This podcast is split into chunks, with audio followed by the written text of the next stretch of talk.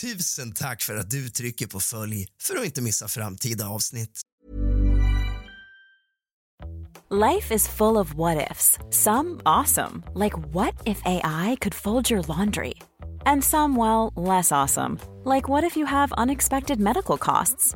United Healthcare can help get you covered with Health Protector Guard fixed indemnity insurance plans. They supplement your primary plan to help you manage out of pocket costs. No deductibles, no enrollment periods, and especially no more what ifs. Visit uh1.com to find the Health Protector Guard plan for you.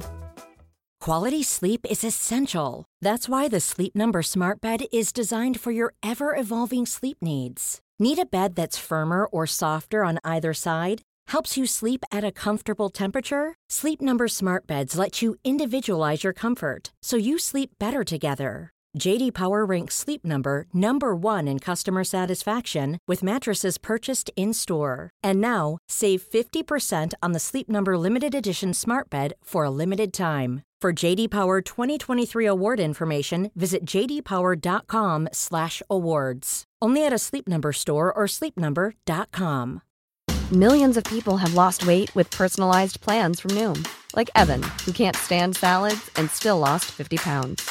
Salads, generally, for most people, are the easy button, right? For me, that wasn't an option. I never really was a salad guy. That's just not who I am. But Noom worked for me. Get your personalized plan today at Noom.com. Real Noom user compensated to provide their story. In four weeks, the typical Noom user can expect to lose one to two pounds per week. Individual results may vary. Tack för att du trycker på följ för att inte missa framtida avsnitt.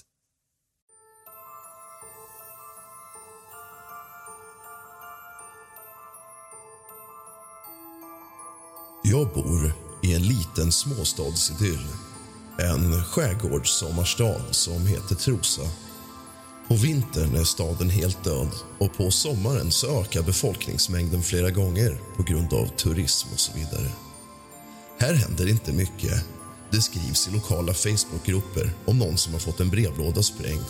Det är på sin höjd det som händer. Men i somras chockades hela vår småstadsidyll av en fruktansvärd händelse.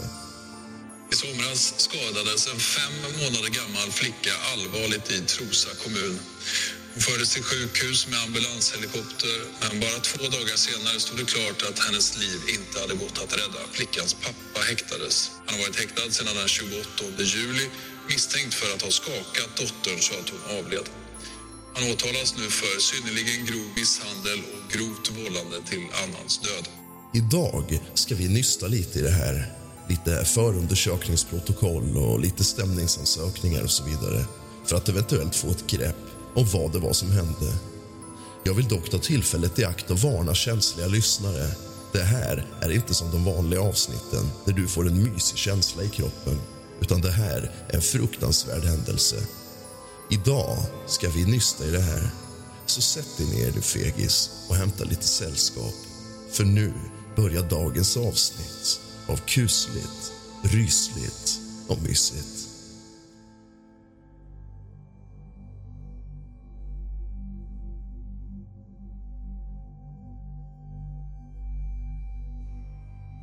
Vi läser i stämningsansökan.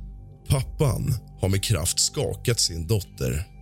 Det hände någon gång mellan den 24 juli 2022 och den 25 juli 2022 i bostaden i Trosa kommun. Dottern har härigenom tillfogats bland annat omfattande skador i hjärnan. Brottet bör bedömas som synnerligen grovt eftersom pappan visat synnerlig hänsynslöshet. Sålunda har ett omfattande och livsfarligt våld riktats mot ett litet, skyddslöst barn av ett av barnets närstående personer i bostaden. Pappan begick gärningen av oaktsamhet. Oaktsamheten bestod i att gärningen innefattat ett medvetet risktagande av allvarligt slag varför brottet bör bedömas som grovt. Vi läser ett avrapporterings-PM i förundersökningsprotokollet skrivet av polisen. Patrull blir beordrad till Vagnhärad med anledning av att ett spädbarn fått hjärtstopp. Omständigheterna kring händelsen är oklar varpå patrull beordras till platsen. Det är barnets pappa som larmat SOS. Under samtalet får SOS dålig magkänsla kring situationen då pappan är ofokuserad och pratar om annat än det faktum att barnet verkar ha hjärtstopp. När ambulansen är på plats får de också en dålig magkänsla då de upplever att pappan är onaturligt lugn i situationen. Enligt pappan ska hunden ha hoppat upp i sängen där barnet låg. Pappan ska ha sagt till SOS att det lät som att nåt gick sönder i barnet och att det blev spänd som en räka. Säger även att hunden för cirka två dagar sedan också hoppat upp på barnet och att barnet då blivit blå på halsen. Det drabbade barnet heter Hm. Hms mamma heter hmm. Patrullen får information om att två äldre barn har befunnit sig på platsen. Detta är mammans äldre barn. Patrullen får information om att föräldrarna lämnat för att åka till sjukhuset och de två äldre barnen är hemma med en barnvakt. När patrullen kommer till platsen är ingen hemma och ytterdörren är låst. Sett från grinden är en dörr på den vänstra kortsidan av huset öppen och på glänt. Det är en tvättstuga. Patrullen spärrar av hus och tomt i samråd i väntan på tekniker samt låsmed. Tekniker kommer till platsen. Inne i huset finns ett rum där det går lösa kycklingar. På vinden slash övervåningen finns även där ett avlångt barnrum. Rummet är endast 120 cm högt vid högsta punkten och 70 cm högst vid lägsta. Där finns en barnsäng och andra barnsaker. Patrullen upplever att hela tomten är väldigt stökig, smutsig och full av diverse skräp och saker. Patrullen anser att det är olämpligt för barn att vistas på platsen. Inne i huset är det partivis med ordning men rummet på övervåningen samt barnrummet med lösa kycklingar i känns högst olämpligt. Patrullen tar kontakt med mammans man som inte bor på adressen. Där ska enligt uppgift de två äldre barnen befinna sig. Patrull blir beordrad av RLC till Vagnhärad med anledning av ett spädbarn som fått hjärtstopp. Pappan till barnet har ringt SOS och säger att barnet är slappt och att deras hund har hoppat upp i sängen och hoppat på barnet. Ambulanspersonal tycker att omständigheterna inte riktigt känns som att det stämmer och vill ha polis till platsen. Vi får till oss att det ska finnas en barnvakt på plats som tar hand om syskonen till spädbarnet. När vi kommer till adressen finns ingen hemma. Ytterdörren är låst, men eh, vi går runt huset och det finns en tvättstugedörr på glänt, men ingen påträffas där heller. Det är väldigt stökigt inne i tvättstugan och tomten är riktigt stökig. Saker överallt. Vi hittar även två kaniner och flertalet höns som varken har fått mat eller vatten.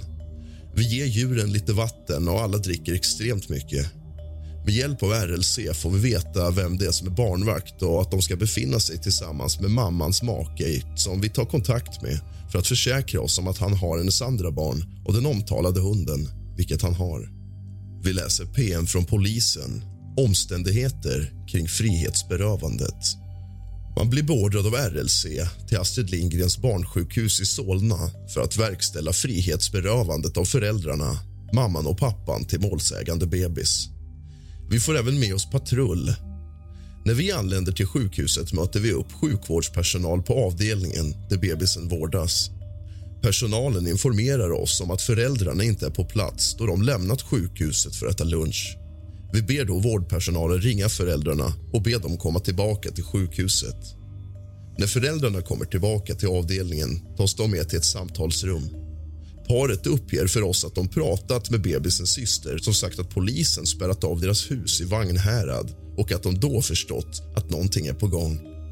Jag och kollegan informerar mamman och pappan om att de tagit ett beslut att de ska frihetsberövas och att de ska transporteras till polisstationen i Nyköping. Klockan är då 14.00. Paret reagerar enligt min uppfattning ganska märkligt på denna information.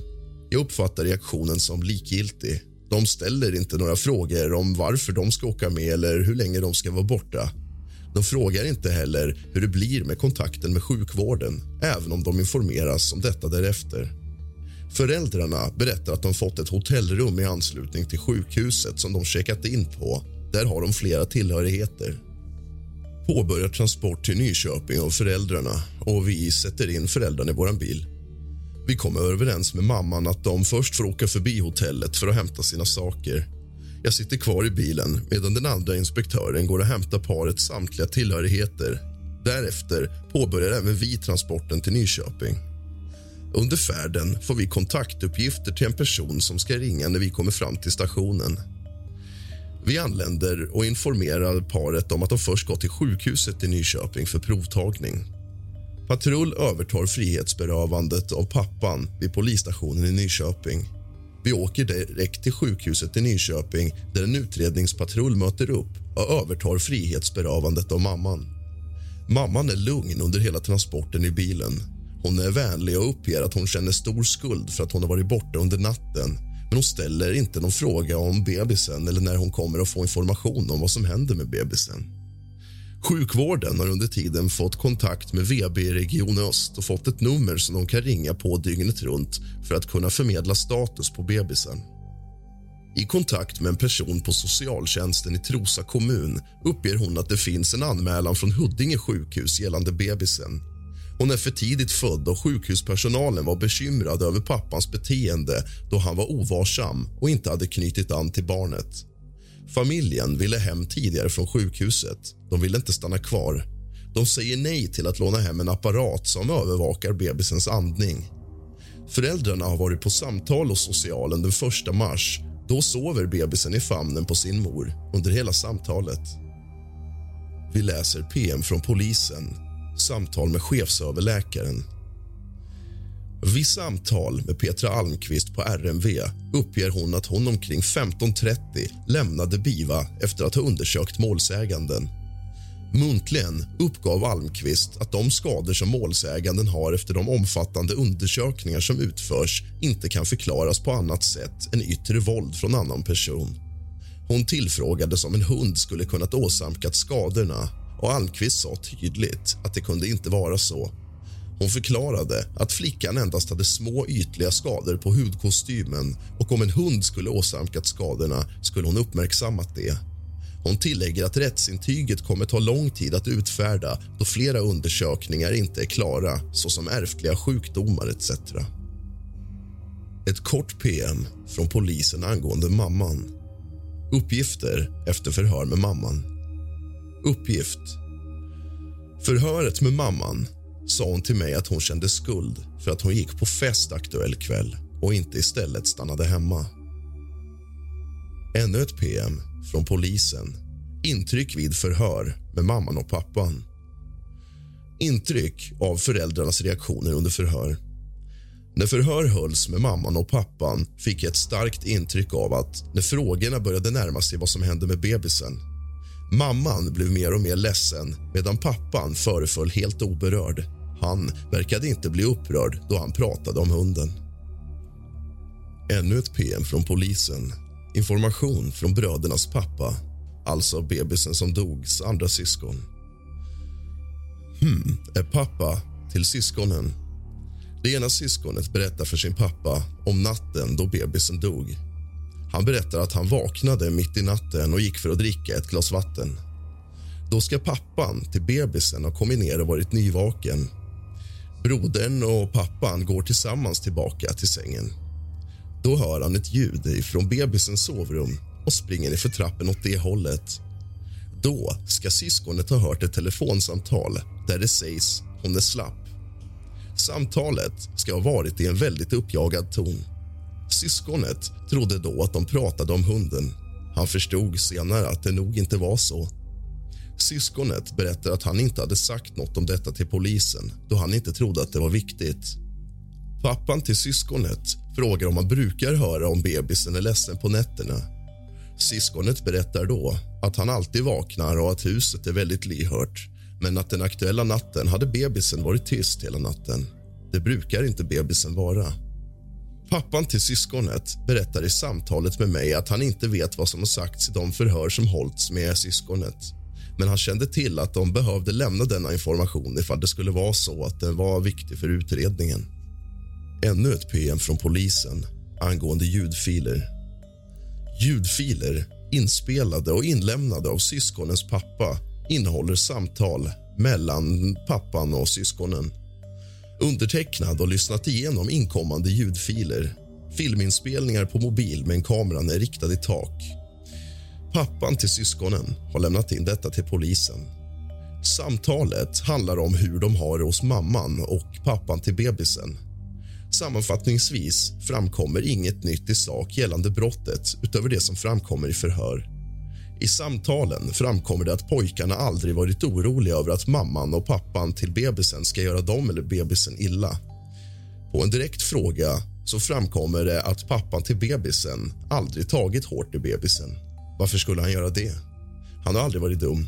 Han kan ha blivit arg eller frustrerad när bebisen inte slutar skrika trots att han bytt blöja, försökt ge henne mat och guppat henne och så vidare. Då kan han kanske ha skrikit eller stampat i golvet. Enligt barnen hjälper mamma inte till när bebisen skriker. Och för att citera barnen, hon vet inte hur man gör. Filerna finns sparade i Filip. Vi läser ett PM från polisen angående pappans hälsotillstånd i häktet. I samtal med Peter Sundberg, som arbetar som kriminalvårdare på häktet i Nyköping den 19 september tillfrågas Peter om vad han kan säga om pappans hälsotillstånd. Peter uppger att pappan är tillbakadragen, fåordig och lugn. Pappan tackar artigt för bilderna han får på sin dotter. Peter har inte märkt några som helst tecken på att pappan skulle vara suicidal och har inte känt någon oro för det. Han har inte heller hört andra kollegor säga det. Pappan har träffat sjuksköterskor och om sjuksköterskan hade haft någon form av oro skulle det ha kommit till personalens kännedom. Personalen trodde att pappan skulle krascha, men det har inte hänt. Peter beskriver pappan som mer låg än glad. Pappan är svår att bedöma. Enligt Peter har pappans hälsotillstånd inte förändrats mycket. Peter uppger att detta är hans uppfattning som lekman. Vi läser ur orosanmälan från Karolinska till socialtjänsten i Trosa. Anmälan inkommer från Huddinge sjukhus neonatalavdelning med oro för för tidigt född flicka den 22 andra. Av anmälan framgår att fadern till barnet har observerats vara ovårdsam i sin hantering av barnet. Oro finns även för att han inte har knutit an till barnet då han inte visat tecken på omsorg över barnets välbefinnande. Vidare framkommer att båda föräldrarna varit bestämda med att åka hem tidigt och försökt forcera fram en tidig hemgång. Oro framkommer även då barnet drabbats av andningsuppehåll vid två tillfällen och fått stimulans av sjukvårdspersonal för att börja andas igen. Föräldrarna tackar nej till att åka hem med andningsövervakning. Oron från flertalet personer på avdelningen sammanfattas i att modern samt faderns fokus inte varit på barnets välbefinnande och föräldrarna har visat nonchalans gällande barnets basala säkerhet såsom andning och säkerställa att barnet har mat. Vidare framkommer oro för hur fadern kommer att behandla barnet när personal inte finns där för att se till hennes bästa. Anmälan finns som separat dokument. Jag har försökt att ta del av den, eller den finns att ta del av men texten är alldeles för dålig för att kunna läsa upp, tyvärr. Socialtjänstens bedömning av behov av omedelbart skydd. Behov av omedelbart skydd? Nej, behov av omedelbart skydd finns inte. Grund för bedömning. Barnet bedöms inte vara i behov av omedelbart skydd i nuvarande situation utifrån samtal med modern där det framkommer att barnet mår bra och får sina behov tillgodosedda. Barnet och föräldrarna blev utskrivna från sjukhuset dagens datum då barnet hade stabila värden. Möte bokas in imorgon med föräldrar och barn från socialsekreterare hmm, hmm. Datum för bedömning 2022 02 28. Ett förhör från polisen med någon som jobbar på neonatalen. Vi läser. Hon är specialistsjuksköterska gällande barn och ungdomar och arbetar på neonatalavdelningen på Huddinge sjukhus. Det är hon som har skrivit orosanmälan från Huddinge sjukhuset. Hon berättar att det är kring lunch och mamman och pappan vill åka hem från sjukhuset med barnet. Hon försöker prata med föräldrarna för att få dem att stanna någon mer dag men de väljer att åka hem ändå. Hon samlar ihop dag och kvällsteam och de skriver ner vad de tycker om familjen. De är alla överens om det som har skrivits. Personalen har en oro över pappans anknytning till barnet då han inte visar något intresse för barnet. De bedömer inte att han har någon kris utan att det är ett ointresse för barnet. Han tittar inte på barnet, han ler inte eller visar någon kärlek de gånger han ser på barnet. Han ser bara på barnet de gångerna han måste göra något med barnet som att till exempel byta blöja. Personalen har även en oro angående de båda föräldrarna som är fixerade på hemdatum. Personalen lovar aldrig något datum då man får åka hem när det beror på hur barnet mår. Föräldrarna hävdar ändå att de har blivit lovade ett datum. Föräldrarna försöker forcera fram en hemgång. Föräldrarna säger att barnet mår bättre än vad hon gör. Barnet har en sond som hon får Quality sleep is essential. That's why the Sleep Number Smart Bed is designed for your ever evolving sleep needs. Need a bed that's firmer or softer on either side? Helps you sleep at a comfortable temperature? Sleep Number Smart Beds let you individualize your comfort so you sleep better together. JD Power ranks Sleep Number number 1 in customer satisfaction with mattresses purchased in-store. And now, save 50% on the Sleep Number limited edition Smart Bed for a limited time. For JD Power 2023 award information, visit jdpower.com/awards. Only at a Sleep Number store or sleepnumber.com. A lot can happen in three years, like a chatbot may be your new best friend. But what won't change? Needing health insurance. United Healthcare Tri Term Medical Plans, underwritten by Golden Rule Insurance Company, offer flexible, budget friendly coverage that lasts nearly three years in some states. Learn more at uh1.com. Hiring for your small business? If you're not looking for professionals on LinkedIn, you're looking in the wrong place. That's like looking for your car keys in a fish tank. LinkedIn helps you hire professionals you can't find anywhere else, even those who aren't actively searching for a new job but might be open to the perfect role. In a given month, over 70% of LinkedIn users don't even visit other leading job sites. So start looking in the right place. With LinkedIn, you can hire professionals like a professional. Post your free job on linkedin.com slash people today. mat igenom och de tränar även på att flaskmata barnet. Båda föräldrarna håller kvar flaskan i munnen på barnet även fast hon inte orkar äta mer. Personalen registrerar hur mycket mat barnet äter både via sond och flaska. De upplever att föräldrarna försöker hälla i barnet mat med flaskan fast hon inte orkar för att försöka forcera en tidigare hemgång. Personalen pratar med föräldrarna om detta, men det sker ingen förändring. Personalen anar att det handlar om att föräldrarna vill få bort sonden så att de kan få åka hem då det är en premiss för att få åka hem. Till en början ligger barnet på Ivas sal med övervakning då hon är ett prematurbarn. Därefter flyttas hon till ett familjerum där hon bor med sina föräldrar. Personalen har inte samma koll på henne då, utan föräldrarna har mer ansvar. Föräldrarnas bild av matningen när de har flickan själva är att de säger att flickan kan äta alla mål på flaska. Om vi stannar upp här ett litet tag och jämför med vad hon från neonatalen säger jämförelse och kontrast till vad föräldrarna själva säger på mötet med socialen efter den här orosanmälan så står det klart att någon inte talar sanning. Personalen gör sitt jobb och följer de protokoll som ska följas men deras historier skiljer sig åt. Vi fortsätter läsa.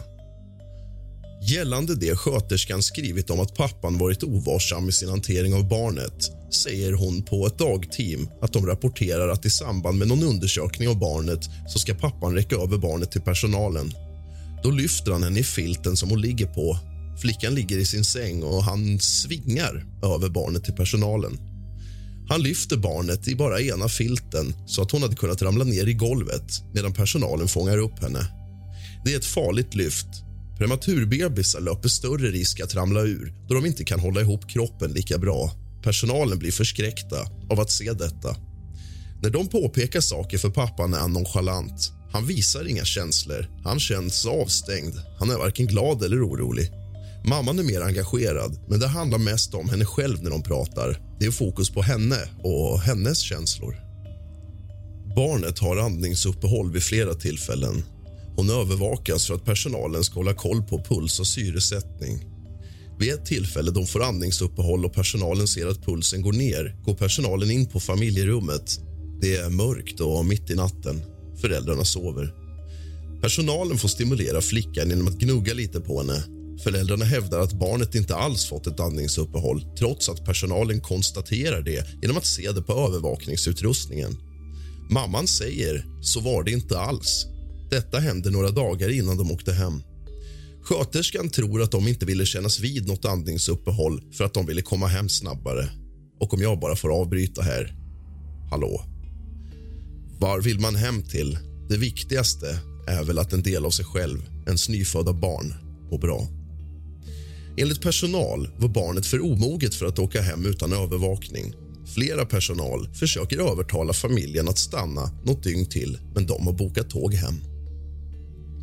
Personalen hade inte ens hunnit packa i ordning prematurblöjor och mat till flickan. Hon åt speciell ersättning för prematurbarn. Flickan hade inte hunnit få den dagens mat när de åkte. Föräldrarna hade inget sånt med sig när de tänkte åka men personalen hann springa iväg och hämta det som de fick med sig i det hem samt en skriftlig instruktion på hur man blandar maten. Sköterskan förstår inte riktigt hur de hade tänkt lösa mat och blöjor om de inte hade fått med sig detta. Om hon minns rätt hade de ingen skötväska eller vagn med sig då flickan är för tidigt född så de åkte tåg med flickan i famnen. Det finns en smittorisk för flickan att åka tåg med så många andra. Personalen var upprörd över allt detta. Sköterskan skriver en orosanmälan och tar genast kontakt med socialtjänsten i Trosa för att de skulle göra en snabb bedömning. En annan händelse som personal tar upp är att vid ett tillfälle har föräldrarna sex när personalen kommer in på rummet. Prematurbarn är sköra, de är känsliga för intryck och sånt kan definitivt störa barnet. På frågan om det finns något mer de känt oro för svarar sköterskan att det alltid finns risk för andningsuppehåll med prematurbarn så föräldrarna brukar alltid få gå en kurs i spädbarns HLR, hjärt-lungräddning för att de ska få träna på hur det är att göra om det händer. Ingen av föräldrarna har gått kursen innan de åker hem. Mamman säger att hon har jobbat som undersköterska och att hon har varit lärare i HLR men det var inget som tydde på det, utan det kändes som en lögn för att forcera hemgång. Sköterskan och andra i personalen känner oro då föräldrarna åker hem utan att ha gått kursen som är viktig om barnet får andningsuppehåll. På fråga skötte båda föräldrarna om barnet. Det var båda två som bytte blöjor och gav mat. Gällande prematurbarn är det vanligt med andningsuppehåll Flickan behövde ingen andningsmask utan det räckte med att gnugga igång henne att stimulera kroppen för att påminna om att börja andas igen. Det är sånt som växer bort. Det händer för att kroppssystemet fortfarande är omoget. Personalen ville att de skulle stanna någon mer dag för att flickan haft andningsuppehåll en till två gånger ett par dagar innan de åkte hem. Gällande det, föräldrarna menar att det är ett missförstånd. De trodde att de fick åka hem, säger sköterskan och hon säger att det inte är ett missförstånd. Föräldrarna vägrar att stanna även fast personalen vill att de ska göra det för att det inte finns någon signal på att flickan är redo att åka hem.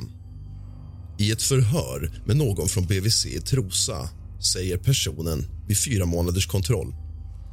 Vid fyra månaders besöket är pappan uppgiven slash upprörd när han kommer dit. Relationen till bebisens mamma är dålig. Enligt honom vill mamman inte ha hand om bebisen. Han är lämnad att ensam ta hand om hushållssysslor bebisen, de äldre barnen och att ta hand om mammans hund. Han vill inte ha hunden som gjort utfall mot ett av de äldre barnen. Han vill inte ha kvar hunden, men det vill hon. Hon har sagt att hon kanske inte längre är kär i honom.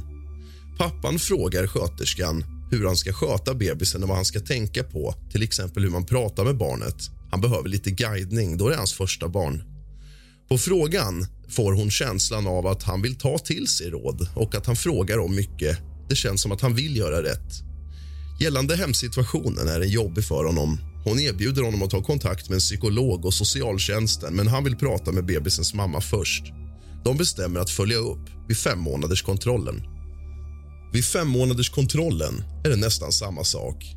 Han har haft lite samtal med bebisens mamma och han tycker att hon har checkat ut från familjen och att det istället är mycket jobb och fest och kompisar plus att hon har träffat någon på jobbet.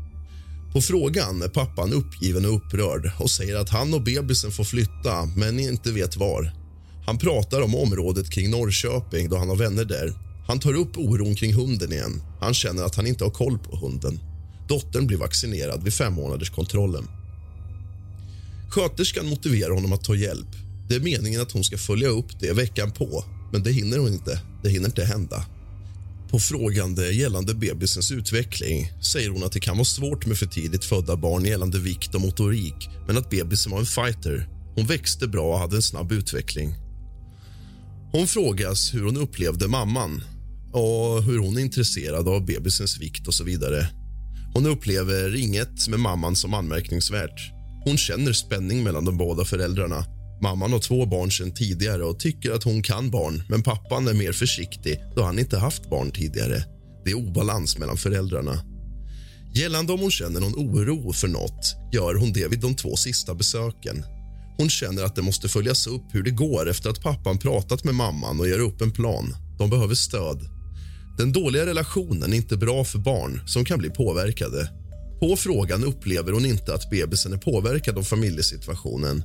Hon tycker att bebisen är lätthanterlig vid vägning och mätning och att det är en nöjd bebis. På frågan hur pappan är med bebisen svarar hon att han tar till sig sånt hon säger och att eh, bebisen söker hans ögonkontakt och ville att han pratade med henne. Gällande hur pappan mådde svarar hon att han kändes frustrerad och uppgiven. Han säger att han var lämnad att göra allt i hemmet. De båda äldre barnen var också hemma då de hade sommarlov. Pappan var glad att ha blivit pappa till bebisen men irriterad över att ha hand om allt. Det blev ingen paus för honom, inte ens när mamman kom hem för att hon höll på med sin telefon. Hon upplever honom som stressad. Han har svårt att hålla tråden och hade svårt att sitta still.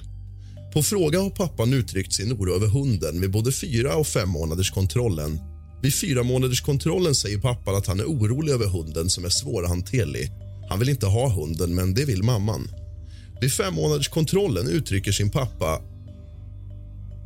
vid fem månaders kontrollen uttrycker pappan sin oro över att något ska hända med hunden då den gjort utfall mot ett av de äldre barnen.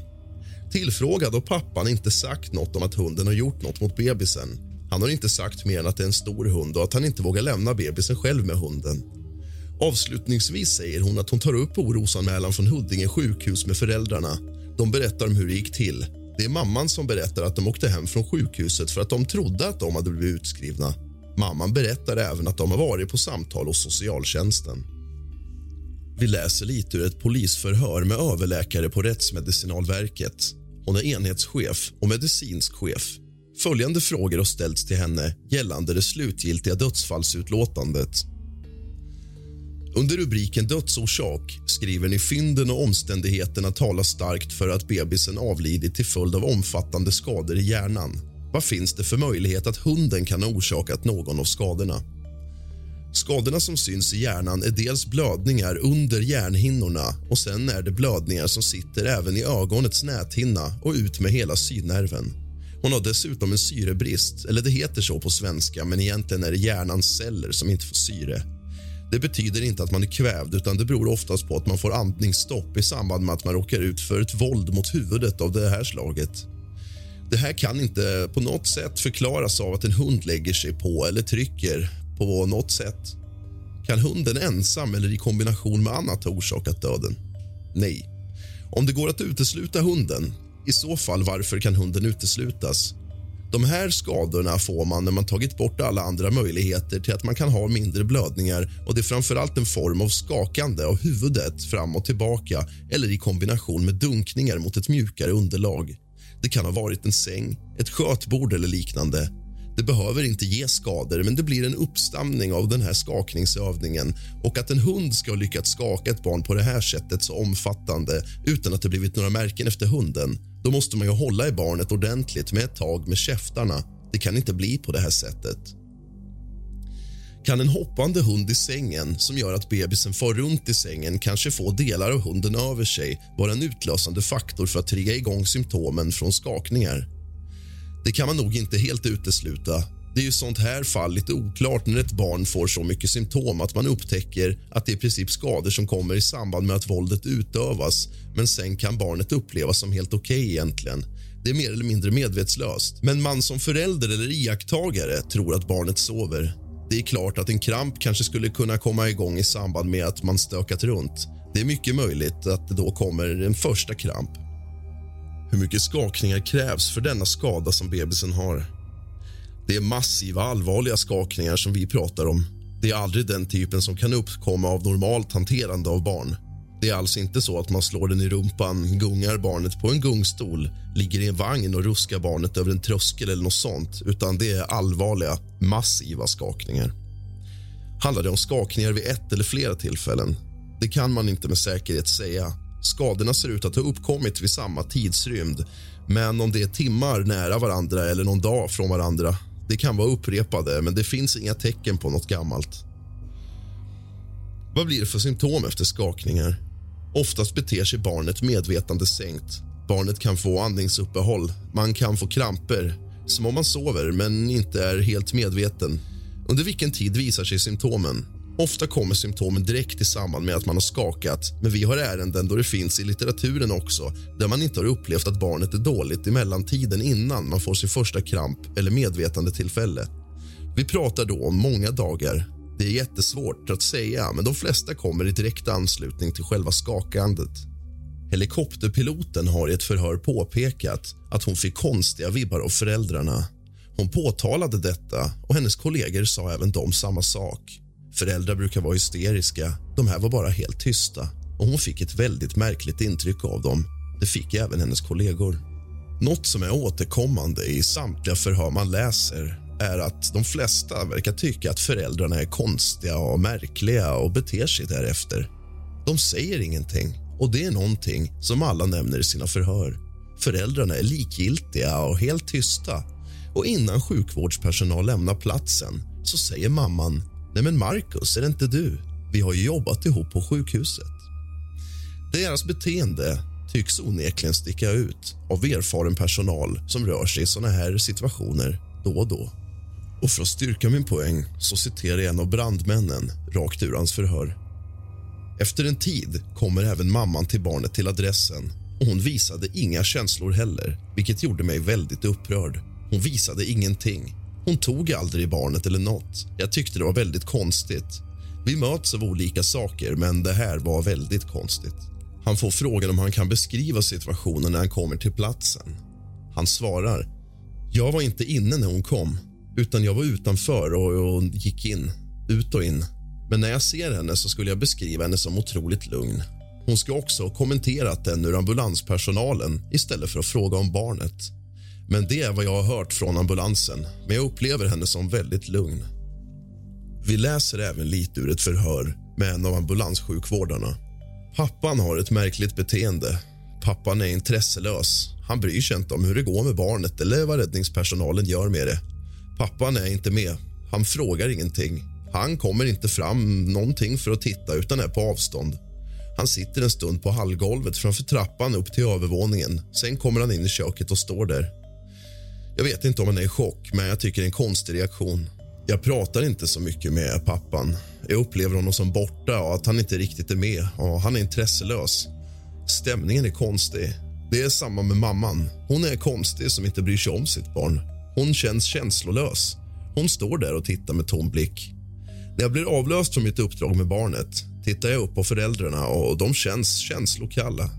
Gällande orosanmälan ringer ambulansvårdaren till socialtjänsten i Trosa kommun på måndagen efter händelsen med anledning av det märkliga beteendet. När de flyger i helikoptern säger en person att de måste berätta en sak en person som jobbar i helikoptern om den dåliga stämningen och det konstiga beteendet av föräldrarna. Ambulanssjukvårdaren tycker också att beteendet är märkligt. Det är intresselöst och de ser ingen hund på platsen heller. En i personalen säger att de ska ringa polisen. De får höra av en läkare som har vårdat flickan att hon har ett blåmärke i underlivet. Det hittas när de tar av blöjan. På frågan tar ambulanssjukvårdaren och kollegorna inte av blöjan. De har inte sett blåmärket. Enligt en personal säger en annan läkare att det inte är så konstigt att det har inträffat med tanke på vad som står i journalerna, men sen vet han inte mer. Vi läser ett förhör med polisen med ambulanssjukvårdaren Mark. Mark uppmanas att berätta fritt om det han var med om. Mark och kollegan Magnus fick larm som en andra bil från Nyköpings station om andningssvårigheter. Han minns inte klockslaget. På motorvägen uppdateras de om att ett barn har hjärt-lungräddning pågår. Nivån snäpptes upp. Brandmännen var först på plats och de utförde hjärt-lungräddning när Mark anlände. Mark och kollegan Marcus tar över och påbörjar basal HLR. De kontrollerar andningsvägarna, kontrollerar att barnet var slappt och saknar andning. De tillförde luft via sin mask och kollegan sög rent från slem i munnen. Någon minut eller halv minut senare kom den andra ambulansbesättningen och de delade upp sina uppgifter. En kollega jobbade med andnings och luftvägar och en annan med hjärtkompressioner. Mark letade läkemedel och etablerade en infart de satte en infart i vänster ben efter att ha misslyckats i det högra och kunde sedan administrera det läkemedel den vägen. De gav adrenalin enligt riktlinjer varannan och sen var fjärde minut. Via en defibrillator kunde de se att barnet hade puls men fortsatte ingen andning så de höll på till helikopterbesättningen med narkossjuksköterska från Stockholm kom. Mark uppskattar att det höll på cirka 20-25 minuter. Narkossköterskan kunde sätta en turbering i barnets strupe för att ventilera. Dock finns fortfarande ingen andning med en mätbar, ej kännbar puls. I en kort paus hade Mark möjlighet att prata med pappan om hur det har gått till. Mark berättar att en av de större barnen hade vaknat vid femtiden i ett annat rum. Pappan gick dit och när han sen kom tillbaka två, tre minuter senare ser han hunden ligga på barnet i föräldrarnas säng. Han jagar bort hunden.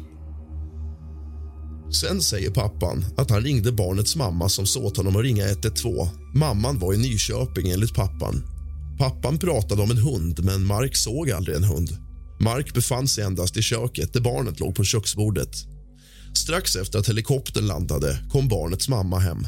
Hon tittade lite och Mark kunde i ögonvrån se att hon satte sig på golvet en stund. Det var inga skrik från mamman, men Mark konstaterar att alla visserligen upplever chock olika. Det var ett konstigt lugn över föräldrarna när de båda väl var på plats. Det var inget välkomnande. Föräldrarna pratade inte med varann. Stämningen dem emellan kändes lite konstig. Marks kollega blev vid ett tillfälle avbruten av mamman. Hon frågade om de inte kände varandra, om de inte hade jobbat ihop på en avdelning på samma klinik. Kollegan kommer inte ihåg henne. Det var i princip de första ord mamman uttalade när hon kom hem. Inga frågor om vad de höll på med. Det bestämdes att Marco skulle flyga med helikoptern för att stötta narkossköterskan med ventilering och HLR under transporten. Mark skulle köra föräldrarna i ambulansen. Pappan undrade vad han skulle ha med sig. Mark bad honom ta med något gosedjur, filt och den vanliga skötväskan som de brukar ha med vid utflykter eller när de ska iväg. Mamman gick och hämtade en dator så att hon skulle kunna jobba från sjukhuset. Mark tyckte det var konstigt. Det var inte några snabba steg. Mark har förstått sen i efterhand att mamman hade ringt något ex som skulle ta hand om de andra barnen. De pratade en kort stund innan Mark och föräldrarna kom iväg. Pappan till barnet satt bak i ambulansen. Mamman satt fram bredvid Mark.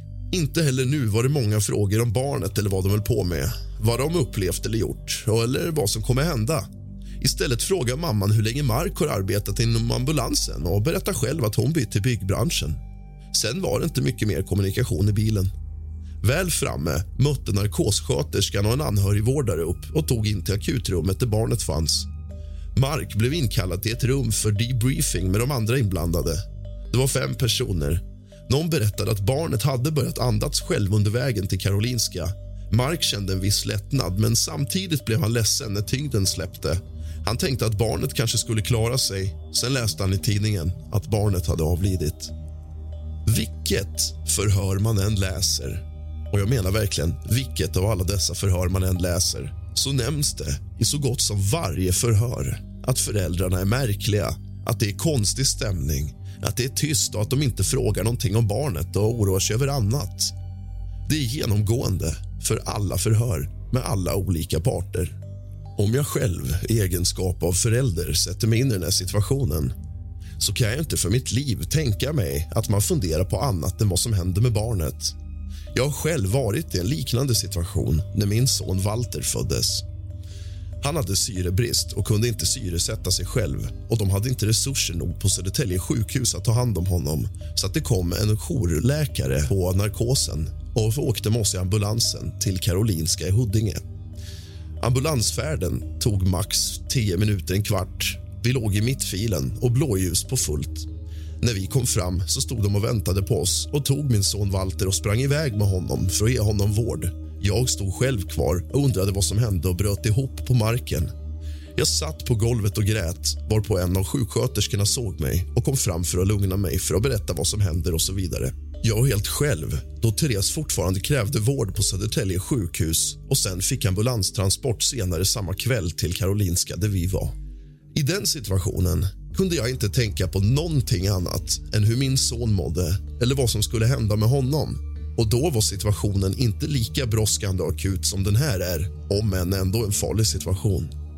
Jag brydde mig inte riktigt så mycket om vad ambulanssjukvårdaren gjorde på sin fritid eller vad sjuksköterskorna gör på sin fritid. Allt jag brydde mig om var att veta vad min son gör, hur han mår och vad som kommer hända. Här har vi föräldrar som är lugna, som undrar om annat som drar fötterna efter sig när de hämtar grejerna de ska ha med sig till sjukhuset. Man anar ugglor i mossen och att nåt kanske inte riktigt står rätt till här. Någonting som även nämns i ett förhör med en av brandmännen är att vid en debriefing senare på brandstationen så verkar alla tycka att det har varit märkligt att de har varit så lugna.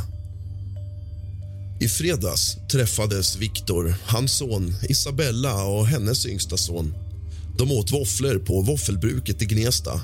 Barnen lekte, de spelade Fia med knuff och åt våfflor. Viktor tror att Isabella åkte hem eller kanske till sin syster efter det. Viktor, Isabella och barnen sågs från lunch till cirka 15-tiden. På lördagen kom Isabella till Viktor någon gång under eftermiddagen.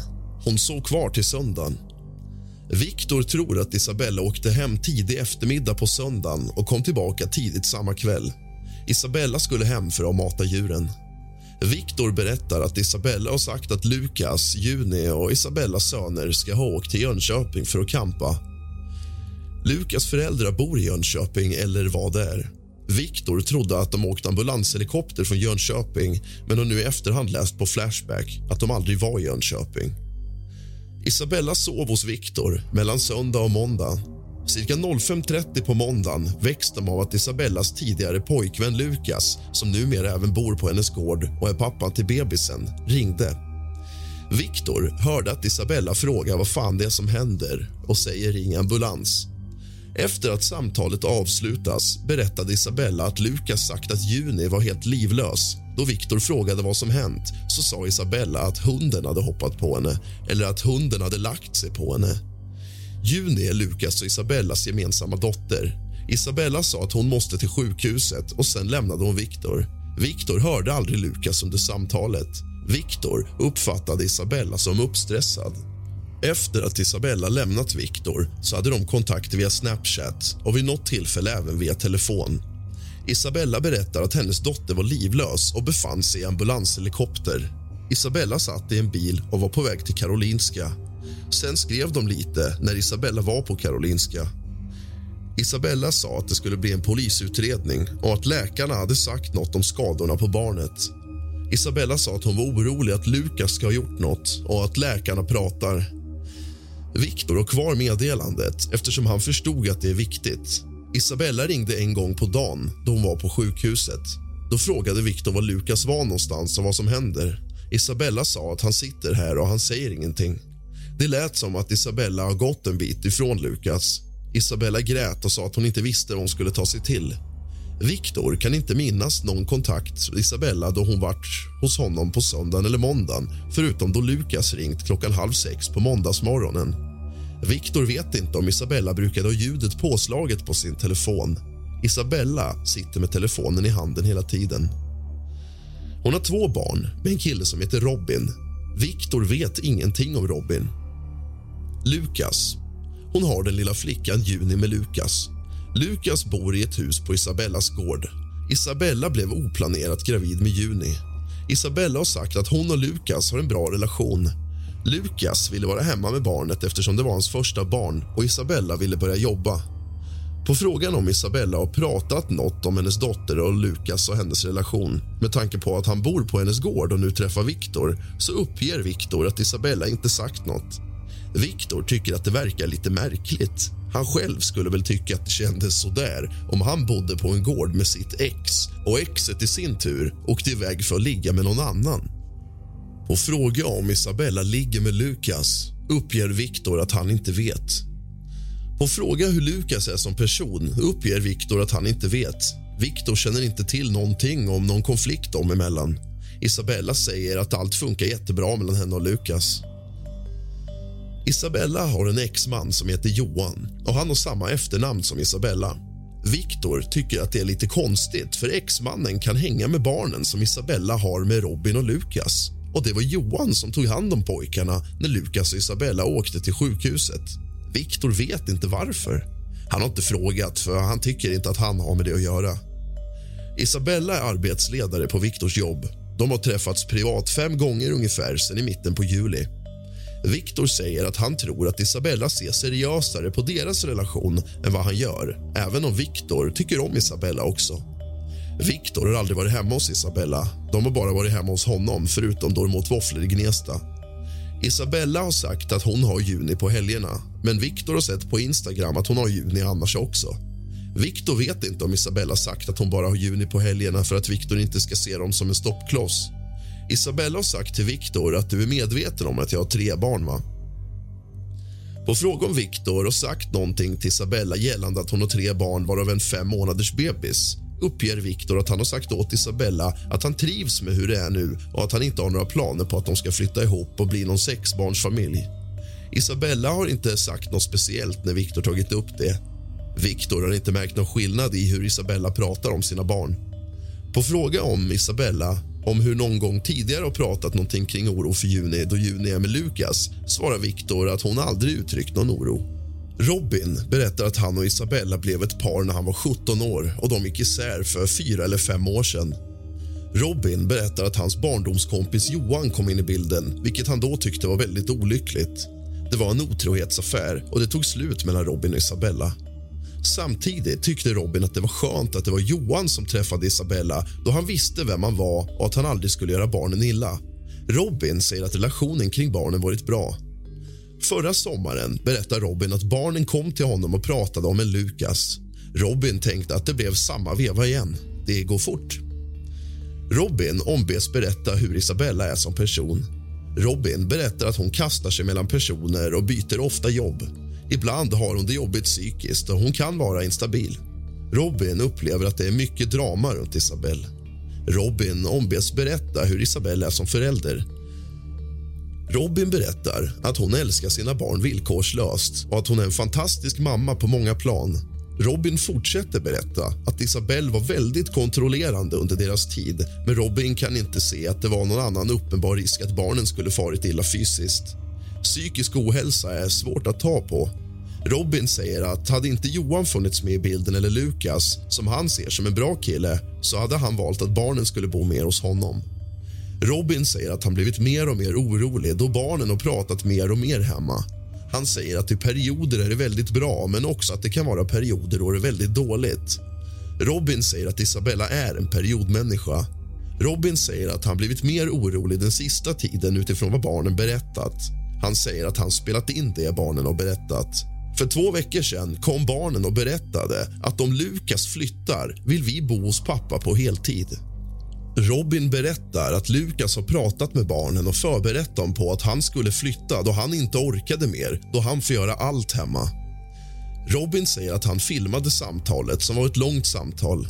I samtalet säger barnen att Lukas är den trygga punkten. Veckan efter det berättade pojkarna att Isabella knappt varit hemma och att Lukas hade berättat saker för pojkarna och inget var deras fel. Robin har ringt till Lukas och tackat honom för allt han gjort för Robins barn. Lukas hade då berättat för Robin att han fått göra allt hemma. Han lagar mat, sköter djuren och städar. Så fort Juni skriker lämnar Isabella över henne till Lukas. Robin säger att så fort det blir jobbigt för Isabella är det alla andras fel och att alla andra får ta tag i det. På frågan hur det är med hennes humör svarar Robin att det är illa. Han säger att det toppar och dalar. Så länge det inte är några motgångar är det bra. Väldigt bra. Robin säger att Isabella kan bli väldigt arg, väldigt lätt och att hon har lätt att bryta kontakt med folk. På frågan hur det är med hennes tålamod svarar Robin att det är obefintligt. På frågan hur hennes tålamod är med barnen svarar Robin att om det är en dålig period så tänder hon till direkt men att det är en bra period kan hon uttrycka sig på ett olämpligt sätt. Robin berättar att han inte sett henne bli fysisk, men psykisk. Isabella säger dåliga saker som kan skapa en osäkerhet. Robin säger att han aldrig haft en känsla av att hon ska göra barnen illa. Däremot har hon gjort honom illa. På fråga om barnen har sagt något om hur Isabella är med Juni svarar Robin att pojkarna berättat att Isabella inte är med Juni. Isabella kommer hem från jobbet, är med henne en timme. När hon börjar skrika får Lukas henne. Pojkarna tror inte att Isabella bytt en enda blöja sen Juni föddes. På fråga vad barnen sagt svarar Robin att han har spelat in sitt samtal med barnen. På fråga om hur Isabella hörde av sig till Robin den aktuella dagen svarar han att han fick ett sms från henne vid 06-tiden. I smset skrev Isabella att Juni var på väg i en ambulanshelikopter till sjukhus. Robin får information om att hunden ska ha hoppat upp i sängen och lagt sig på Juni. Robin berättar att Lukas velat göra sig av med hunden under ett halvårs tid. Den kissar och bajsar inne och biter sönder saker. Lukas ville göra sig av med den då den inte hanterar att aktivera den. Hunden är cirka ett år gammal. Isabella har inte velat göra sig av med den. Hon gör inget med hunden. Robin berättar att de haft pojkarna varannan vecka och har haft det sen de separerade. Robin säger att de senaste två till fyra pappaveckorna har det verkat som att Isabella har varit borta mer, även på mammaveckorna. På frågan om Isabella varit medveten om att Lukas skulle flytta svarar Robin att han tror det. Robin säger att Lukas sagt att Isabella verkar vara angelägen att hitta någon att ersätta honom med. Det ska Lukas ha berättat för en och en halv pappavecka sen. På frågan om Robin hört några planer om de ska åka iväg och kampa svarar Robin att han har haft något vagt minne om det. Att de kanske skulle tälta på Kolmården för en och en halv månad sen. På frågan vad Robins första tanke var när han fick veta vad som hade hänt svarar han att det måste vara en olycka med hundstoryn, eh, att den är ganska osannolik. Robin berättar att Elliot var dålig när han var liten bebis och slutade andas när han var relativt nyfödd. Robin tillfrågas om varför han tagit ny kontakt med polisen. Han hade ett samtal med sin son samma datum som han ringde in uppgifterna till polisen. Robin och hans son pratade på morgonen om händelsen och Robin tror att det kan vara värdefulla uppgifter för polisen. Robin förklarar att han i tidigare förhör har fått frågan om något tält. Han frågade då sin son om det fanns något tält och fick svar att det enda tältet som han känner till är det som Juni har i sin säng. Robin har uppfattat detta som en sänghimmel. I samband med detta frågade Robin igen om den aktuella morgonen. Vincent berättar då att han går ner från sitt rum för att dricka vatten. När han var i köket kom Lukas. Robin frågar då sin son hur Lukas var, hur han betedde sig. Sonen svarar att Lukas var nyvaken och visar med sitt ansiktsuttryck hur man kisar med ögonen som när man är trött. Sen hade de båda gått upp på rummet. Lukas bäddat ner sonen i sängen och de pratade en stund. Under tiden det höll på så var det ett ljud. Här stoppar Robin sin sons berättelse och frågar om sonen hörde ljudet. Svaret blev nej, pappa. Låt mig berätta klart. Lukas hörde ljudet och sprang ner till rummet där Juni sov. Här frågar Robin en gång extra om Lukas sprang eller om han gick. Sonen svarade att han sprang. Robin frågar sin son om han sagt det här i sitt förhör med polisen men sonen nekade. Han trodde inte att det var så viktigt. Det viktiga var att Lukas hade gått dit. Sen var cirkusen igång. Robin frågade sonen om Lukas sagt något om ljudet. Sonen svarade att han antog att Lukas hörde hunden som hoppade upp i sängen. Just detta tror Robin är en gissning från sonen. Den övriga berättelsen har sonen tydligt berättat. Sonen har också korrigerat Robin när han förstått fel. Robin förtydligar att sonen är en kille som är ganska fyrkantig och tydlig. Robin lämnade sen själva händelseförloppet och frågade sonen om han vaknade av att Juni skrek eller var ledsen den här morgonen. Sonen svarade nej pappa, jag var ju törstig har jag sagt. Robin frågade sonen om han brukar vakna när Juni varit ledsen. Sonen svarar att han alltid vaknar om bebisen är ledsen eftersom det är lyhört. Vidare uppgav sonen att han brukar vakna någon gång per natt några gånger i veckan av den anledningen. Robin frågade sonen om Juni hade varit ledsen tidigare under den här kvällen eller natten. Sonen nekade till detta. Sen berättade också sonen att när Lukas hade sprungit ner hörde Vincent honom säga till någon i telefonen hon är slapp, hon är slapp. Initialt trodde sonen att det var hunden som avsågs. Det här är detaljer som Robin har tänkt att polisen får bedöma om det är av intresse. Uppläst och godkänt.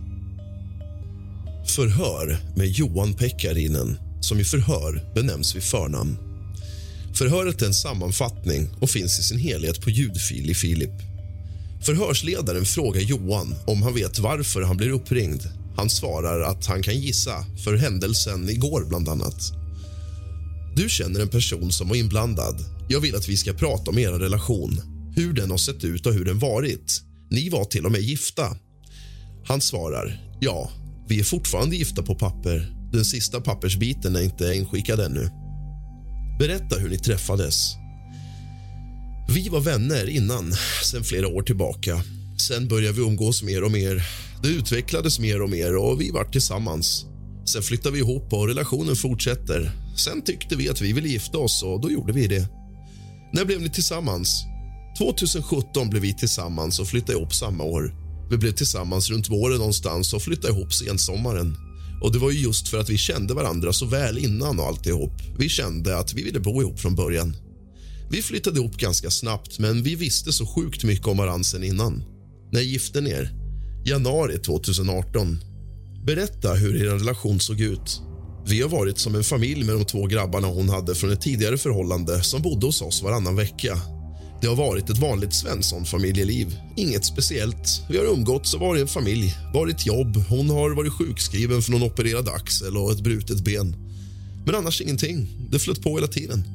Relationen till barnen. Den har alltid varit väldigt bra om man säger. Det var små när jag kom in i bilden och jag ser dem som mina egna barn. Det har jag sagt till biologiska pappan och till henne och till honom. Inget har sagt emot, utan de förstår det. Någonstans på vägen insåg vi att vi bara var vänner. Vi älskar varandra fortfarande någonstans, på någon nivå. Fortfarande, numera när vi är som vänner. liksom. När i tid började ni gå över som vänner? Det måste vara ett och ett halvt år sedan någonstans. Vi kände väl lite innan, men då var det då som vi började diskutera det mer och mer och prata om det. Sen valde vi att göra slut förra året. Nu är det över. Vi tar det lugnt. Det var ett uppbrott som var ett gemensamt beslut. Så det var ungefär fåren förra året ni gjorde slut. Det är så svårt att veta exakt när det var, men det var där någonstans förra året, för ett år sedan. Vad händer kring uppbrottet? Egentligen inget speciellt, mer än att vi valde att separera. Vi valde båda två. Det hade inte varit någon kärlek mellan oss på ett tag. Sen är det som det är med alla uppbrott, att det blir jobbigt men man funderar på om man gjorde rätt eller inte såklart. Sen fick jag reda på att hon har träffat någon annan. Och Det var också det som liksom bara var någon vecka efter som jag fick reda på det, som jag träffade honom. Det var inget med det. Vi hälsade och så där. Det fortsätter med sin relation och jag fortsätter med mig. När ni gjorde slut, vem var det som flyttade på sig? Jag flyttade därifrån. Jag fick tag på en andrahandslägenhet i samma kommun. Kommer du ihåg när du flyttade? Jag vet att jag bodde hos pappa ett tag. Sen i augusti förra året fick jag tillgång till lägenheten. Då har vi gemensamt fortfarande bott ihop lite grann. Hon hade, vi hade gjort slut, så hon hade börjat träffa någon annan. Det funkade ändå, för att vi visste att det var inte för evigt. Liksom. Det var bara för att vara snäll och ställa upp så jag inte hade varit på gatan. så att säga. Det funkade eftersom det inte var något ont blod mellan oss överlag. Vi läser polisförhör nummer två med Johan Pekkarinen. Johans umgänge med Isabella efter förhållandets slut. Hur mycket umgås du och Isabella efter att ni har separerat? Vi umgås till och från och är med barnen hemma hos dem. Vi umgås som nära vänner. Hur ofta? Vi umgås för att underlätta för barnen. I början är det några gånger i veckan, men sen minskar det. När hon blir gravid blir hon sjukskriven och då kommer vi överens om hunden som vi har gemensamt, som jag har hemma och att hon ska ha den hemma istället för på hunddagis. Vi skulle ju spara pengar på det. När började Isabella ha hunden hemma hos sig? Efter min semester, någon gång i september 2021. Vad är det för hund, den som du och Isabella har gemensamt? En schäfer. Har Isabella haft hunden sen dess medan du har jobbat? Ja, hon har hunden under tiden som hon är sjukskriven. Hon är både föräldralediga tillsammans. Och när Isabella är föräldraledig och även då Lukas är föräldraledig. Det är ingen fara från Lukas sida vad jag förstår att fortsätta ha hunden. Jag kommer och lämnar och hämtar hunden. Hur fungerar den med den andra hunden? Isabella och Lukas hund. Det funkar bra. Jag passar grabbarna när Isabella och Lukas hämtar sin hund så när den kommer hem får de träffa chefen. Den har nästan växt upp ihop tillsammans med den. Hundarna blir nära varandra då de umgås mycket. Jag har haft båda hundarna flera gånger hemma hos mig. Det har inte varit något problem. De har lekt. Chefen har varit snäll mot den andra hunden som nästan har fått gjort vad den vill med chefen. När slutade ni vara ett par? Ja, kring slutet av våren 2021. Men vi bodde ihop ett tag till innan jag får en lägenhet. Fortsätter ni umgås på samma sätt efter att Lukas kommer in i bilden? Ja, vi fortsätter umgås som vänner, men vi bor inte ihop på samma sätt. Hur är din och Lukas relation? Det var ingen fara. Hon presenterade Lukas för mig. Jag vet inte om hon tycker det är viktigt, men hon skämtade om att jag ska få godkänna. Det är aldrig problem från första början. Vi umgås vuxet allihopa. Enligt Isabella har ni någon gång perioden ifrån i vintras då ni provar om du och Isabella har känslor kvar från varandra.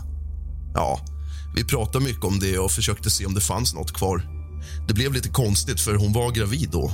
Det var en sits jag inte hade befunnit mig i tidigare och det var lite svårt för mig hur jag skulle bete mig. Vi försökte. Vi pratade om alla tre och vi skulle bo under samma tak för att inte förstöra föräldrarollen. Men vi hittade någon väg. Hur gick det? Det var lite jobbigt, så vi backade och lät det vara. Varför var det jobbigt? Från min sida blev det inte på samma sätt. Det blev jobbigt för hon var gravid med en annan. Vi backar och lugnar oss så vi inte kastar oss in i nåt. Hur tar Lukas detta? Jag vet inte, för vi pratar aldrig om det. Han och jag pratade inte om djupare saker. Vi har bara varit vuxna personer i samma umgänge. När var det som ni provade relationen? Mitt i vintern, runt december 2021. Vi firade jul ihop. Det är en och en halv månad sedan som de åkte till Spanien för att träffa hennes föräldrar. De är borta över nyår och någon vecka till. Den yngsta grabben fick fira födelsedagen i Spanien. Efter den resan ungefär i mitten av januari väljer jag att vara i min egen lägenhet istället. Hur uppfattar du Isabella och Lukas relation? att den har varit?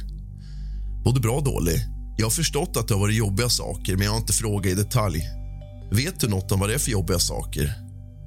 Nej, bara att de ska flytta isär. Det har jag hört från båda. När var det tal att de skulle flytta ifrån varann? Under våren 2022 och från Lukas för bara några veckor sedan när jag kom och hämtade hunden. Vad berättade Lukas då? Han sa vi ska flytta isär när jag frågar vad som hänt svarar Lukas att de har gjort slut och att eh, han får se när han flyttar därifrån. Lukas sa inte så mycket mer, men han verkade nere av det. Vart skulle Lukas ta vägen? Jag vet inte. Jag frågar inte. Är det någon av dem, Isabella och Lukas, som har berättat mer om relationen för dig?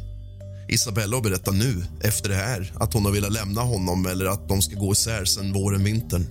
Hon har även sagt att Lukas hotar med att ta Juni och dra Lukas har sagt att de ska göra slut och han har pratat med grabbarna, alltså de äldre, att det är slut. Lukas var orolig över att barnen skulle ta det på fel sätt. Vad har de andra två barnen berättat om familjelivet? Har barnen berättat något för dig? Nej. De har ringt ibland och frågat om de får sova hos mig bara för att komma iväg. Det enda jag fått från Elliot är att han har sagt får jag sova hos dig för Lukas är otrevlig. Vad menar han med det? Jag vet inte. Jag frågar vad som hände men får bara svaret att han är otrevlig och att han inte vill vara där. När säger Elliot detta? För cirka två månader sedan. Har Elliot sagt något liknande om Lukas vid tidigare tillfälle? Det är bara den gången. Har barnen berättat hur de har det hemma i familjen? Nej, de har aldrig sagt något till mig om det. Söndag den 25 juli. Gällande den, har du fått veta något som har hänt? Isabella ringer mig. Jag vaknar av att telefonen har ringt några gånger. Jag ser att både Isabella och Lukas har försökt nå mig, så jag svarar när Isabella ringer. Hon får ur sig att fråga om jag kan komma och hämta grabbarna och Olivia för att Juni andas inte. Hon ska åka helikopter till sjukhuset. Det är det enda vi hinner säga innan jag säger att jag kommer och flyger ur sängen och åker. Hur dags ringer hon? Runt halv sju på morgonen. Vem har ringt först av dem? Isabella har ett samtal runt halv sex som jag missar för att jag sover. Hon ringer även från 06.15 till 06.30. Det är Lukas med. Vad händer när du kommer hem till dem? De har precis tagit Juni och är på väg till helikoptern. Jag ser när de tar den över vägen till helikoptern. Jag går in. Både Isabella och Lukas står i köket. Det står två ambulanspersonal i köket och folk utanför huset. Vad säger ni till varann? Isabella kommer in igen och säger något om att hunden har hoppat upp på henne när jag frågar hur det är med henne. Isabella säger att de har fått reda på att Juni har puls och att hon får in luft men inte ut och att Juni har andningshjälp och är intuberad. Jag kramar om Isabella. Därefter går jag till köket. Lukas står i köket mot väggen. Pratar du med Lukas? Inte mycket. Han säger inte mycket, utan står mest still. Jag vet att han skrattar till, för som vanligt för att komma in till huset så syns inte huset. Ambulanspersonalen hörde av sig och sa att de var där, men hittade inte. Det var fel hus hos grannen. Lukas skakar på huvudet åt det. Ambulanspersonalen säger att de är redo att åka och undrar vem som ska ta de stora barnen. Isabella pekar på mig och säger han gör det. Lukas säger jag vet att han ser liten ut, men han är faktiskt vuxen. Isabella ber mig flytta hennes bil som står illa till hos grannen.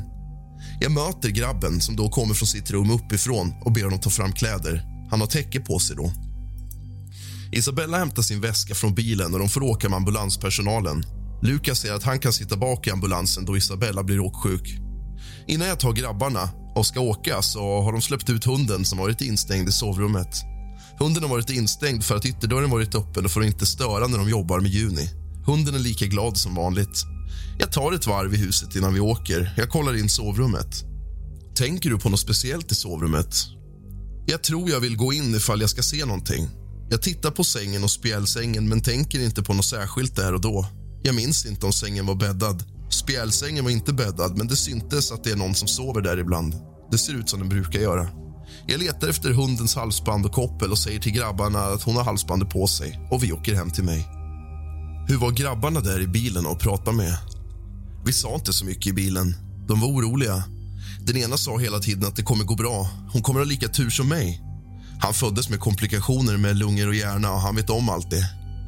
När vi kommer hem till mig vill de spela på mitt Playstation och jag låter dem göra det en stund. Den ena säger att det blir jobbigt att andas om en stor hund hoppar upp på en bebis. Han är väldigt inne på det. De undrar ifall de ska stanna hos mig i natt och jag svarar att jag inte vet, men att jag ska prata med deras pappa. Robin ringer till mig då han fått ett sms från Isabella om att Juni ska åka helikopter till sjukhuset. När Robin ringer upp Isabella säger hon att hon inte har tid att prata. Det är därför han ringer till mig. Robin undrar om han ska åka hem från jobbet men vi bestämmer att han inte behöver göra det nu utan kunde vara lite standby. Jag börjar fråga ena grabben om vad han upplevt då för att jag har förstått att han varit vaken hela tiden. Han berättar att han inte varit vaken utan vaknar av att det är världens liv i huset och att personal är där och en maskin som piper. Elliot sover i vardagsrummet som är precis i anslutning till köket. Det är ingen dörr emellan. Han säger att alla är i köket. Den andra säger att han vaknar klockan fyra. Jag vet att hans tidsuppfattning inte alltid är världsbäst. Han vaknar och ska gå ner för att dricka vatten då han är törstig och ska gå in till köket. På vägen dit eller då han är i köket kommer Lukas och frågar varför han är vaken mitt i natten. Han svarar att han är pigg och inte behöver sova mer. Lukas säger att det kommer bli tjafs med alltihopa om han är vaken från nu, för då kommer han att vara trött. Han blir uppskickad till rummet. Vad jag förstår följer Lukas med. Oklart om det är hela vägen. De börjar diskutera och han säger att han inte är trött men Lukas säger att han måste sova. När jag frågar hur länge säger han först 12 minuter. Jag säger att han ska tänka efter, att jag har värmt mat till dem och att det tar fyra minuter att värma för det är två uppvärmningar på två minuter. Då börjar han tänka och säger att det kanske inte är 12 minuter. Han tycker fyra minuter kändes länge. Jag ber honom berätta vad de säger till varann för att få en tidsuppfattning. Han säger att Lukas följer med upp och säger att han måste sova. Han svarar att han inte är trött och kan vara pigg. Lukas tycker det är på tok för tidigt att vakna och säger sov nu och går ner. Grabben säger lite skämtsamt att han sa att han aldrig att han ska sova. liksom. Men precis när Lukas ska gå ner så får jag olika svar. Så jag frågar tre gånger. Han säger samma sak fram till dess att Lukas ska gå ner. En gång säger han att Lukas hör nåt och springer ner. Han vet inte vad Lukas hör, utan det är Lukas som har hört nåt. Den andra gången säger han bara att Lukas säger att nu ska du sova och att han går ner. Och Den tredje gången säger han att de båda hör nåt och då går Lukas till sovrummet. Jag kan inte säga i vilken ordning som han började säga alla tre alternativ. Är hunden eller Juni med när Lukas pratar med grabben? Jag vet inte, han nämner inte det. Jag tänkte inte på att fråga. Vad är det som grabben hör? Till slut får han ur sig ett knak. Han är jätteosäker och har jätteproblem med att få fram vilket ord han ska använda.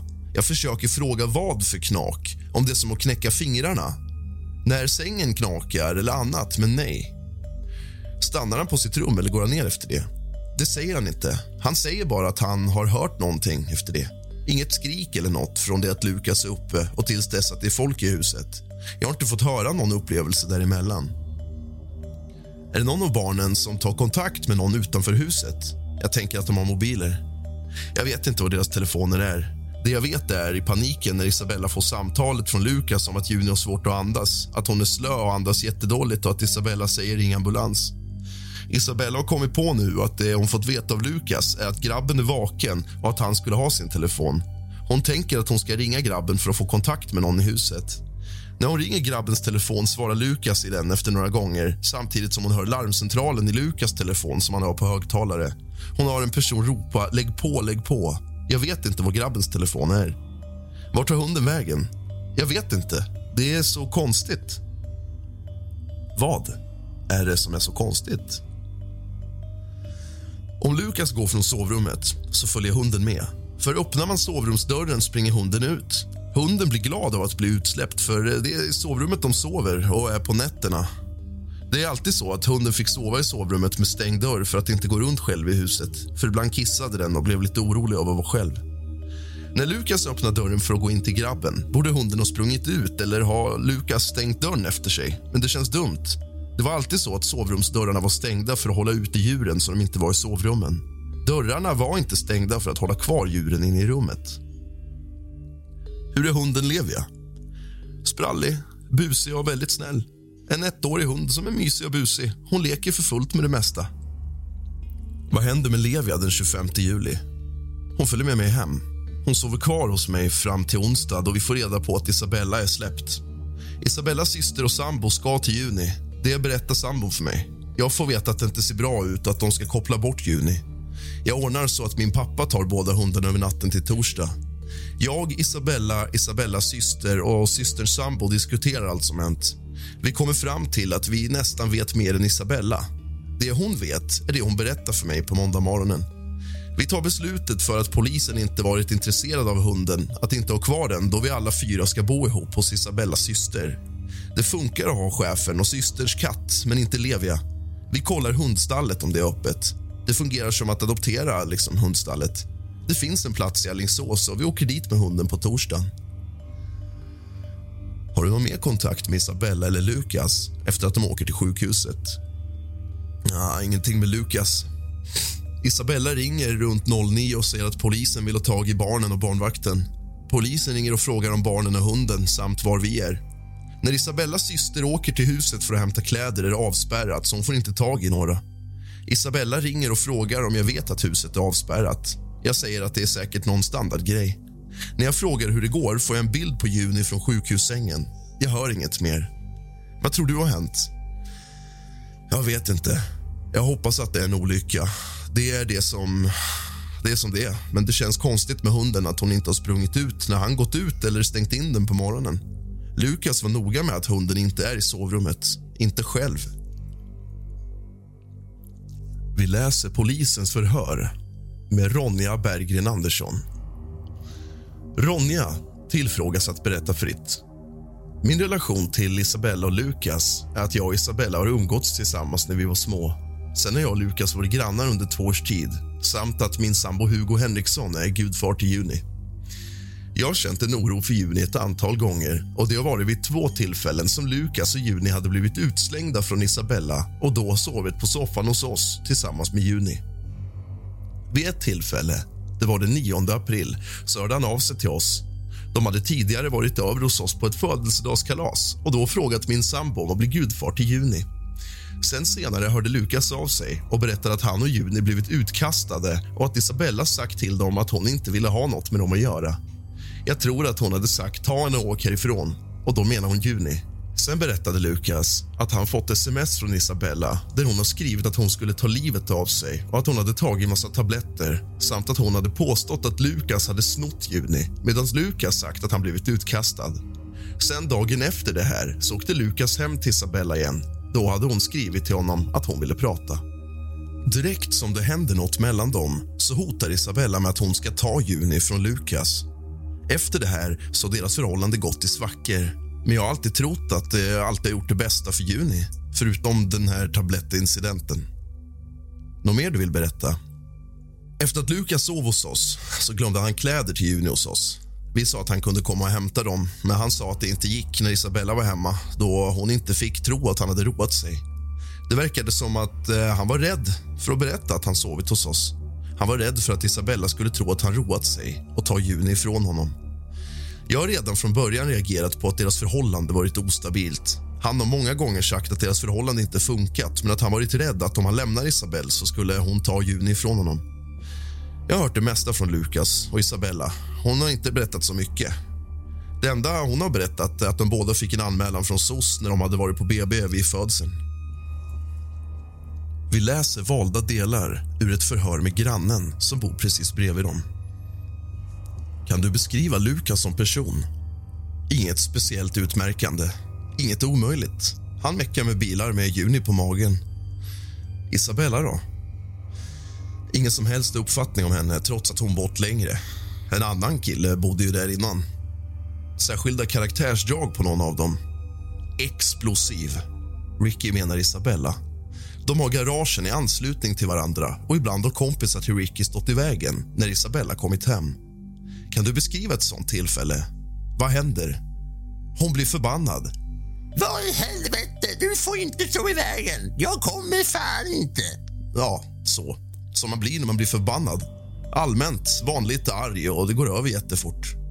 Lukas, aldrig sett honom arg, men han kanske inte har haft någon anledning att bli arg när vi setts. Jag har aldrig hört dem bråka trots att de bor nära. Hur har Lukas varit med Juni? Jätterar. Han tog verkligen hand om henne. Karina har nämnt någon gång att Juni kanske borde ha haft mer kläder eller så om det varit kallt eller soligt. Det är det enda, och det kommer från Karina. Har du sett Isabella tillsammans med lilltjejen? Nej, inte någon gång vad jag kan komma ihåg. Kanske sett någon gång med barnvagnen. Personligen tycker Ricky att det är konstigt att man som mamma inte tar hand om ett så litet barn. Han konstaterar att han kanske är gammalmodig som tycker så. Ricky har förstått att det har hänt nåt med barnet. Om det hade varit en olyckshändelse så tänker han att det skulle inte ha blivit en så här stor utredning. Ricky uttryckte åter att han skulle bli förvånad om Lukas hade blivit så arg och gjort nåt. Vi läser även valda delar ur förhör med denna grannes fru. Hur verkade Lukas sista gången du träffade honom? Ganska normal. Han är lite upprörd eftersom hon har träffat någon ny och Lukas har i princip blivit utkastad. Men eh, förstår situationen. Hur yttrar sig upprördheten? Att han kanske inte vet var han ska bo. Lukas ska eventuellt flytta till sin mamma som inte kommer så bra överens med. Hon bor i Järna. Jag vet inte när. Det var ett par veckor sedan jag fick veta att Isabella har träffat en ny kille. Hur fick du den kännedomen? Det hade Ricky fått veta av Lukas när de sågs i garaget vid något tillfälle. Ricky sa ingenting om hur Lukas var när han berättade detta. Jag har alltid haft en uppfattning om Lukas som väldigt lugn. Ingen som stressar upp sig, men det är klart att det inte kändes så bra att ha en liten bebis och att ha blivit dumpad. Detta lugn är det ett genomgående drag hos Lukas. Ja, jag har inte upplevt honom med något dåligt humör. Lukas har tagit väldigt mycket hand om Isabellas andra barn. Jag har inte sett något aggressivt hos honom. Har du sett Lukas ihop med Juni? Jämt. Han bar henne jämt på axeln. Han bad ibland mig att bära henne om jag behövde flytta en bil eller så. Jag bar henne en bra stund på dagen innan händelsen. Då verkade hon helt normal och inga fel. Hon hade ett rivsår på magen och ett blåmärke i pannan. Lukas sa att hunden hade orsakat detta. Om hon hade kommit för nära hunden eller vad det var, det var ju inget stort, bara ett litet rivsår. Hur är Isabella som person? Jag tycker att eh, hon var ovanligt lugn. Själv hade jag varit betydligt större chock om det var mina barn. Isabella var inte ledsen, men man är olika som person. Annars känner Karina inte Isabella så bra. Hon upplever henne som hårdhudad och impulsiv när det gäller byte av pojkvän och att införskaffa olika djur som katter, kaniner och höns. Det känns som att det blir lite mycket att ta hand om. När Isabella träffade Lukas hade de bara varit tillsammans några veckor när Isabella blev gravid med Juni. Det känns lite impulsivt i min värld. Innan händelsen hade jag inte träffat Isabella på flera veckor. Isabella har mest varit hemma och vänt. Lukas har pratat om en ny pojkvän. Helgen innan händelsen var Lukas och Juni hemma hos oss och firade en familjemedlem. Lukas sa då att Isabella skulle vara borta hela helgen. Hur har Lukas varit tillsammans med Juni? Han har varit väldigt mycket för Juni, hela tiden. Jag tycker jämt att han gick och bar på ungen. Så såg jag honom så hade han henne på axeln hela tiden i princip. Sen är Lukas kanske lite omogen. Han kanske inte alltid hade koll på väder och lämpliga kläder men han var alltid väldigt mån om henne. Jag har inte tänkt på något annat. Möjligen att Isabella har tidigare erfarenheter av barn och det skulle väl ha funkat. liksom. Har du sett Isabella och Juni ihop? Hur har det varit? Väldigt lite. Bara en gång när hon gått förbi med barnvagnen. Min upplevelse är att det är mest Lukas som tagit om hand om henne. Det låter onekligen som att Lukas får dra ett väldigt tungt lass och att han samtidigt kämpar lite i motvind och att hon kan komma och gå precis som hon vill. Jag har mina egna teorier om vad som har hänt och hur det eventuellt kan ha gått till. Det är dock ett annat avsnitt som vi tar en annan gång. Rättegången har ännu inte ägt rum men jag vet vad jag tycker, tänker och tror efter att ha tagit del av denna förundersökning. Vi läser valda delar ur förhör med en av sönerna. Berätta om Lukas. Det är din bonuspappa. Ja. Berätta allt om honom. Hur är Lukas som person? Perfekt. Är han perfekt? Ja. Okej, okay. vad är det som gör honom till perfekt? Han låter oss göra typ vad vi vill. Aha. Hur är Lukas när han är arg? Han är aldrig arg. Är han aldrig arg? Nej. Nähä, hur är Lukas när han är glad då? som han alltid är. Mhm, hur är man då? Lagar mat, tar hand om allting, trött och sen torkar kiss och bajs ifrån Levia. Jaha, lagar mat och tar hand om. Startar diskmaskinen, tvättmaskinen, torktumlare, torkar kiss och bajs från Levia. Sen byter han blöja på Juni och sen gör han allt. Oj, det var ju en massa grejer. Ja, och sen handlar han. Ja, handlar han också? Det var massor. Jag tror inte du vill veta vad min mamma gör. Jo, berätta. Ingenting. Sitter vid telefonen och är inne på Snapchat och Instagram hela tiden. Jaha, okej. Okay. Jag har ju inte träffat din mamma. Nej. Berätta allt om din mamma. Jag vet inte så mycket. Hon sitter bara med telefonen, typ. Vad gör mamma hemma då? Sitter vid telefonen. Hur är mamma med Juni då? Ja, tills hon börjar skrika. Berätta. Berätta vad då? Ja, berätta hur det går till. När Juni är med mamma och sen börjar hon skrika då ropar mamma på Lukas och bara “Lukas, hon skriker!” Mhm. Vad gör Lukas då? Tar. Behöver ta henne. Tar och vaggar henne medan han lagar mat eller nåt. Jaha, hur vaggar han henne då? Som man brukar. Berätta mer om mamma.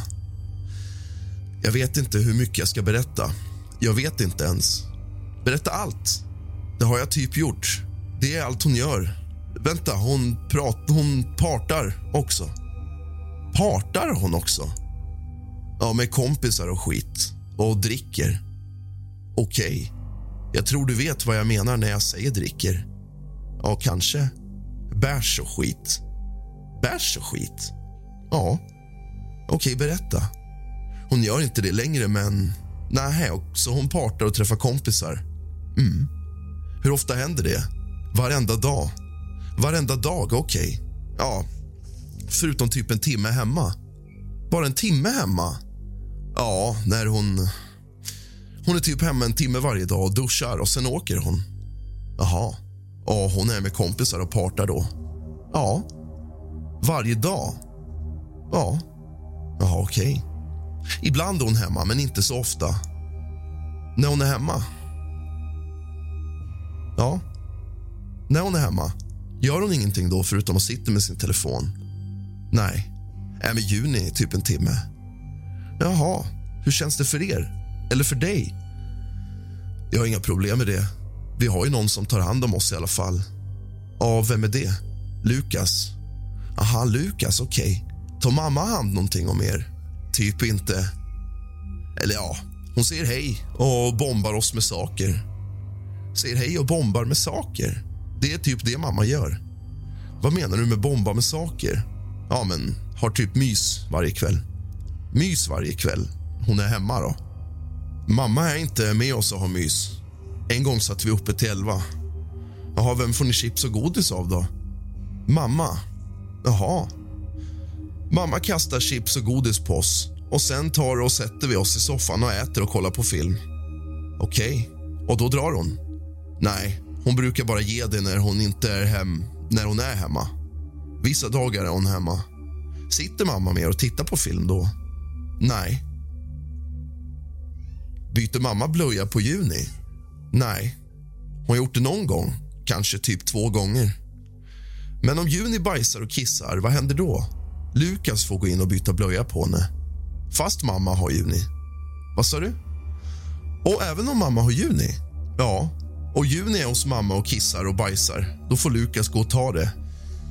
Sen undrar jag, när var sista gången du träffade mamma? När hon följde med Juni till sjukhuset? Ja, då såg jag henne i typ två minuter. Okej, berätta om det. Alltså, det hände ingenting. Hon bara kom och följde med. Tog ambulansen till sjukhuset. Jaha, okej. Och gången innan det, när träffade du mamma senast då? Det minns jag inte. Jag vet inte. Typ två dagar innan. Minns du vad som hände då? Hon satt hemma med telefonen. Det hände. Som vanligt. Hur är mamma och Lukas med varandra?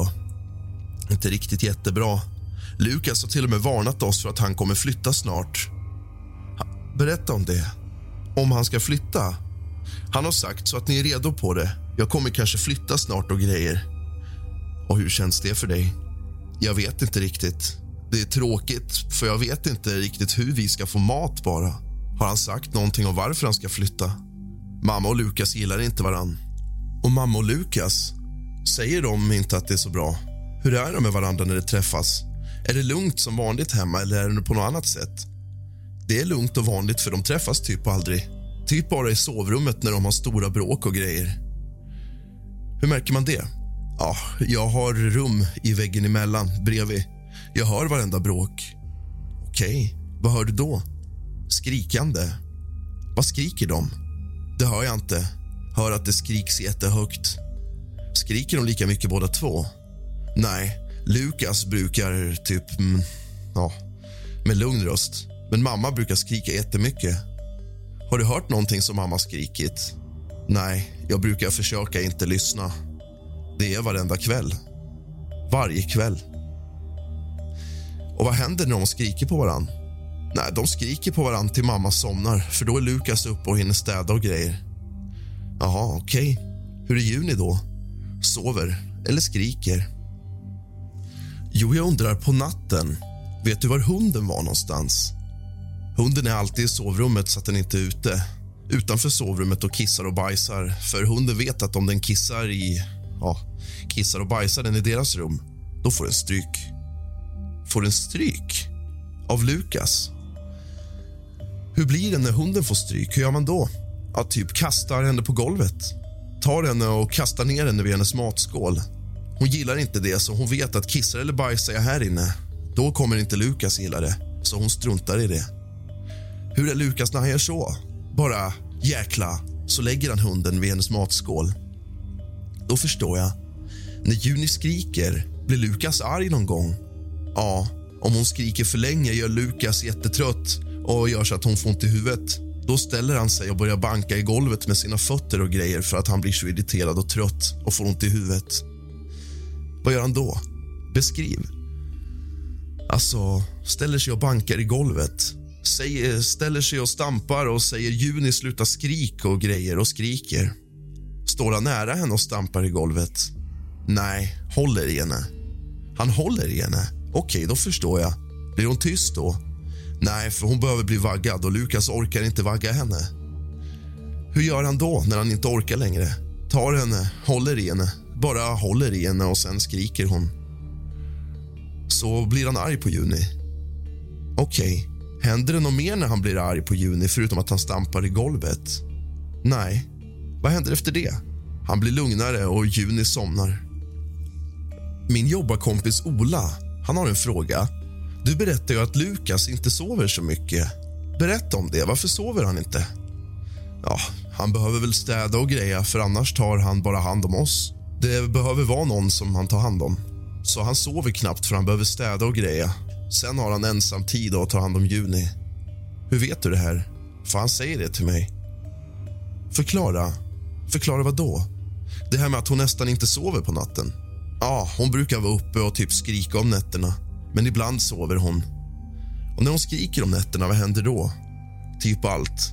Hon skriker, Lukas är uppe och behöver städa, ta hand om Juni och allt. Typ alltså starta tvättmaskinen och grejer så att vi har kläder och grejer.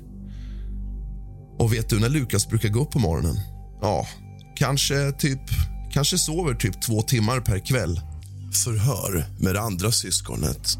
Och Det börjar med att de lite pedagogiskt försöker få barnet att slappna av.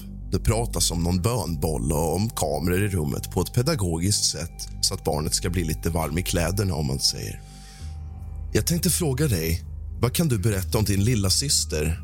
Det enda jag vet, jag vet inte så mycket för jag fick bara veta en sak av Lukas och det var att vår hund som väger kanske 40 kilo har lagt sig på våran bebis. Det är det enda jag vet, så hon kan inte andas. Det är det enda jag har fått veta av Lukas. Var det Lukas som berättade det? Mm. Lukas är min extra pappa. Din extra pappa, ja. För det var på morgonen klockan fyra, igår. Och innan vi fortsätter prata, det är jättebra att du berättar, så tänkte jag bara ta några viktiga saker. Att det är så att om du säger nåt som inte känns bra, då säger du till. Mm. Och sen om det är nåt du inte förstår som jag säger, att du säger något konstigt eller så, så säger du också till. Fortsätt berätta för mig. Vad var det Lukas sa till dig? Det var bara att hon inte kunde andas. Men sen hörde jag att Lukas ringde sin mormor, för hon har jobbat med sånt. Och sen... För det gick inte, för hans mormor sa nåt. Jag ringde akuten och då kom det brandmän, ambulanser, helikopter som väckte mig. De väckte dig. Det var inte jätteroligt. Nej. Och du sa att Lukas ringde till sin mormor. Mm. Hur vet du det? Berätta om det. För Vincent vet att Lukas ringde till sin mormor för att hon har jobbat hos doktorer. Doktorer och sånt. För då sa Vincent det. Och sen hörde jag också, för jag har träffat henne och jag hörde att det var hon. Berätta vad du hörde. Det är ganska jobbiga saker. Ja, vet du? Ofta här inne får man känna precis vilka känslor man vill. Mm. Det är helt okej okay. och man får använda vilka ord man vill. Man får känna vilka känslor man vill. Om du vill använda ett fult ord när du berättar för mig, då får du göra det.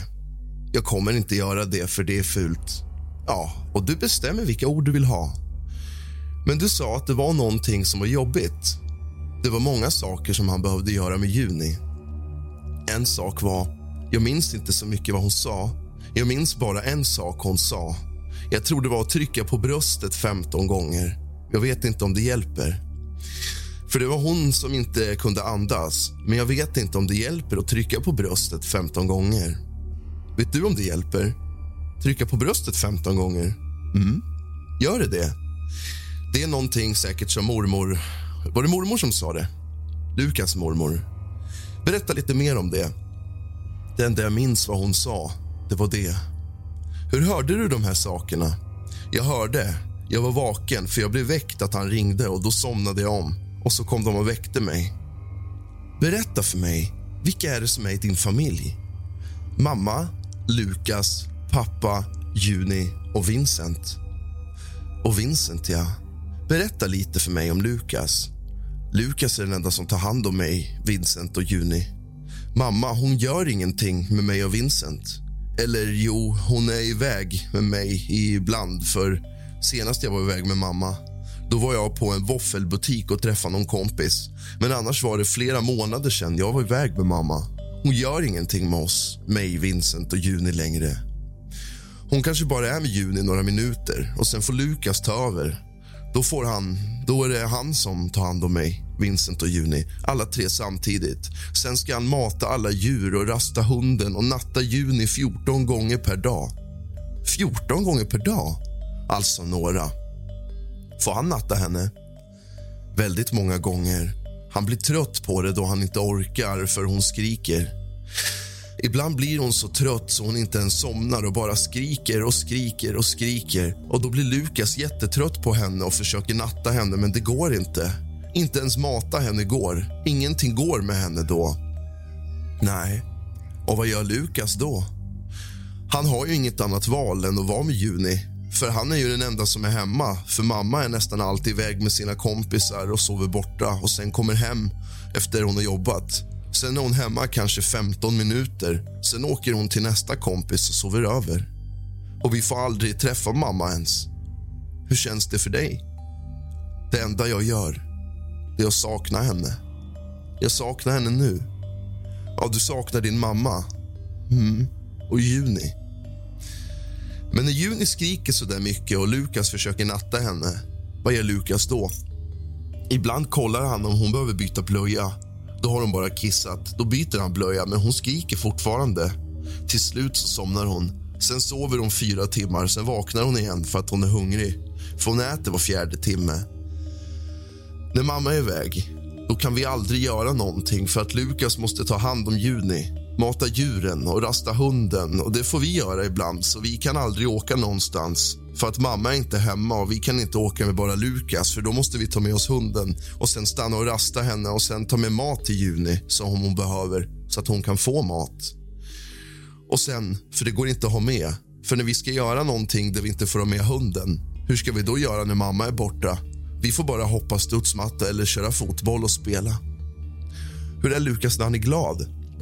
Han är med Juni då. Eller så är han med mamma, eller ligger i sängen och masserar mamma eller så. Vad heter det? Han gör skola eller spelar. Och hur är Lukas när han är arg? Han är nästan aldrig arg. Men han är... när han är arg.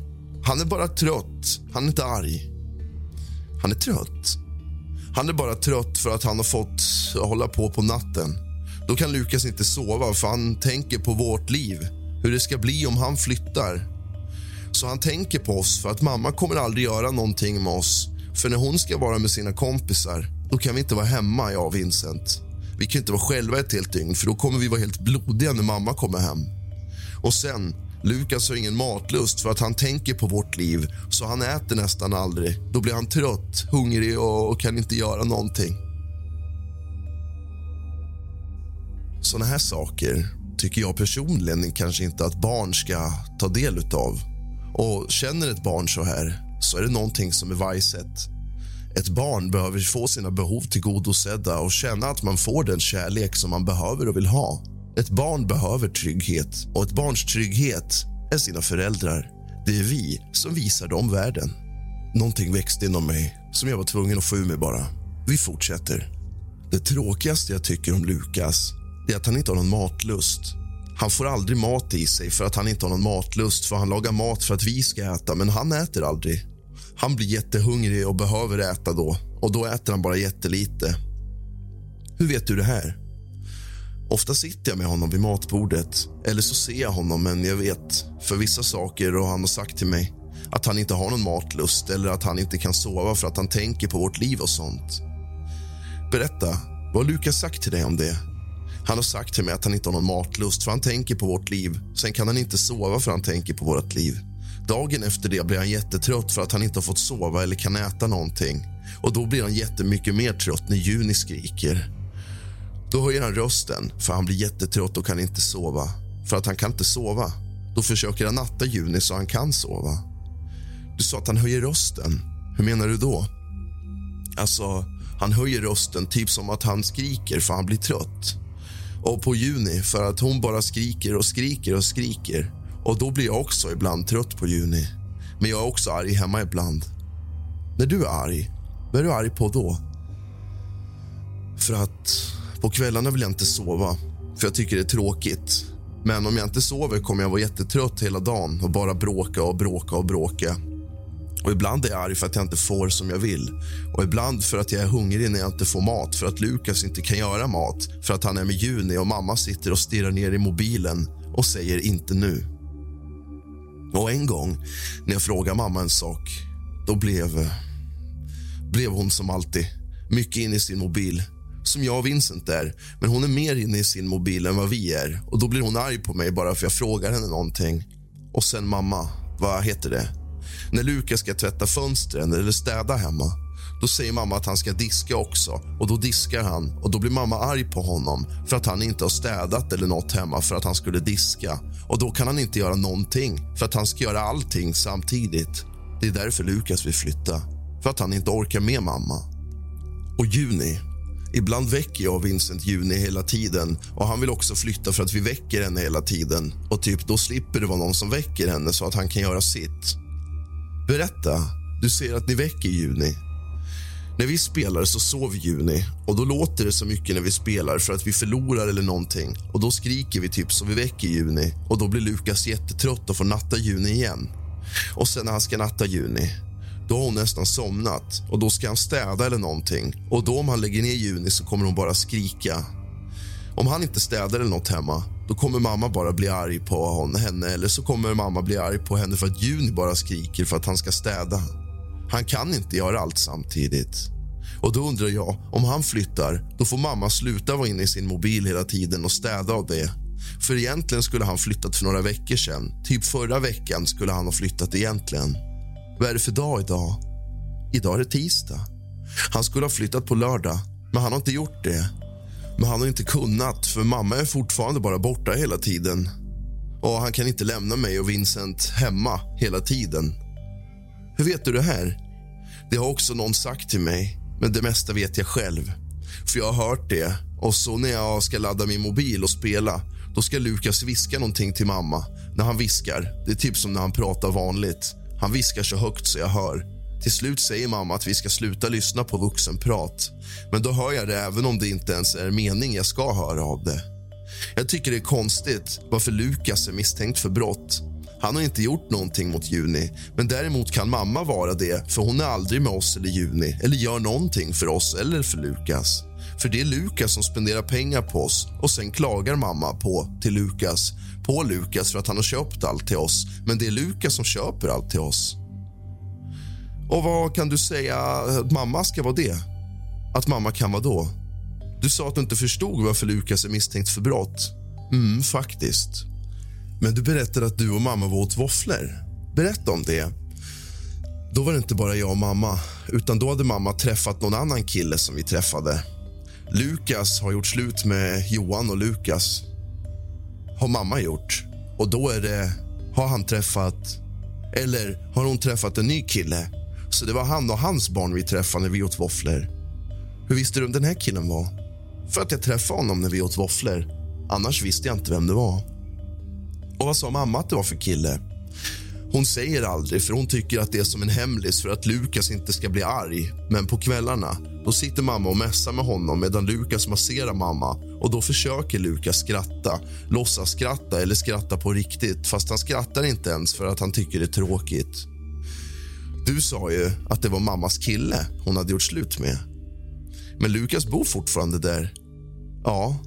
Och hur visste du att det var mammas kille? Jag vet det. Annars skulle de inte ha kramat varandra så mycket. Vi var kanske där bara två timmar. Nej, fyra timmar. Och de kramade varandra sju gånger på två timmar typ. Och vilka vet om att du var där och åt våfflor med mamma och den här killen? Vad heter det? Ingen. Bara jag och mamma. För Vincent och Lukas vet att vi har ätit våfflor, men inte med honom.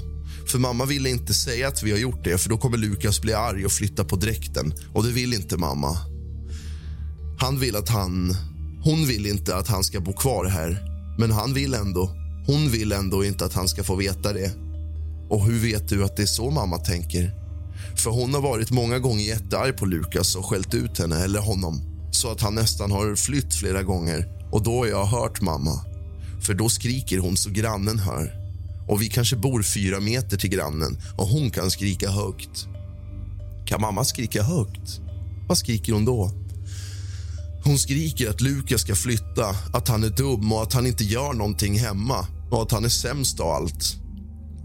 Lukas och Isabella har tillsammans och i samförstånd eller samråd den 25 juli 2022 alternativt en kortare tid dessförinnan i hemmet eller i vart fall inom Gnesta kommun misshandlat sin dotter Juni genom att vid ett eller flera tillfällen utöva grovt våld mot hennes kropp. Varför det står Gnesta kommun har jag faktiskt ingen aning om. Det har inte tidigare pratats om Gnesta alls. Det kan vara en felskrivning och de menar Trosa kommun. Det är härigenom tillfogat henne kraftig smärta, synnerligt lidande samt blånad och hjärtstillestånd. Lukas och Isabella är biologiska föräldrar till Juni. De har under hennes livstid sammanbott med henne och tillsammans ansvarat för omvårdnaden av henne. De har härigenom haft garantställning med skyldighet att skydda Juni och ha omsorg om henne. De har i vart fall under ovan angivna tid och på ovan angiven plats underlåtit att gripa för att skydda henne från ovan angivet våld. Lukas och Isabella har härigenom brustit i sitt ansvar att skydda Juni och ha omsorg om henne vilket medför att hon fått ovan angivna skador samt tillfogat synnerligt lidande och kraftig smärta. Misshandeln är bedömd som synnerligen grov eftersom Juni orsakat synnerligt lidande. Lukas och Isabella visar synnerlig hänsynslöshet och råhet samt att våldet riktas mot ett helt försvarslöst barn som var i beroendeställning till Lukas och Isabella. Förhör nummer två med Isabella Pekkarinen. Hur gammal är du? Jag blir 28. Vilka bor du med? Lukas, Juni och varannan vecka med Vincent och Elliot. Vad bor de annars? Hos sin pappa i Vagnhärad. Var bor ni? I lägenhet, hus eller annat? Hus i Vagnhärad. Bor ni för er själva eller har ni grannar nära? Det är tre hus till på gatan. Du är gift. Med vem? Ja, Johan Pekkarinen. Kan du förklara hur det hänger ihop? Vi blev ett par när jag gick isär med barnens pappa när barnen var små. Vi gifte oss ganska snabbt. Vårt äktenskap dog lite förra våren. Vi bodde ihop, vi umgicks och vi var vänner. Men då träffade jag Lukas. Vi har skickat in skilsmässan, men till, har till september på oss. Jag har den påskriven och klar, för vi ska genomföra den. Det har inte varit prio.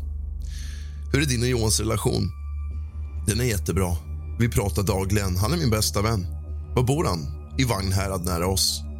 Hur länge har du och Lukas varit ihop? Sen juli förra året. Har ni bott ihop hela tiden? Han flyttade in ganska snabbt. Menar du att du bodde i huset? Ja, jag köpte huset själv för många år sedan, typ 2017. Hur är din och Lukas relation? Den är och har varit bra, men han träffade en annan på arbetstid. Sen var relationen inte sig lik. Vi har fortfarande bott tillsammans och levt ihop. Vi har egentligen beslutat oss för att gå isär. Han tänkte flytta hem till sin mamma ett tag, men då skulle jag aldrig få träffa Juni då han är föräldraledig. Då sa vi att vi skulle försöka bo ihop för allas skull. Annars skulle jag komma och låna Juni och ha henne varannan helg. Det hade jag inte överlevt. Jag föreslog att jag kunde vara föräldraledig, men det sa Lukas nej till. Hur länge var du föräldraledig? Jag var tillbaka på jobbet 16 maj. Efter det var Lukas föräldraledig. Jag var hemma cirka två och en halv månad.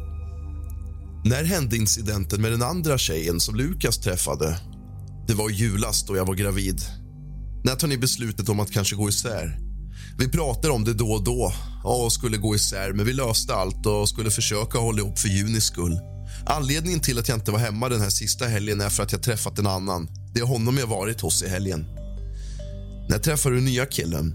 Det var i samband med att jag gick till jobbet. Vi jobbar på samma jobb. Vi började prata privat för några veckor sedan. Det har funkat ihop. Hur har det funkat liksom att bo för Junis skull? Det har funkat bra. Vi kan prata, men så är det vissa dagar som är sura och buttriga. Vad var det anledningen till de dagarna som har varit sura och buttriga? Jag tyckte att han har svårt med dålig attityd ibland. Han har tyckt att jag är sur. Det har varit små saker som kommer i vardagen. Har barnen märkt hur det är mellan dig och Lukas? Nej. Lukas skulle ta sina saker här i veckan och flytta. Då var mellanbarnet hemma och fick vara med om det. Hur blev det då? Han blev ledsen och ville inte att Lukas skulle flytta. Jag tyckte det var smidigaste sättet att genomföra det och försöka att inte storma ut, men det lugnade ner sig till slut. Hur har det funkat i relationen mellan Lukas och dina söner? Det har funkat bra. De kommer överens för det mesta och tycker om varandra från båda håll. Klart de har sina duster, men överlag funkar det bra. Vad gör du på fritiden då du inte jobbar? Jag pluggar länge. Mycket av fritiden har gått till att plugga. Eftersom jag kom in på platschefutbildningen har jag minst ett år kvar att plugga. Sen är det barnens aktiviteter. De tränar innebandy, cirkus och judo. Det är mycket skjutsande. Hur går det ihop med ditt pluggande? Det går att plugga samtidigt som en innebandyträning. Hjälps ni åt att skjutsa barnen? Sista tiden har Lukas kanske skjutsat lite mer. Jag hinner inte hem från jobbet till innebandyträningen. Vad har ni för djur hemma? Fem hönor, en tupp, två kycklingar, två kaniner, tre kycklingar och hunden. Hur var graviditeten då du väntade i juni? Den var bra till en början, men sen vände det. Jag fick en helvetesklåda så jag klädde sönder ben och armar och allt. Jag kunde inte sova eller göra någonting. Klådan gick över så fort Juni föddes. Klådan håller i sig från vecka 27 till 28. Sen blir jag inlagd på Huddinge för de ska ta mer mediciner. Hur påverkas er relation av att du är gravid? Vi var glada att jag klarade mig så pass länge med tanke på tidigare graviditeter. Det är klart att det inte är kul för honom att se mig i det skicket som jag var på slutet. Var graviditeten med Juni planerad? Nej. Hur kändes det att få beskedet att du då var gravid? Jag funderade från början på abort då vi inte känt varandra så länge och att jag inte har sagt till någon om Lukas. Jag ringde Lukas och berättade och han reagerade med att bli så lycklig från första sekunden. Det kändes rätt. Hur reagerar dina söner på att få ett syskon? De har alltid sagt att de inte vill ha syskon, men de blev glada båda två. Vad har ni haft för kontakt med mödravårdscentralen? Jag ringer dit och får ett inskrivningssamtal. Jag var på tidigt ultraljud och skickades till specialist mödravårdscentralen men blev inte riktigt nöjd med dem. Jag ringer själv till Huddinge som har konstaterat vid tidigare graviditeter att vid en graviditet ska jag gå till Huddinge. Jag fick komma dit med en gång. De har specialister på hepatos. Jag hamnade i en hepatosforskning. Jag gick också på ett slutbesök på specialistmödravården. Det var en till två veckor efter att Juni fötts. Sen blev det BVC i Trosa. Hur ofta var ni på BVC i Trosa? Sista tiden var det en gång i månaden och dessförinnan varannan vecka. Har ni haft någon kontakt med socialtjänsten? Vi fick en orosanmälan efter neonatalen. Vi fick komma på ett bedömningssamtal, men sen la de ner anmälan. Vi var där cirka en vecka efter att Juni fötts. Vad var det för orosanmälan? Vi låg på neonatalavdelningen en tid för för tidigt födda barn. Jag kände att jag ville åka hem en natt till mina grabbar. Då var det tal om utskrivningen måndag men måndagen kom och då sköttes det upp till tisdagen. Det var då jag ville åka hem, för jag ville sova hemma och komma tillbaka på tisdagen. Men de menar att jag övergav henne då och jag vill åka hem till mina andra barn en natt. I Sörmland bedömer läkaren om du ska åka hem med andningslarm men i Stockholm får man larm under en viss vecka. Stockholm ville skicka hem oss med ett andningslarm som vi skulle åka till Nyköping med och ta bort som man inte hade bedömt att vi skulle ha. Vi skulle sen åka till Huddinge och lämna det. Jag sa nej från första början. Läkarna pratade sinsemellan om det och kom fram till att vi inte skulle åka hem med larmet. Vi fick åka hem och hade bokat tågbiljetter. Vi sa hej då till dagsskiftet och skulle därifrån. Då hade de en överlämning mellan skiften. Kvällsskiftet ansåg vi att vi skyndade oss därifrån med anledning till att det var för att passa tågtiden. Vilka var det som åkte tåget? Jag, Lukas och Juni. Min syster hämtade oss i Vagnhärad. Påverkades din och Lukas relation efter att Juni hade fötts? Med tanke på allt som hänt innan, graviditeten och att vi planerade att gå isär så blev det bättre när hon hade fötts. Det var bra. Hur var förlossningen? Den var en dröm. Jag blev igångsatt och redan efter första tabletten ansåg man att, att man skulle sluta för det hade gått så fort. Jag fick värkdropp och de tog hål på vattnet. De skulle förbereda och ringa dit en läkare. Jag fick ett bäcken för jag behövde kissa och efter det tar jag lustgasmasken och därefter kommer hon. När var hon beräknad? I början av april. Hon var sex och en halv vecka för tidig. Hur länge var ni kvar på sjukhuset? En vecka. Hur mådde Juni då hon var för tidigt född? Hon mådde förvånansvärt bra. Hon tog flaskan i princip direkt. Hon fick extra värme och glukos, men ingen andningsstöd. Vad vägde hon? 2,1 kilo. Du nämnde flaska. Ammade du nåt? Nej, jag testade nog var två veckor, men jag fick inte tillräckligt med mjölk. Var ni båda med, både du och Lukas, vid förlossningen? Ja, vi var båda med. Hur sov och åt Juni? Hon har alltid sovit bra, tycker jag. Hon har gått upp fint i vikt. Hon var gnällig ett tag efter magen, men det gick över. De har en mat på Neo och sen skulle hon byta mat när hon gick över en viss vikt och fick lite problem med magen. Hon fick något utskrivet och det blev bra. Hur fungerar familjelivet när ni kom hem från BB? Det blev en omställning med tre barn. Killarna blev stora, de var hjälpsamma. Hur blev det med skötseln av Juni? Turades ni om eller tog någon mer ansvar?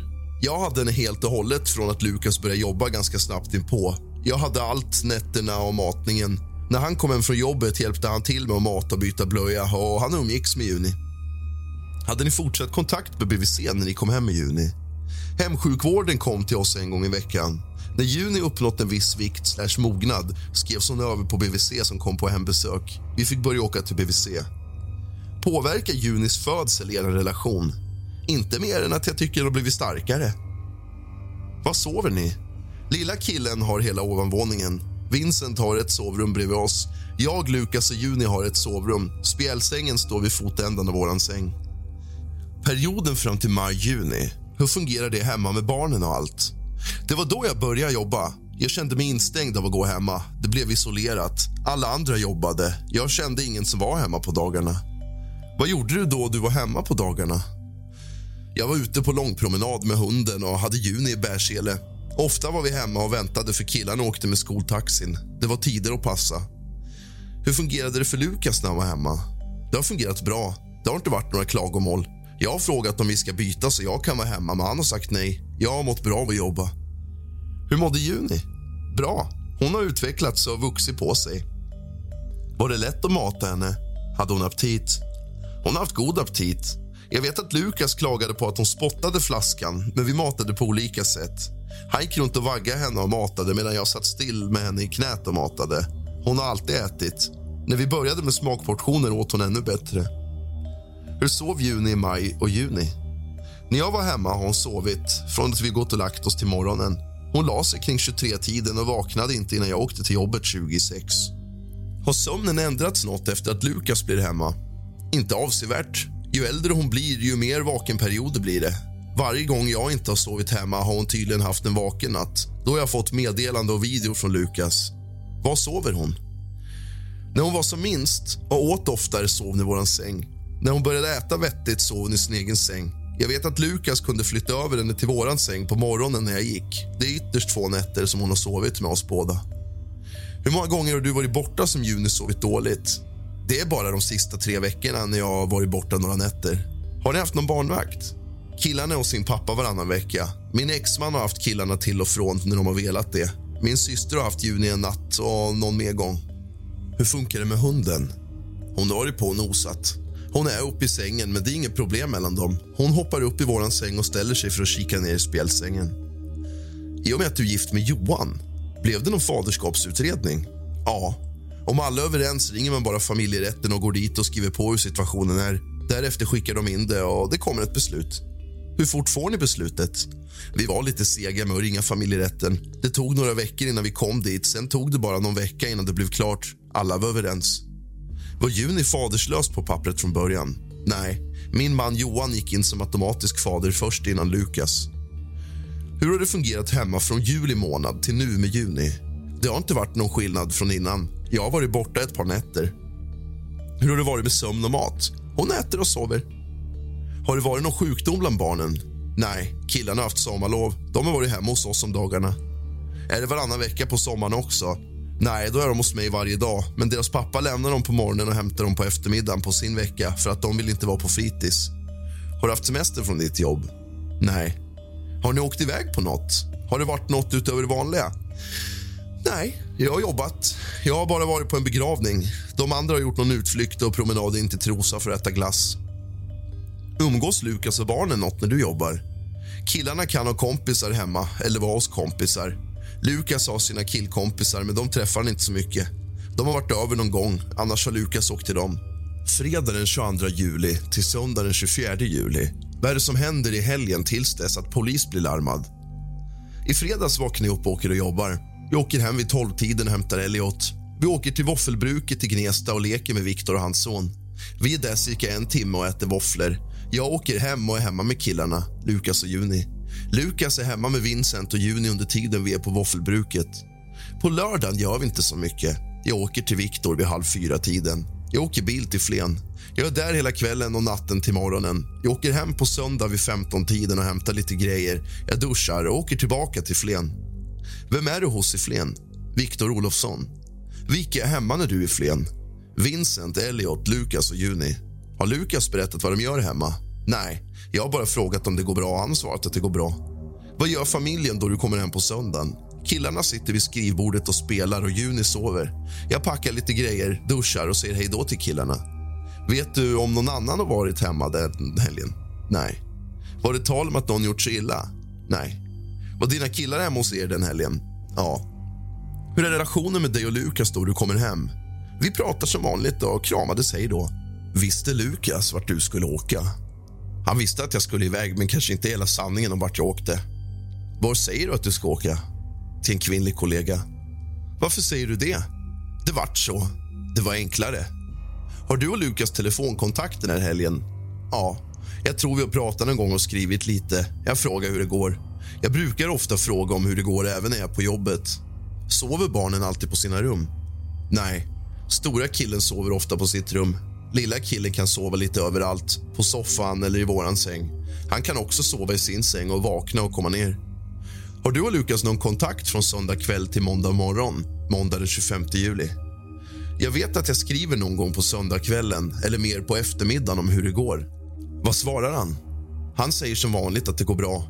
Jag vaknar på måndagen, men då har Lukas inte skickat någon bild eller video. Det brukar han alltid göra på kvällen eller natten.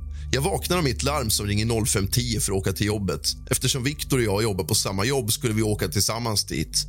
Jag håller på med att väcka Viktor och ska klä mig och då ringer Lukas. Jag tänker, vad fan ringer han mig så här tidigt för? Ska jag ens svara? När jag svarar skriker Lukas i telefonen. Jag hör väl hälften av vad han säger. Det enda han skriker är att hon är slapp och att han inte får någon respons. Det enda jag säger är ring ambulans. Vi lägger på. Jag är i ett läge att jag inte fattar vad som har hänt. Jag försöker ringa honom många gånger för att få veta något.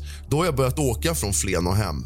Jag får inget svar och ringer Vincents telefon för Lukas sa att Vincent var vaken. Lukas svarar i Vincents telefon för han har SOS i andra telefonen. Han lägger på. Vad säger Lukas då han svarar i Vincents telefon? Han pratar med larmoperatören. Hör du det? Ja, han har högtalaren på med larmoperatören. Han säger att jag ringer. Då säger operatören att han ska lägga på direkt. Vårt samtal klickas. Jag kör hem fort. Jag får ett sms av Lukas att brandkår och ambulans är där under tiden jag kör hem. Jag ringer Lukas och frågar vad som händer. Då säger han att de gör hjärt-lungräddning på Juni och att han inte vet så mycket. Var är Lukas då han ringer och talar om att de gör hjärt-lungräddning? Hemma, men jag vet ej var i hemmet. Hur är han när ni pratar? Vet inte. Ganska lugn och samlad, men ändå panikslagen. Jag är fortfarande inte med på vad som hänt eller vad som händer. Jag övertänker och fattar fortfarande inte. Är Vincent eller Elliot vakna på morgonen? Jag var ju inte hemma, men Elliot ska ha sovit och Vincent ska ha varit vaken. Det var därför Lukas klev upp. Hur ser det ut när du kommer hem? Vilka är där? Brandbilar och ambulanser står där. När jag kommer in i köket ligger hon på köksbordet med massa folk omkring sig. Det är apparater på hela golvet. Lukas står i köket och Elliot ligger på soffan. Vincent är troligtvis uppe. Jag går in till Elliot och håller om honom och frågar hur han mår. Jag frågar om han vill åka till min exman Johan. Jag börjar ringa efter Johan. De tar Juni och försvinner och då kommer Vincent ner. Johan kommer och jag säger hej då till killarna som följer med Johan. De åker hem till Johan efter att vi åkt. Hur blir det med hunden? Den följer med Johan. Har det hänt tidigare att hunden har hoppat upp i sängen då Juni legat där? Ja, det har hon väl gjort, men hon lägger sig i fotändan. Men då har vi legat i sängen med Juni. Var sover hunden på nätterna? På golvet nedanför våran säng. Och det är här någonstans som dagens avsnitt tar slut. Fortsättningen av förhöret kommer ni få i del 5 där vi även påbörjar nästa. Isabella tillfrågas inledningsvis om hon har något att tillägga eller förändra från föregående förhör. Det har hon inte. Isabella tillfrågas om det stämmer att Johan Pekkarinen har bott hos dem i vintras. Isabella säger att Johan har bott hos dem i någon vecka för att de hade bestämt det för att försöka laga deras äktenskap. Följande frågor ställs till Isabella. Vilka är hemma när Johan bor hos er? Jag, Johan, Lukas, Vincent och Elliot. Hur sover ni då? Jag och Johan sover i sovrummet och Lukas sover på soffan. Lukas jobbar jour som bärgare, så ibland sover han på jobbet. Hur tar Lukas det att Johan bor hos er? Han tog det tufft och det var jobbigt men det var hela tiden Lukas som sa att jag måste se att det går att laga äktenskapet. Jag förklarade innan för Lukas att jag har känslor kvar för Johan och att jag inte vet vad jag ska ta mig till. Lukas sa att jag måste kolla om det går att laga. Hur resonerar du? Fram och tillbaka eftersom Lukas och jag ska ha barn tillsammans. Jag vill ändå laga mitt äktenskap. Jag beslutade mig för att prata med Johan. Hur blev det efter den här veckan slash veckorna? Johan och jag har alltid stått varandra nära och det kommer vi förhoppningsvis alltid göra. Våra känslor går mellan att vilja vara tillsammans och att det inte funkar att vara tillsammans. Johan har varit beredd på att Juni finns med i bilden och han har aldrig behandlat henne sämre än killarna. Johan är världens godaste och finaste människa. Kommer ni till något beslut efter att Johan har bott hos er? Vi skulle ge det tid att se vad som händer i framtiden. Vi vill båda vara med varandra. Det är en knepig situation just nu och det funkar inte, men vi ger inte upp hoppet. Johan vet hur det har varit mellan mig och Lukas. Det har inte varit någon jämn väg. I vilken utsträckning har du varit hemma de sista två, tre veckorna innan händelsen? Jag skulle inte påstå att jag varit hemma jättemycket, utan jag har nog varit borta mer än hemma. Var har du varit då? Jag har sovit ett par nätter hos Viktor. Det har även varit mitt i veckan. En kväll var jag hos min bästa kompis. Lukas körde mig dit och han hämtade mig. Jag har varit mycket på jobbet också. Vi hade after work. Hur många nätter uppskattar du att du har sovit borta under dessa två, tre veckor? Åtta till nio nätter ungefär. Hur har det varit efter jobbet de andra dagarna? Har du varit hemma då? Allt som oftast. Det är en vecka jag nästan inte är hemma alls. Då är jag hos Viktor. Var har ni sovit då du har varit hemma de sista veckorna? Ibland har vi sovit tillsammans i sovrummet och ibland har jag sovit på soffan. Hur har det varit mellan dig och Lukas de sista veckorna? Det har gått mellan bra och dåligt. Vi kan ha tjafsat på telefon, men när jag kommer hem har det ändå varit bra då vi setts. Det är inget drömläge för någon av oss. Har det varit tal om att ni ska vara ihop, du och Lukas? Vi har pratat åt alla håll. Leva ihop för att vi har barn ihop och flytta isär men att leva ihop som ett par för att vi vill vara ett par. Det har blivit mer och mindre tal om det. Speciellt efter att Lukas fick reda på att jag träffat Viktor. När fick Lukas reda på det? För tre helger sedan. Han gick igenom min telefon när jag sov. Hur blev det då? Klart det blev dålig stämning. Vi pratade om det och löste det så. Det var inte optimalt eller kul för någon av oss. Vem har tagit hand om Juni de sista två veckorna? Lukas. Jag har varit med henne lite på kvällarna när jag har varit hemma. Juni har i princip bara varit med Lukas. Har du hjälpt till med att byta blöja, natta eller ge välling och mat och sånt till Juni? Uppriktigt kanske jag har bytt blöja två gånger. Jag har nattat henne väldigt sällan. Det sista har vi varit oense om när jag frågade om jag fick ta Juni. Då har jag i princip fått ett nej. Det har blivit att Lukas är den som är föräldraledig och det är han som tar Juni. Jag har matat henne någon enstaka gång. Varför har det blivit så? Jag vet inte. Han vill inte belasta mig för han vet att jag har ont i kroppen men jag kanske bara velat gosa och leka med Juni. Oftast har det blivit att jag har fått ett nej, vilket gör att jag ska säga emot. När vi diskuterat det så vet han att jag har ont och mår dåligt. Han vill inte belasta mig med mer samtidigt som jag velat ha mitt barn för annars hade jag inte bett om det. Vem har haft hand om Elliot och Vincent de här sista veckorna? De har varit med Lukas. De har pappaveckor, men när det har varit pappavecka har de varit hos oss dagtid och då har jag inte träffat dem. Jag åker till jobbet innan deras pappa lämnar dem hos oss. Hur mycket har du träffat Elliot och Vincent den sista veckan då det inte var pappavecka? Elliot sover över hos oss på torsdagen på pappaveckan. Jag är hemma med honom på torsdagen. Jag och Elliot är iväg på fredagen för han och Vincent går mycket på varann. De har haft ett bråk så vi försöker hålla dem isär lite. Vicky är på våffelbruket på fredagen? Jag, Elliot, Viktor och Viktors son som är fem. När åker ni dit? Jag åker dit efter jobbet vid 12-tiden och vi möts där vid 14. Jag åker först och hämtar Elliot hem hos oss efter jobbet. Hur länge stannar ni i våffelbruket?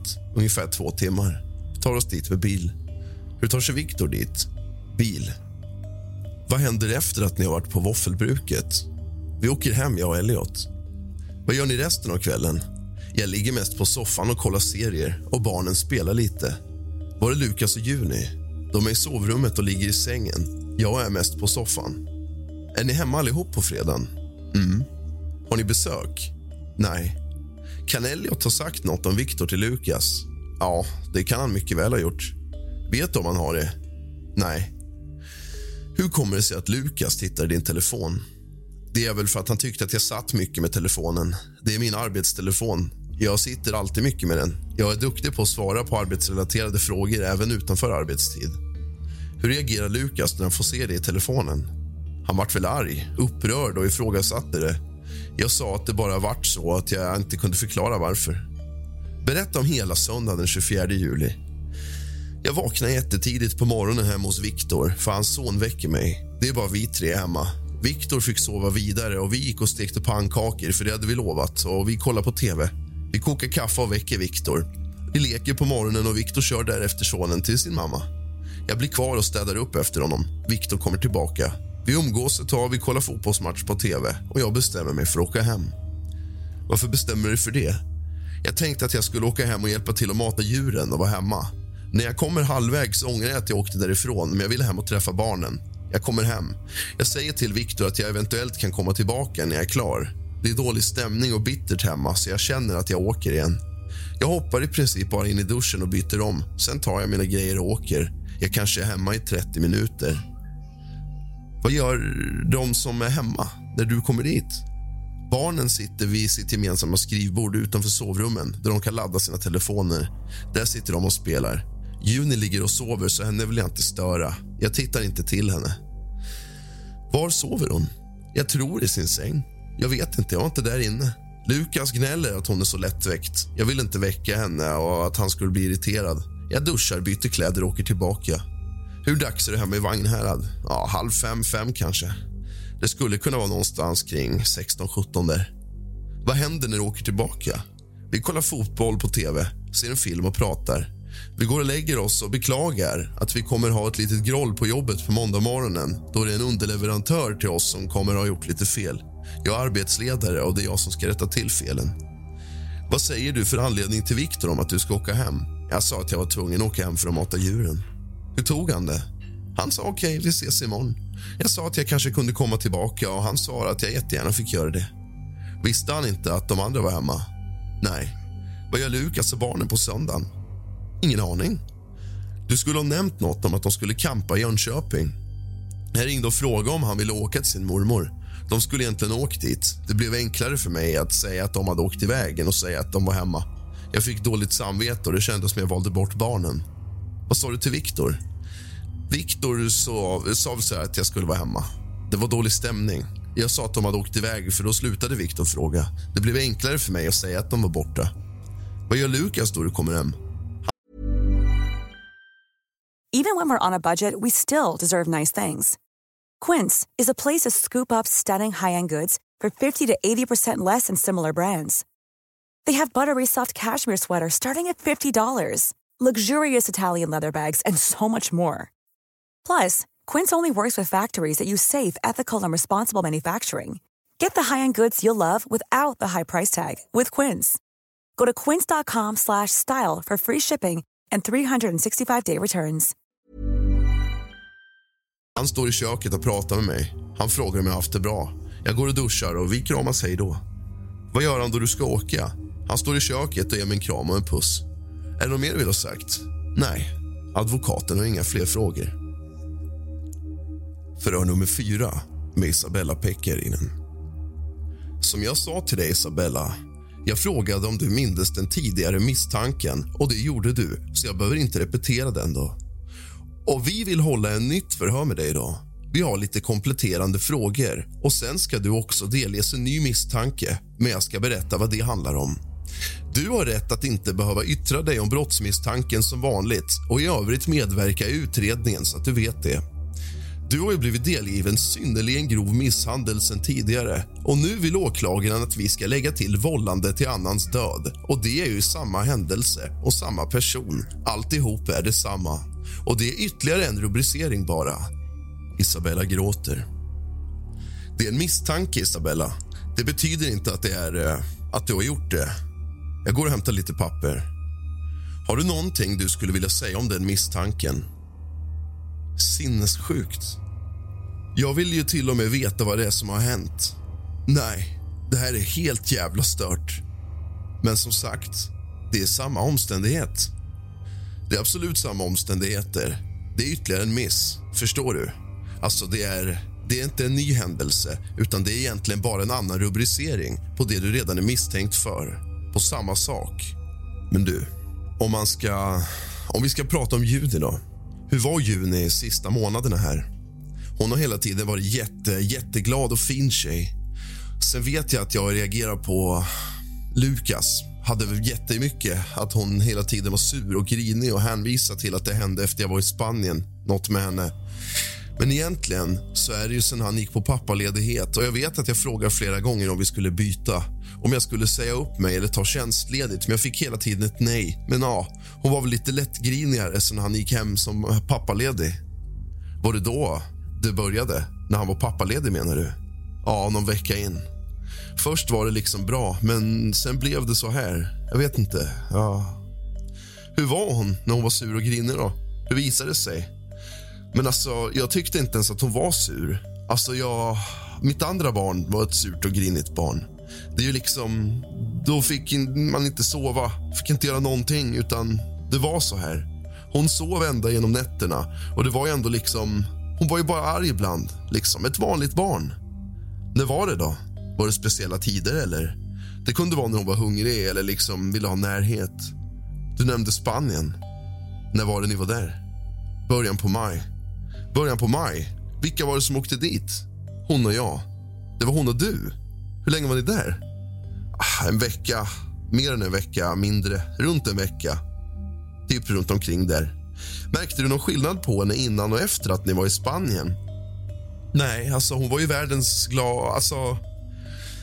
Det var ju som sagt, jag var livrädd att få ett surt kolikbarn som inte sov. Så det här var ju, alltså hon var rena drömmen och bättre med vad jag förväntat mig. Så jag, jag hade inte köpt det här om att hon var sur. Och, alltså, ja, ett barn är ju ledsen ibland, men...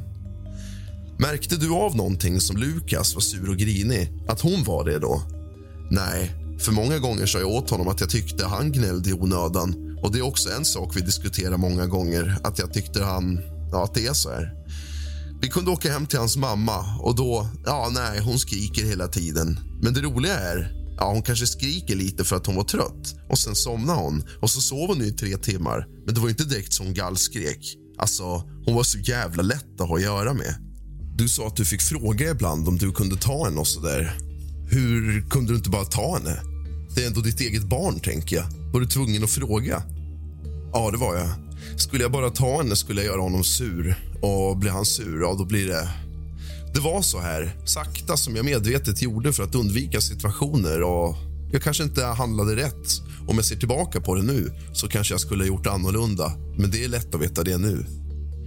Enligt Lukas säger han att du inte ville umgås med Juni efter jobbet. Hur var det med det?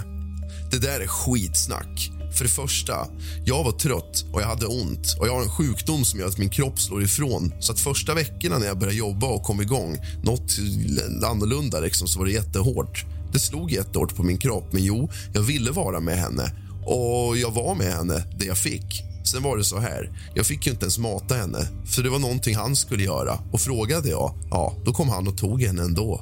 Alltså, om det är så här, skulle vi inte vara oense om det är så här, då hade vi sluppit alla de bråken. Då hade det inte varit någon diskussionsfråga. Hur kändes det för dig då?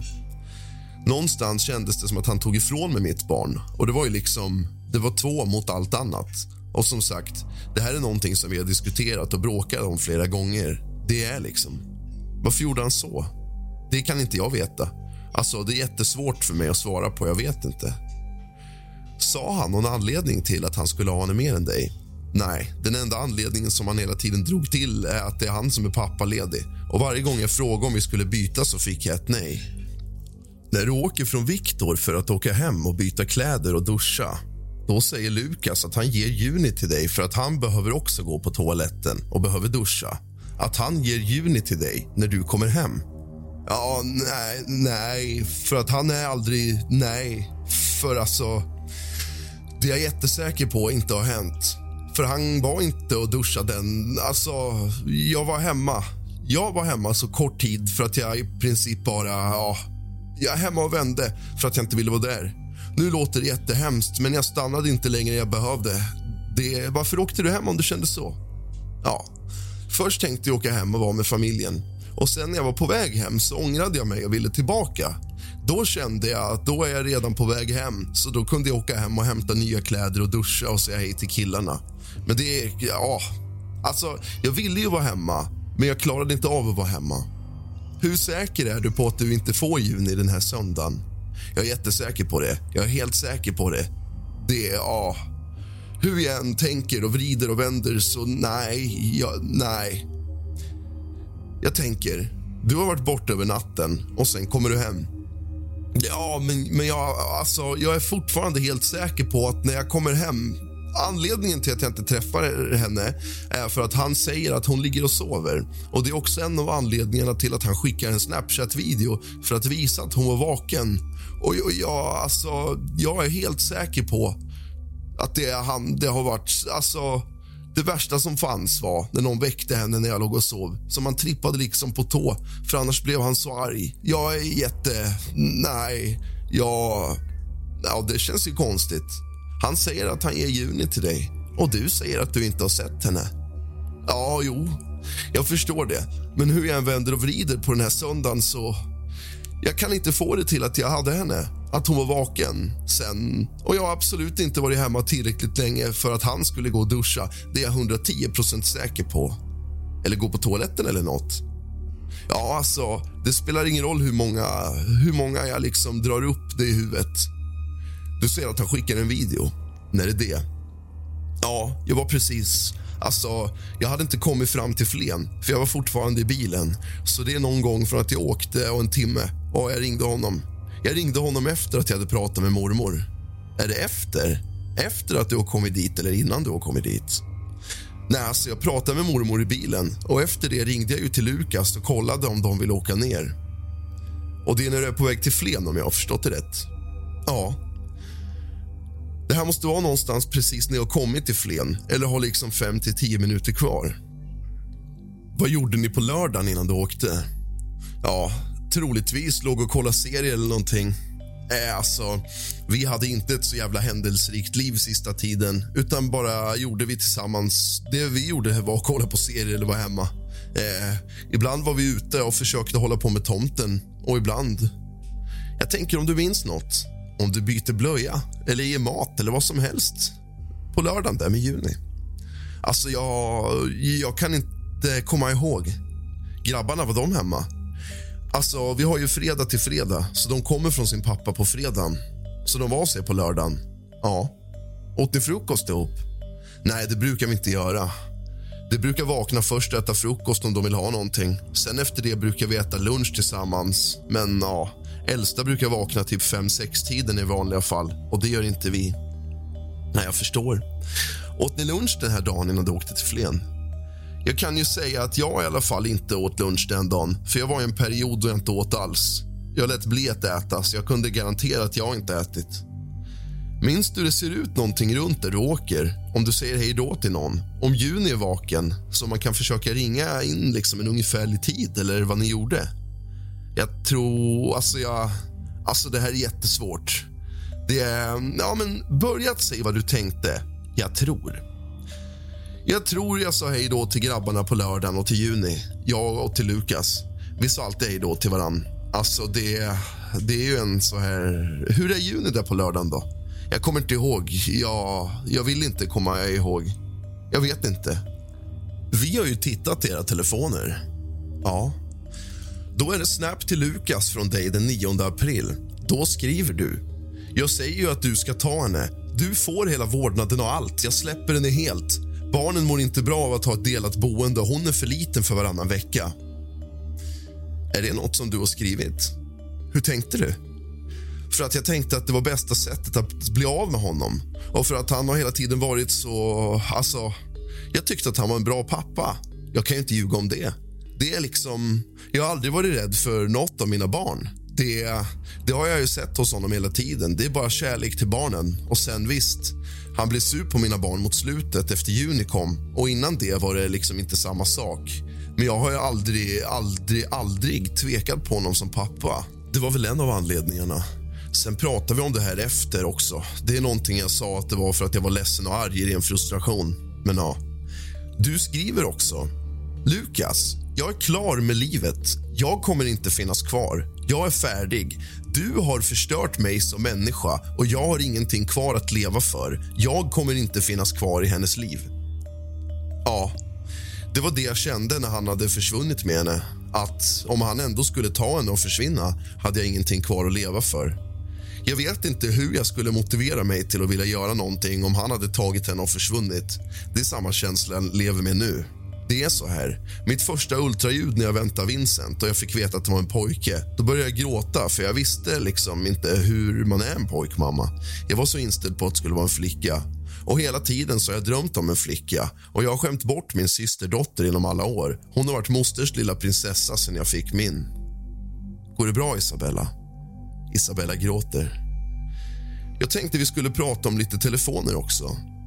De här telefonerna som vi har tagit i beslag. Har jag förstått rätt att en är din arbetstelefon? Ja. När är det du får den? Mitten på april någon gång. Annat som vi läste i din telefon så skriver du bland annat till Viktor. Jag börjar få en känsla av att jag tror att det är hennes pappa som gjort något. Det skriver du den 25 på måndagen till Viktor. Vad menar du med det? För jag fick ju veta att det var en olycka sen. Det var så många saker den morgonen och på sjukhuset som gjorde att jag kände att det var något som inte stämde.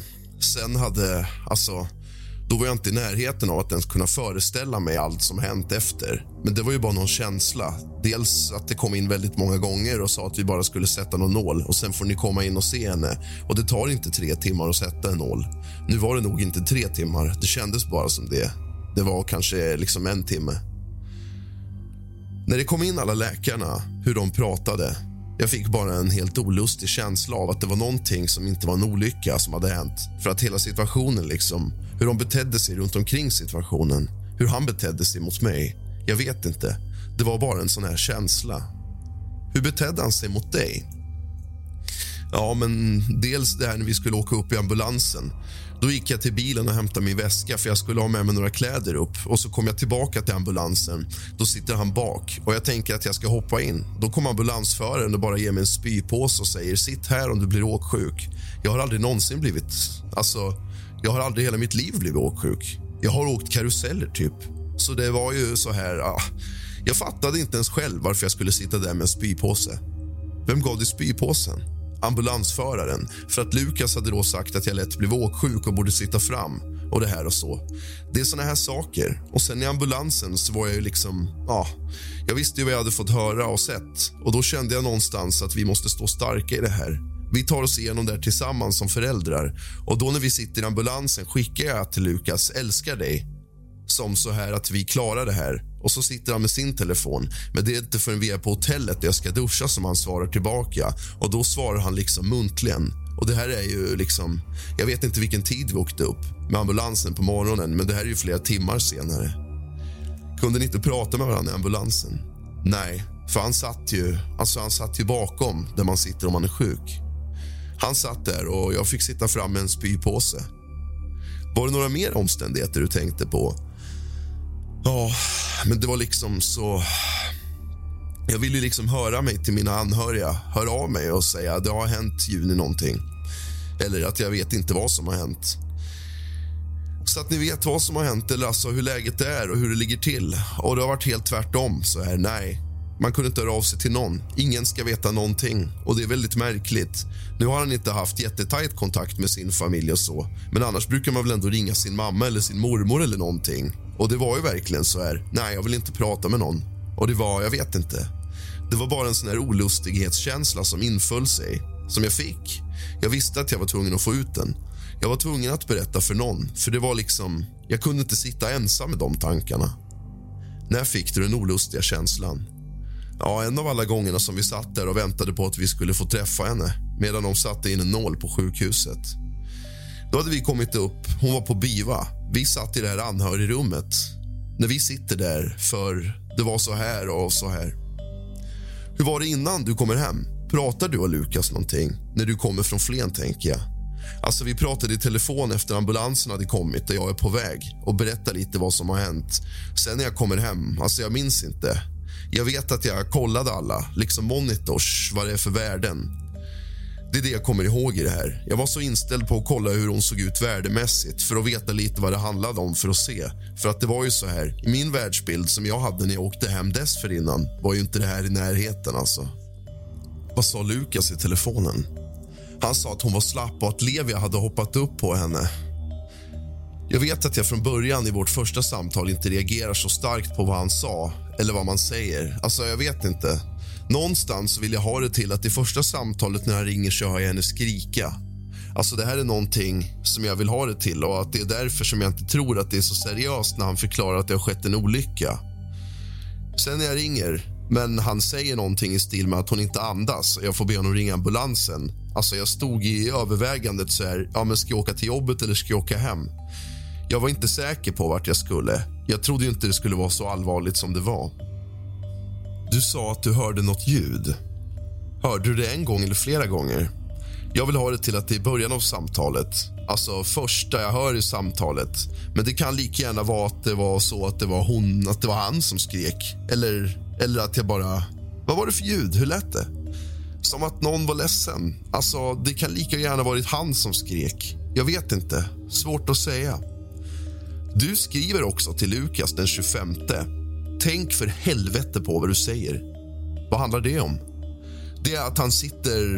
När vi sitter där nere liksom och kommit in allting så börjar han på sjukhuset.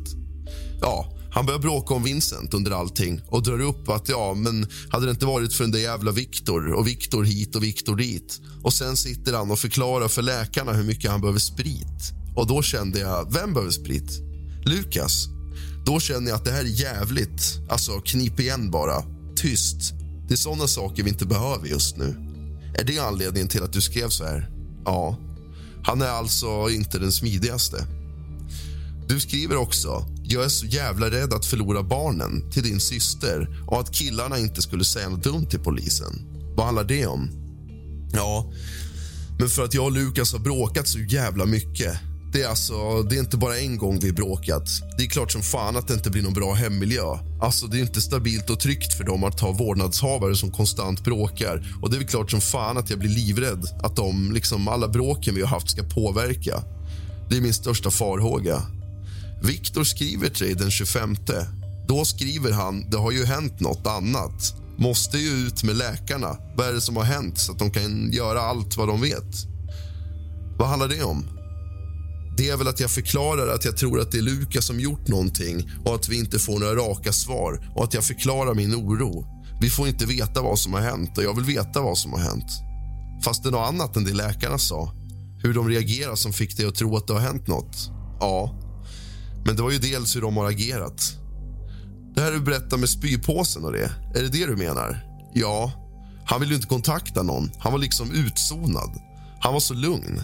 Jag satt ju med 350 frågor och ville veta och fråga läkarna om vad de... Alltså, jag tänker och tror... Han var ju bara så lugn hela tiden. Det var väl också någonting som skrämde mig. Att, att hur man kan vara så lugn. Har du haft någon annan anledning att tro hur han har skött barnen, alla barnen? Alltså, som sagt, jag har inte velat lämna mina barn med honom och jag har varit osäker på honom. Sen har vi alltid haft delade uppfattning om barnuppfostran och allt sånt. Han är uppfostrad i en väldigt hård och strikt hem med väldigt mycket regler. Ja, Han tycker väl alltså att barnen ska få ha lite friare än vad han tycker. Och vi, ja, De är väl bittra att vi inte har delat så mycket vidare. Det har inte varit på samma plan. Nej, jag tänker på allt det här med Viktor som skriver och sen raderas. Du raderar allt som har skrivits till Viktor. Varför gör du det? Nej, det är raderat på telefonen. Ja, men jag har inte. Jag har inte raderat, utan det finns ju kvar. Och Det är väl till och med tagits kort på. Så jag vet att han har berättat. I din telefon var det markerat som raderat. Ja, nej, det kan jag inte svara på alls överhuvudtaget för jag har inte varit inne på någon av mina sociala medier. Jag vill inte se dem eller röra dem. Om vi ska gå tillbaka då. Din inställning till den här brottsmisstanken då, som jag sa. Vållande till annans död. Jag nekar. Har Pierre någon fråga? Nej. Vi hörs. Vi kan stänga av. Vi avslutar förhöret. Klockan är 10.27. Bandspelare stängs av när räknevarvet står på 01.22.48. Isabella delges misstanke om vållande till annans död grovt brott till och med den 25 juli 2022 i hemmet på nybygget Kroka inom Trosa kommun gällande skakvåld eller annat våld av grov oaktsamhet har orsakat barnets död. Gärningen är att bedöma som grov då målsägande Juni Pekkarinen var ett skyddslöst barn som utsatts för brott i hemmet.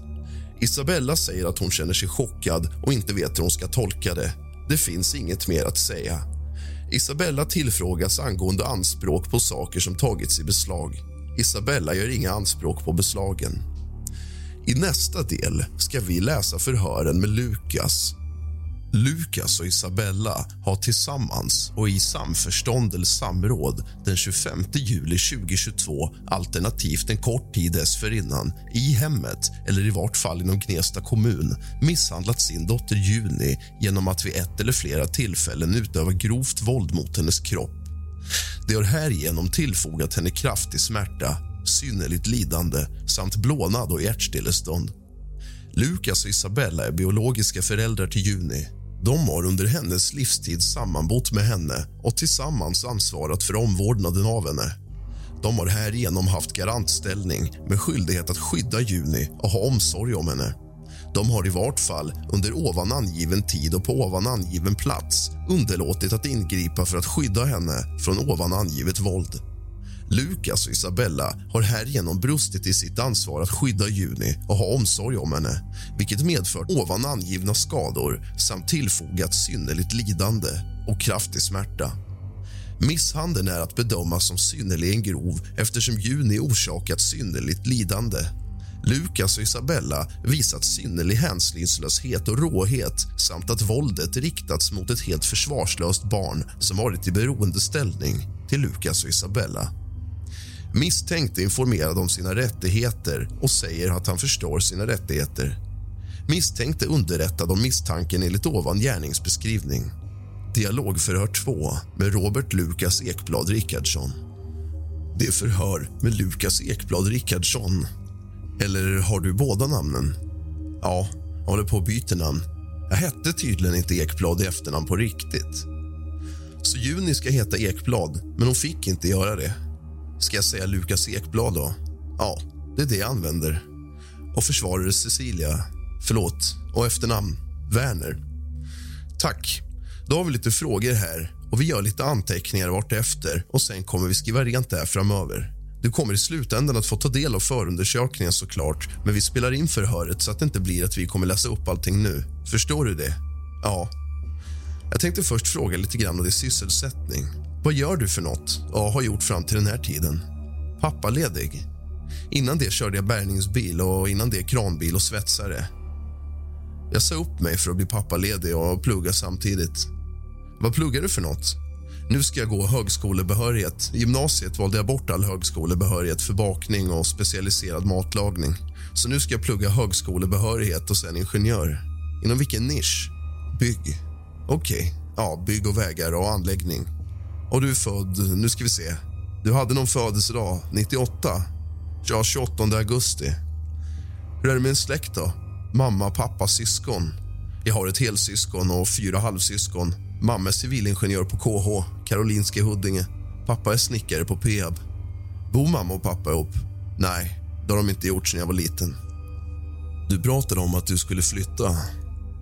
När fattade ni det beslutet? Eller du fattade det beslutet? Vi har pratat om det en och en halv vecka eller två veckor om att jag ska flytta. Att jag och Juni skulle flytta. Nu har jag hittat något bra på datorn att flytta så jag ska berätta det för henne. Och Jag skulle ta det med henne igår eller idag. Jag tänkte flytta nu i helgen som kommer, för då får vi en barnfri helg. Elliot och Vincent är hos sin pappa så vi kan städa i lugn och ro och plocka ihop mina grejer och flytta och så har hon två veckor på sig sen. Sista veckorna med sommarlov. Men det kan hon prata med dem och förklara att jag har flyttat. De kan prata med mig eller så har de mitt nummer och allting så de kan höra av sig. Du sa att du skulle flytta. Du och Juni sa du. Mm. Ja, Juni skulle flytta med mig för Bella sa att hon inte orkade ha alla ungar. När sa Bella det? De gånger vi bråkade. För någon vecka sen kanske. Och Sen har hon sagt till och ifrån liksom att hon inte orkar. Hon kommer hem från jobbet helt slut och då kanske Juni är trött och lite gnällig. Och sen hunden, den här jävla hunden skriker och äter på huset och grabbarna bråkar och hon blir helt slut. Hon lägger sig och sover. Då känner jag att kanske jag och Juni är bättre om jag och Juni flyttar. Då behöver jag bara ta hand om Juni och hon slipper. Då slipper hon. Hon behöver inte ha en bebis som skriker direkt när hon kommer hem från jobbet. Hade du tänkt söka ensam vårdnad om Juni? Nej. Hon sa mm, sen ohörbart någonting om att skriva över vårdnaden sen. Alltså hon skriver över den till mig, bara skulle hon kunna göra. Okej, okay. men då sa jag att hon får ta Juni alla kvällar efter jobbet hon vill och alla helger och allting för jag vill inte ta Juni från sin mamma, för mamma är alltid mamma. Det går inte att ersätta en mamma. Du nämnde hunden där. Mm. Kan du berätta lite grann om den? Ja, vi tingade den ett par dagar innan vi fick reda på att hon var gravid. Vi hade fått reda på att hon var gravid. Då var vi uppe och hämtade den. Vi tänkte att det är väl bra att ha hund och barn samtidigt så de får växa upp tillsammans. Det är väl trevligt. Vi hade katt och hund när jag var liten. Det funkar bra. Det är inte en så stor hund. Ingen så speciell hund.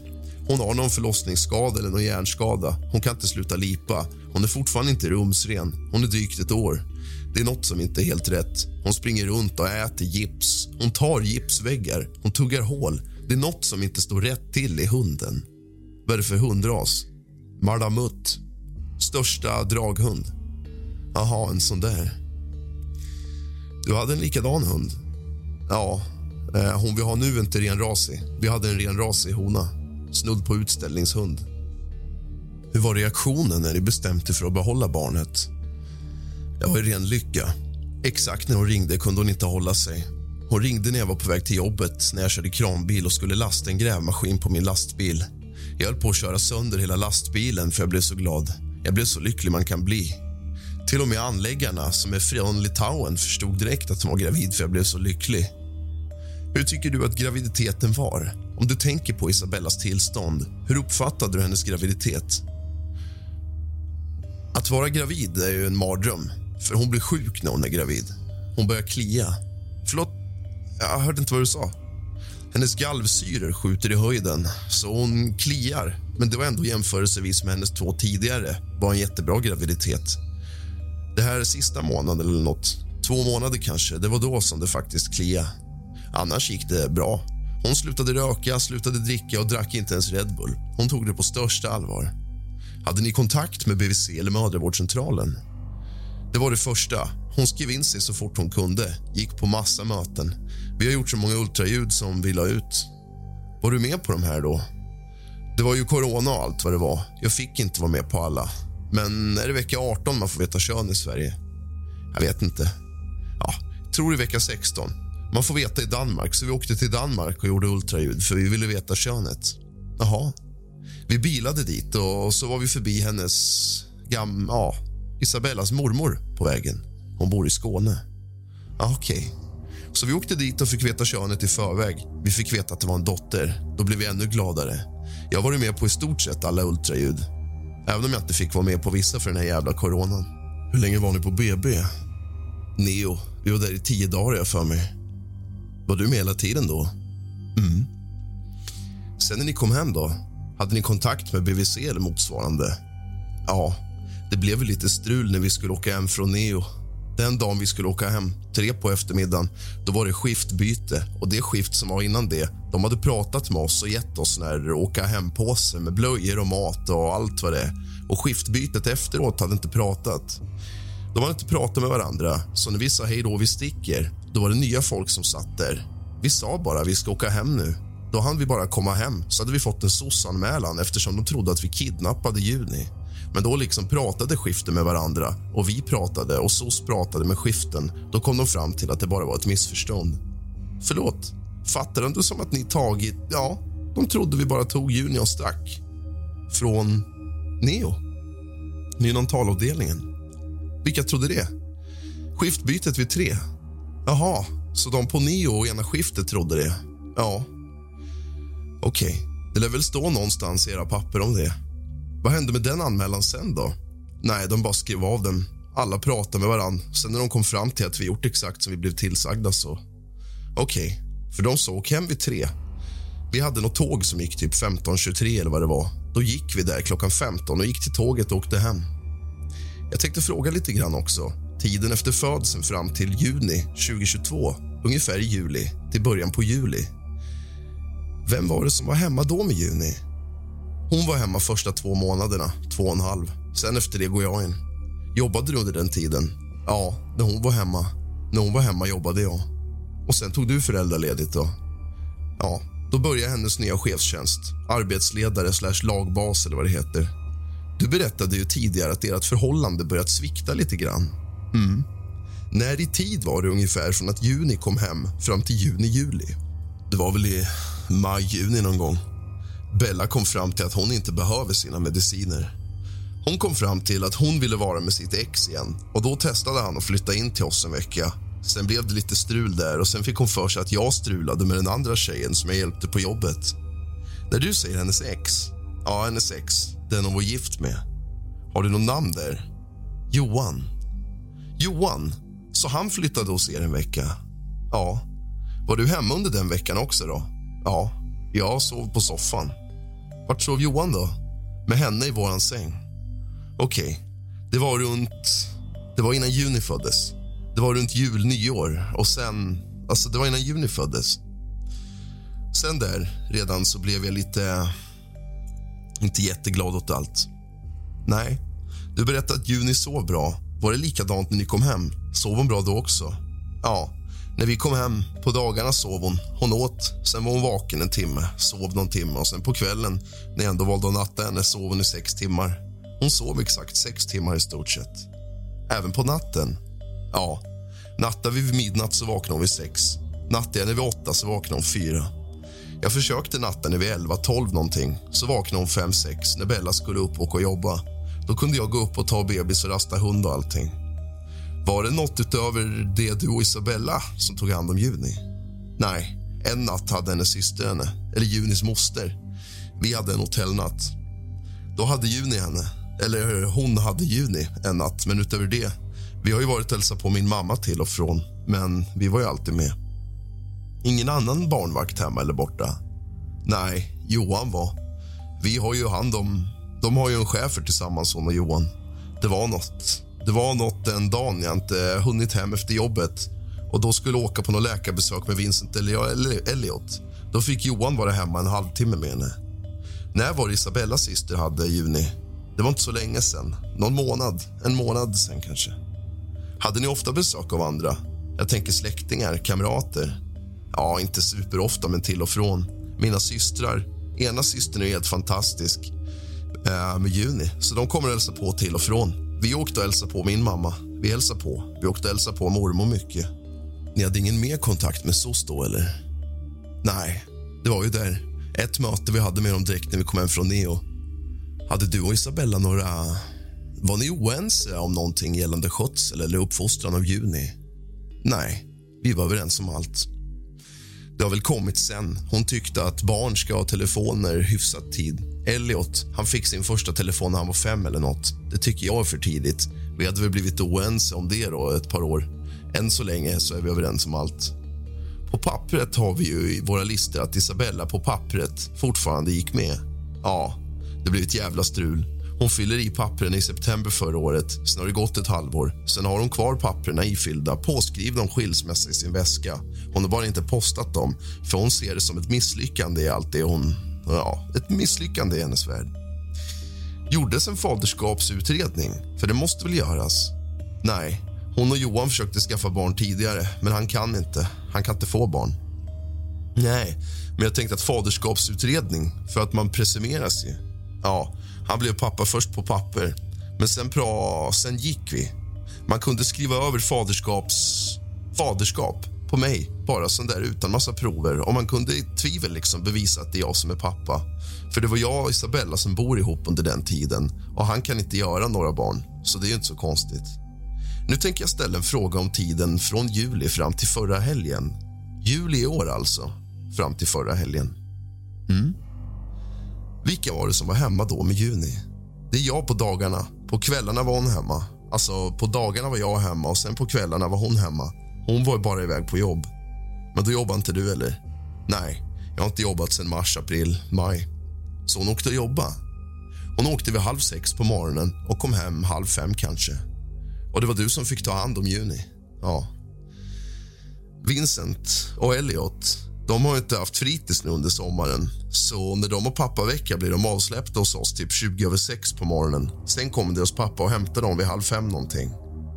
Var du själv då, när Isabella var på jobbet? Var du själv med tre barn? Mm. Vem skötte djuren under den här tiden då? På dagarna? Ja, jag. Alla djur? Ja, alltså hunden skulle rastas. Vincent behöver rutiner för sina diagnoser. Han går ut med hunden varje morgon och får börja med det. Sen så passar jag Juni. Hon sover ju var tredje timme en stund. Då passar jag på att gå ut med hunden och så får grabbarna bara lyssna om hon vaknar. Jag går ju bara utanför huset. Vi har en skog, så jag går bara en liten promenad med hunden. Vi spolar fram lite grann i förhöret för att komma fram till den aktuella händelsen som Lukas får berätta om.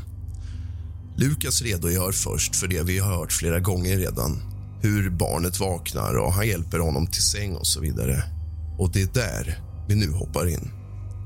Jag gick och pratade med Vincent. Jag sa att det är dags för honom att stoppa undan telefonen och sova lite. Jag bara prata. Sen började Juni skrika till och jag hann liksom inte reagera på vad det var för skrik. Det lät nästan som tuppen eller nåt. Vi har massa vilda djur runt huset. Då gick jag in i sovrummet. Då hade hunden hoppat upp och den du vet hundvalpar som leker och springer fram och tillbaka.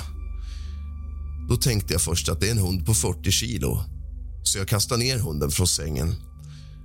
Då hade hon gjort massa ljud som jag aldrig mer vill höra igen. Det var liksom inga bebisljud. Det var väldigt hemska ljud. Typ gurglar, klickar och väser och pyser. Så jag lyfte upp henne så fort som möjligt och då drog hon typ ihop sig och spände hela kroppen. Sen blev hon plötsligt helt slapp och började väsa och spy. I mitt i allt som när jag ringer Isabella i full fart. Då sa hon bara ring 112. Då la jag på och ringde 112. Jag gör lungräddning, så jag la henne på köksbordet. Då låg hon liksom och sen vred hon huvudet lite. Det var någon elak människa jag pratade med. Hon var jättearg. Då satte jag på högtalare och kastade iväg telefonen så jag lyckades få in luft i juni och göra hjärt-lungräddning i 40 minuter till brandkåren kom. Ambulansen var längre. De skickade ambulans från Nyköping. Sen när brandkåren kom tog de över hjärt-lungräddningen. Sen kom ambulansen. Bella kom hem typ klockan sex, tror jag. strax innan ambulanshelikoptern kom. Berätta om när Juni åkte iväg med ambulanshelikopter. Då, då hade Isabella kommit till bostaden. Ja, Isabella kom strax innan, säg runt sex någon gång. Det var strax innan helikoptern kom. Hela köket fullt av brandmän och ambulans. Sen tog de Juni och stack med helikoptern och då kom en av ambulanssnubbarna och sa att vi skulle åka med honom med blåljus upp till Solna, till Karolinska. Och då, när helikoptern... De var stressade hemma hos oss. De plockade ihop sina grejer och städade lite. De fick en soppåse och en sop. Sen tog jag Junis skötväska och någon filt och lite nappar och lite gosedjur och sånt. Då fick vi se henne först på akuten. Sen stoppade de oss i väntrummet och där fick vi sitta och prata med en undersköterska. Sen kom några läkare och pratade till och från. Sen åkte de upp med Juni på själva avdelningen så vi fick åka efter efter en stund. De skulle sätta några infarter. Vi fick åka upp efter att träffa henne, känna lite på henne, pussa på henne, sen byta rum. Då kom en kurator och massa läkare och berättade hur hon mådde, vad de gjorde och vad de skulle göra. Sen sa de att vi blir kvar där ett par dagar i alla fall, så de hade bokat något hotellrum till oss. Vi går över till hotellet och sen checkar in. Sen försökte vi gå och äta lite lunch. Det gick inte och vi försökte få in frukt och sånt på rummet. Vi gick tillbaka till juni. Jag vet inte heller. Bella kunde ta en dusch. Mitt i den duschen ringde kuratorn. Då var det jättebråttom att ses pronto och det var då polisen kom. Sen hamnade jag här. Vi åkte polisbil över halva Sörmland kändes det som. Ja, det är ju tio mil ungefär. Jo, först sa de att vi skulle hamna på Solna polisstation, men sen skulle vi inte. Då hamnade vi i Nyköping. Sen skulle vi åka och möta någon i Nyköping, så hamnade vi på sjukan. Sen skulle vi möta någonting och sen hamnade jag här. Och sen har jag suttit här. Om jag får fråga dig, vad tror du har hänt? Alltså, Juni mådde jättebra när jag gick ut i sovrummet. Sen mådde hon inte alls bra när jag kom in, när hunden var i sängen. Hunden har sprungit runt och bollat med nåt. Den rasen kan bli väldigt svartsjuk ibland. För gullar du jättemycket med hunden innan Juni föddes och sen pang. Bella tappade ju all fokus på hunden när Juni föddes. Hon har inte gått ut med hunden eller rastat eller matat hunden på flera månader. För hunden har ju bara sprungit i vägen för henne. Sa du att Bella satte all fokus på hunden när Juni föddes? Nej, då hörde jag fel. Hon har inte rastat hunden, hon har inte matat hunden och inte lekt med hunden på månader. När du kommer in i rummet efter att ha varit hos Vincent, var är hunden? I sängen? Var i sängen? Mitt i. Alltså, sängen är inte så jättestor. Hon stod mitt i, mitt i sängen. Rummet, hon slängde sig. Alltså, hon stod längst fram på framtassarna så som nu ska vi leka, liksom apport eller vad det var. Typ ovanpå Juni. Juni låg mitt i. Alltså, hon låg mitt i och sen lite en bit från huvudet låg Juni. Sen hunden var väl typ mitt över henne. Såg du om den liksom var på eller? Juni var typ halvt inlindad i täcket för att hunden hade sprungit så jävla mycket. Så Juni hade full panik just då, så jag kastade ner hunden från sängen. Är det en dubbelsäng eller? Ja, den är 180 gånger 2. Jag tänker, du nämnde tidigare att Vincent hörde saker som inte barn ska höra. Vad avser du med det? Ja, att jag skriker i panik, att Juni inte andas och att jag skriker på hon i telefon 112 med räddningstjänsten. Okej. Okay. Att jag skriker på dem och hon skriker på mig att Juni inte andas. Att jag skriker att Juni inte andas. Jag skriker att Juni inte andas och springer runt av panik. Okej, okay, jag förstår. När du gör hjärt-lungräddning, ser om det ger någon effekt? När jag ignorerar hon i telefon, liksom när jag böjer bak huvudet som man ska som alla jävla kurser man har gått som har lärt den, då får jag luft i henne. I början tappar hon färg och blir grå och blå när jag gör som hon säger. Men jag har gått alla kurser som jag har gått och då får jag in luft i juni när jag använder de metoderna. Första puffen får jag in ordentligt. Då spyr hon i munnen och det börjar gurgla i henne. Sen gurglar det i henne varje gång jag blåser luft i henne men hon får lite, lite färg tillbaka med det jag gör om det tryck. Vad heter det? Kompressioner heter det. Vad blåser du? In i munnen? Mun och näsa, eller? Jag håller för näsan lite. Nu visar du med två fingrar på bordet här. Man tar så. Så här gör man försiktigt. Två fingrar och sen visar du på mitt bröst. Ja, mellan bröstvårtorna ska man trycka ner. Hon sa fyra centimeter på telefonen. Och du har gått kurser i HLR tidigare? Ja, flera stycken. På gymnasiet och simskola och en för sjöräddningen. Eh, yrkestrafik, då får man också gå HLR. Så allt som allt har jag gjort det tre, fyra olika gånger. Vad hade Juni på sig? Då har hon bara blöja på sig. Sover hon alltid med blöja eller brukar hon ha pyjamas också? Nej, hon sover alltid bara blöja och t-shirt. Hon är sjukt varm som bebis. Hon är som mig. Bägge vi är jättevarma. När hon somnar på mig så är det mycket svett. Hon limmas fast på mig nästan. Avslutningsvis, hade du druckit någonting på kvällen? Jag har inte druckit något på ett år. Nej, på ett år? Ja, från att Bella blev gravid med Juni så har jag inte druckit en droppe. Och du missbrukar inte något? Ingenting? Jag har aldrig snusat i mitt liv. Jag har testat e-cigg en gång i mitt liv för ett och ett halvt år sedan. Inget annat någonsin. Jag har spärrat mina småbröder för att de har knarkat. Jag är den enda av syskonen som... Har du några frågor så här? Inte som jag kommer på. Jag har en fråga bara. HLR, det är ju en annan teknik som jag har fattat för småbarn.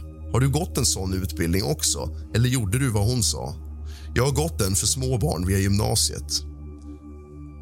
I nästa avsnitt tar vi oss an nästa förhör med Lukas men vi sätter punkt här för idag.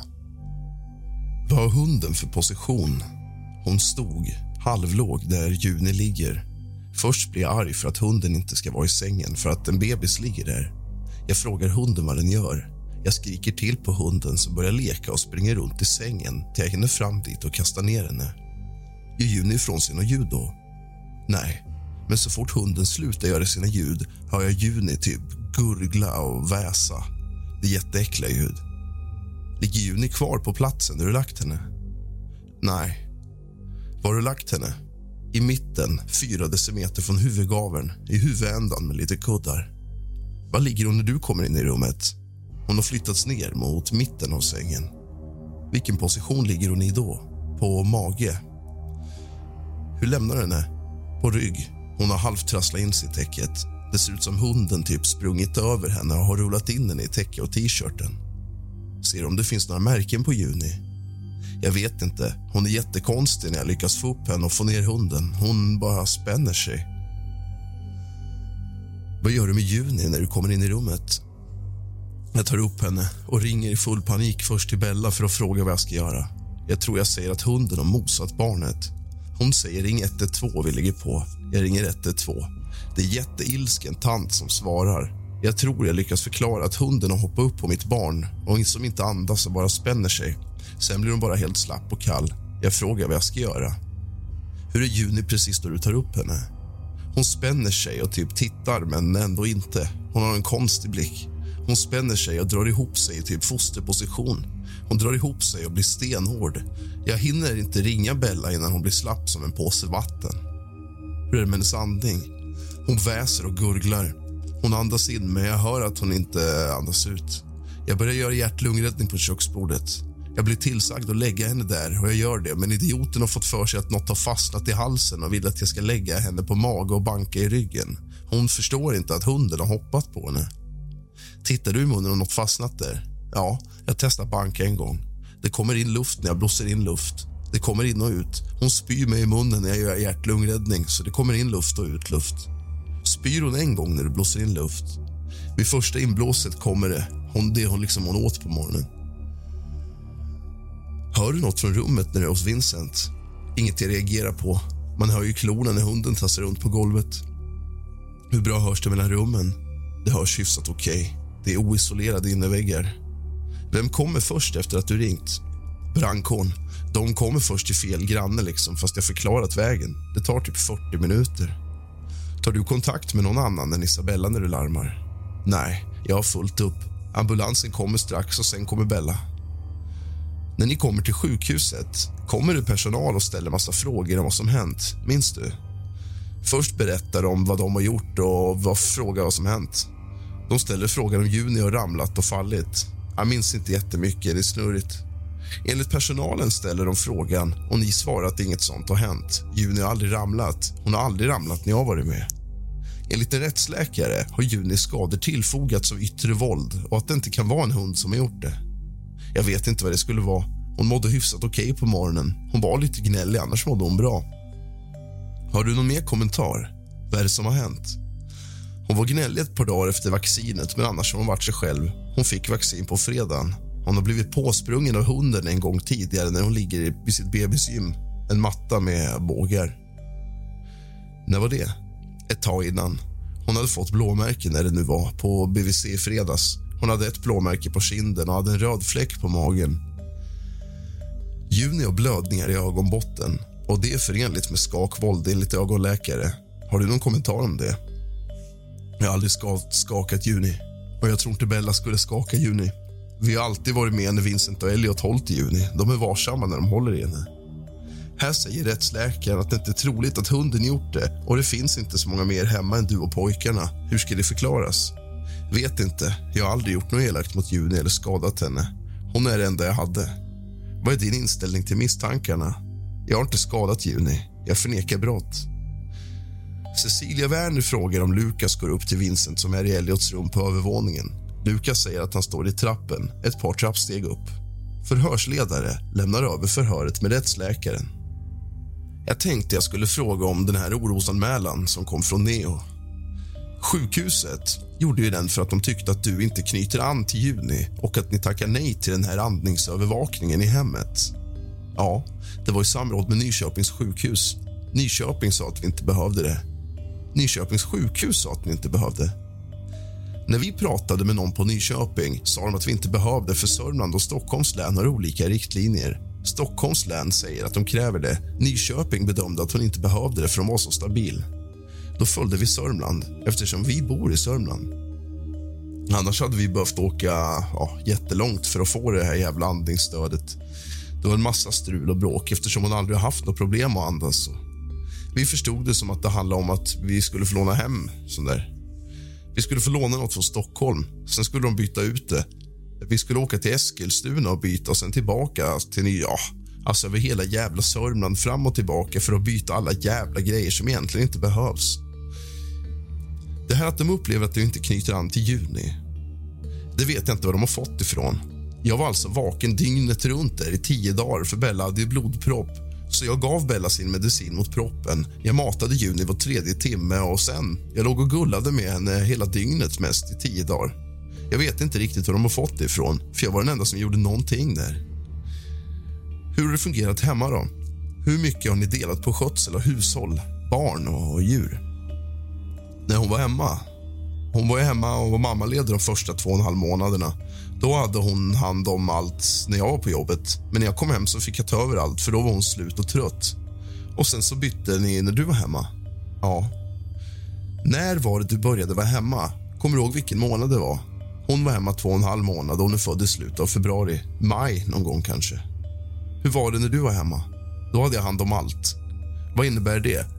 Juni dygnet runt, sen hunden, hönsen och grabbarna. På pappaveckorna kom de och blev avsläppta här halv sju och tjugo över sex någonting och sen hämtas de på eftermiddagen och då hade jag hand om dem. Se till att Vincent får sin medicin, göra frukost, lunch och sysselsättning.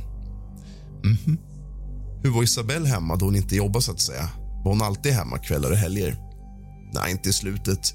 Då åkte hon iväg till en kompis och så hade hon varit trött och inte orkat mer.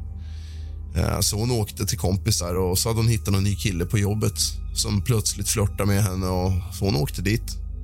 Vad då som ni åkte till? Nej, hon åkte till. Som hon åkte till. Jag har aldrig träffat snubben. Vad är det för kille? Någon jävla målare. Underentreprenör. Var det någonting som ni pratade om? Nej, hon förnekade att han ens fanns till jag fick veta att han fanns. Då frågade jag vad håller du på med. Då sa hon att det var pissless på allt. liksom. Och att jag inte gjorde någonting hemma och inte fick någon uppmärksamhet. liksom. Vad hjälpte hon till med då, när hon kom hem från jobbet på helgerna? Skällde på mig. Hon lagade mat, vet jag, sammanlagt tre gånger de sista två månaderna. Vad hjälpte hon till med barnen då, de månaderna hon jobbade? Hon hade Juni ibland, om inte Juni lyckades somna om inte jag lyckades natta Juni till Elliot skulle sova för då fick hon ha Juni en liten stund medan jag läste för Elliot. Annars gjorde jag i stort sett allt. Hur blev det när du hade läst klart för Elliot då? Ja, om Juni började skrika så ville Juni bara vara med mig. Det var pappas flicka. Hur var hon när hon var med sin mamma då? Glad, men när hon började liksom bli trött eller hungrig, att hon började gnälla och gny och lät hungrig, då orkade inte Bella med henne.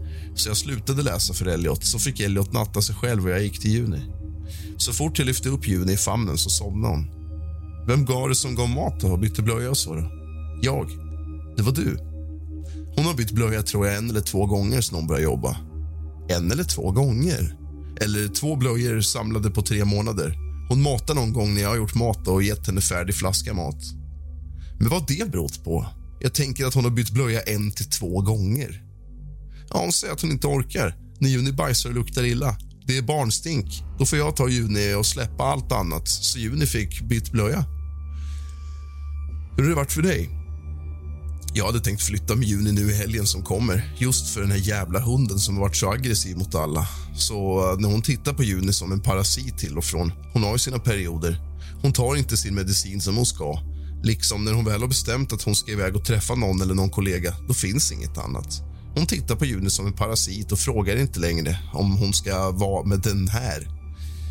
Ja, jag hann en dusch. Eller jag hinner inte längre duscha. Vad är det för medicin hon tar?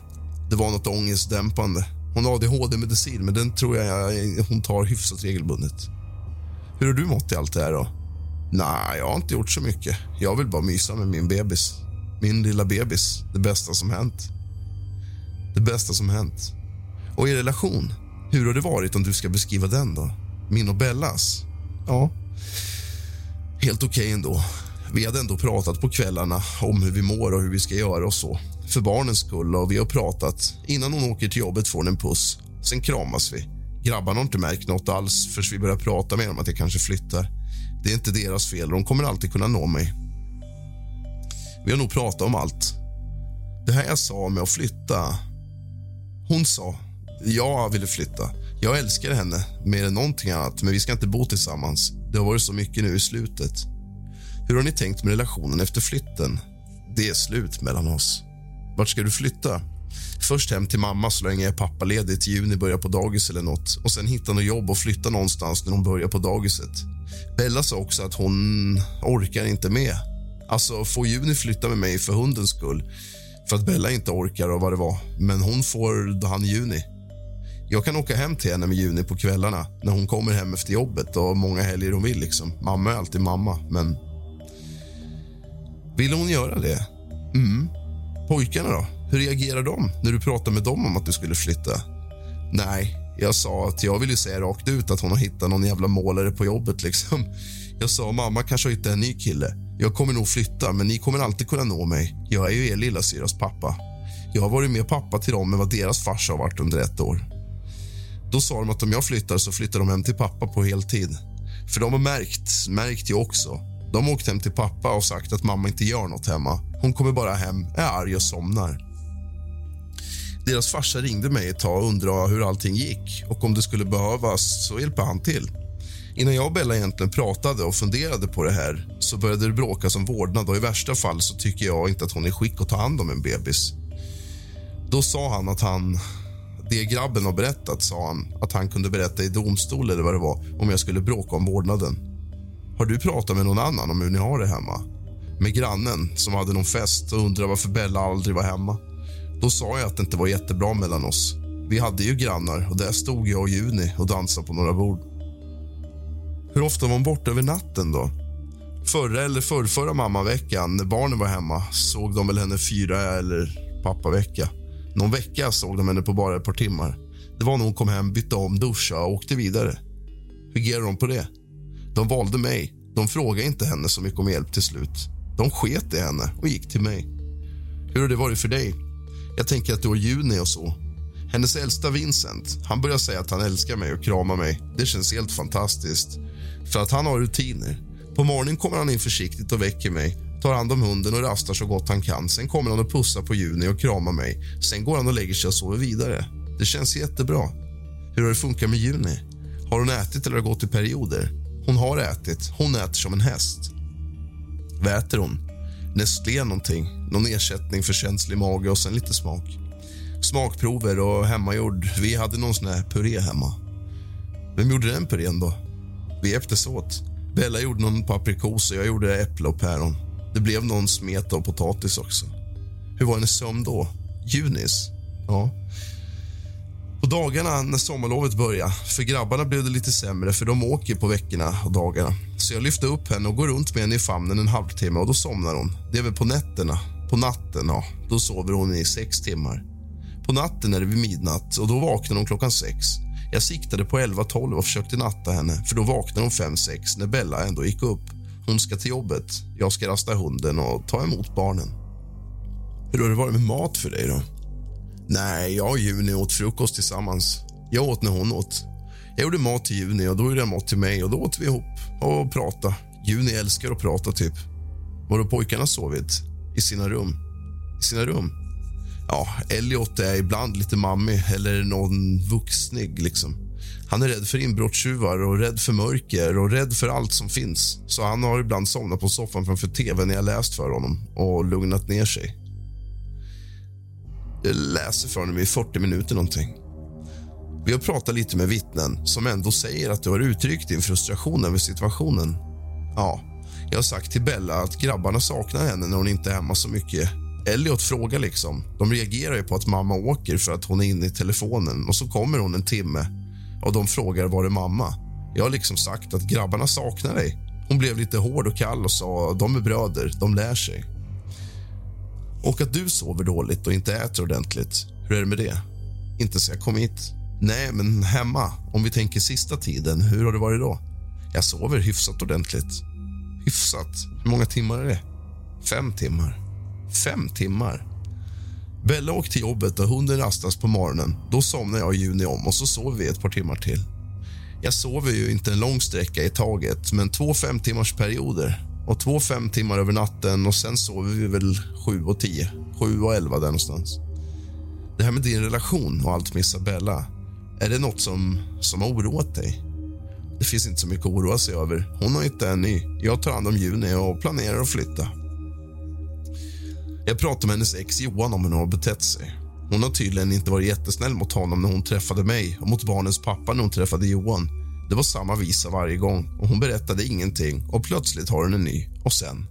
Hon hade inte sagt ett ord till Johan om någonting. Så träffade hon mig och vi blev tillsammans och sen tog hon upp skilsmässan med Johan.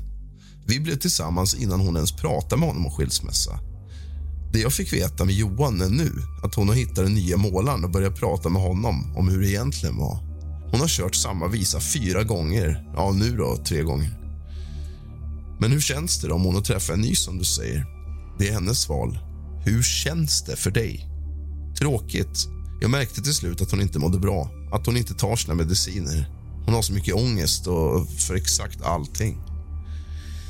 Hon blir stressad. Om jag städar hemma när hon tittar på tv då fick hon ta Juni en stund så jag kunde städa men då får jag skäll för att jag liksom stressar henne. Så jag mådde inte så bra i slutet. Jag påpekade att hon skulle till doktorn för hennes cancer är kvar som säkert blivit värre. Hennes moderkaka i livmodern och förlossningen och hennes EDS har blivit värre. Hon vägrar att gå till sjukhuset för att det är tråkigt på sjukhuset. Har ni pratat någonting? Jag tänker så här.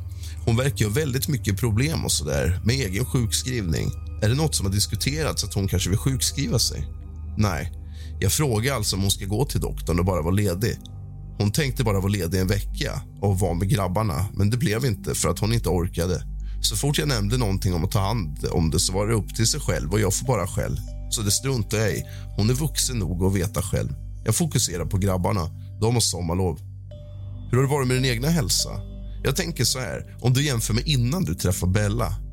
Jag mår mycket bättre efter jag träffade innan. Då sörjde jag fortfarande min hund som blev död, så jag var inte nykter. Det räckte. Sekunden hon blev gravid så var jag spiknykter över natten. Jag har inte druckit nåt sen dess. Om du jämför hur det varit med ditt psykiska mående och allting. Det var soptipp när jag träffade henne. Mycket bättre efteråt. Nu sista tiden i jämförelse med när du precis hade träffat henne. Hur är det? Det är ju inte det bästa, men inte alls lika illa som innan jag träffade henne. De skiner ju upp grabbarna när de ser mig som en sol. Och Juni, hon är, var, pappas flicka. Bästa som hänt i mitt liv. Vittnena säger att du känns frustrerad. Att du liksom har haft Juni i famnen och skrikit över din situation. Det har jag inte gjort. När jag var som mest frustrerad på Bella så bara tittade jag på henne och pratade med Juni och sagt Vad gjorde du, mamma? Brydde sig om dig? Sånt har jag sagt, men inte skrikit. Inte skrikit, nej. Och sen Bella tar ju allt som att jag skriker. Det är helt. Säger jag något med lite högre röst så skriker hon och sen att jag ska gå ut och skriker. Jag ska kasta barnet i väggen om hon inte slutar skrika och allt möjligt. Hon uppfattar också som att du stampat i golvet samtidigt när du håller i henne och varit upprörd. Nej, jag har inte varit arg när jag varit i närheten av Juni. Nej, nej. Men jag har blivit arg på Bella när hon har hållit i juni. När jag har varit nära och så sagt att hon har varit jättetrött efter jobbet. Och sen har hon hållit i juni och då Juni börjar skrika för att hon inte är med pappa. Då har jag sagt liksom tyst, men snart sular jag barnet i väggen när hon blev arg. Förlåt, Har du sagt det eller Bella sagt det? Bella. Men för dem som vittnena säger, det är ju inte så att liksom du har stått och stampat i golvet och skrikit för att du är förbannad utan mer liksom frustration över situationen. Ja, om Juni sover i sovrummet och vi sitter i vardagsrummet för att kunna försöka prata med Isabella, då blir hon arg. Hon tar ju allt så personligt påhopp. Det går inte att småprata. Hon skulle verkligen behöva ta sin medicin.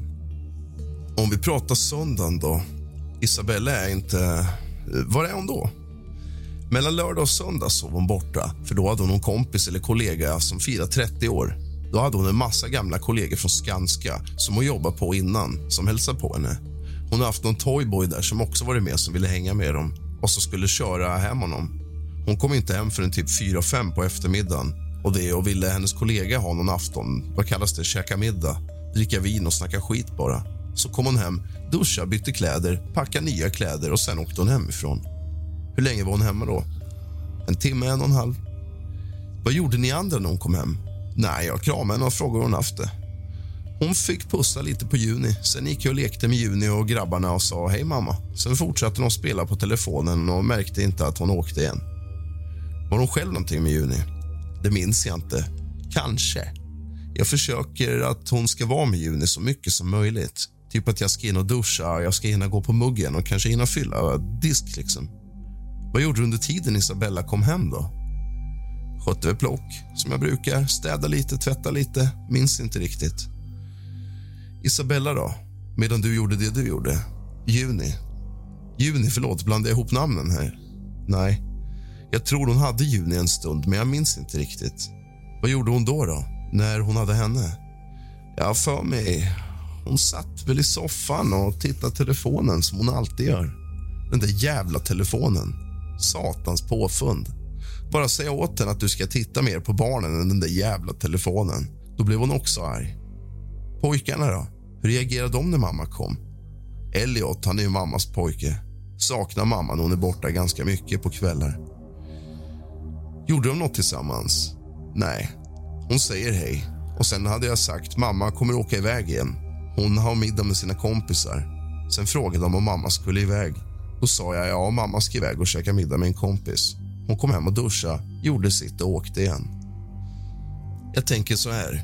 Det verkar ha varit väldigt mycket för dig hemma om du har fått ta ansvar när hon har varit iväg.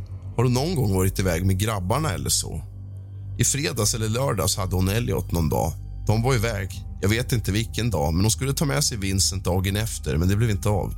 Hon var iväg med Elliot på fredagen och då skulle hon ta med sig Vincent på lördagen, men det blev inte av för något 30-årskalas där. Vad gjorde hon och Elliot då? Jag vet inte riktigt. Elliot tyckte det skulle vara kul att ta hem någonting. De hade suttit och käkat bullar till frukost eller lunch eller vad det var. De hade suttit på gräsmattan, hade varit iväg och spelat boll. Var det Elliot som berättade eller? Båda. Bella sa att hon skulle ta Elliot och åka iväg. Sen kom Elliot hem och var jätteglad. Vad har ni gjort? Vi har inte gjort någonting alls. Vi har absolut inte ätit bullar till lunch. Han hade pärlsocker runt munnen.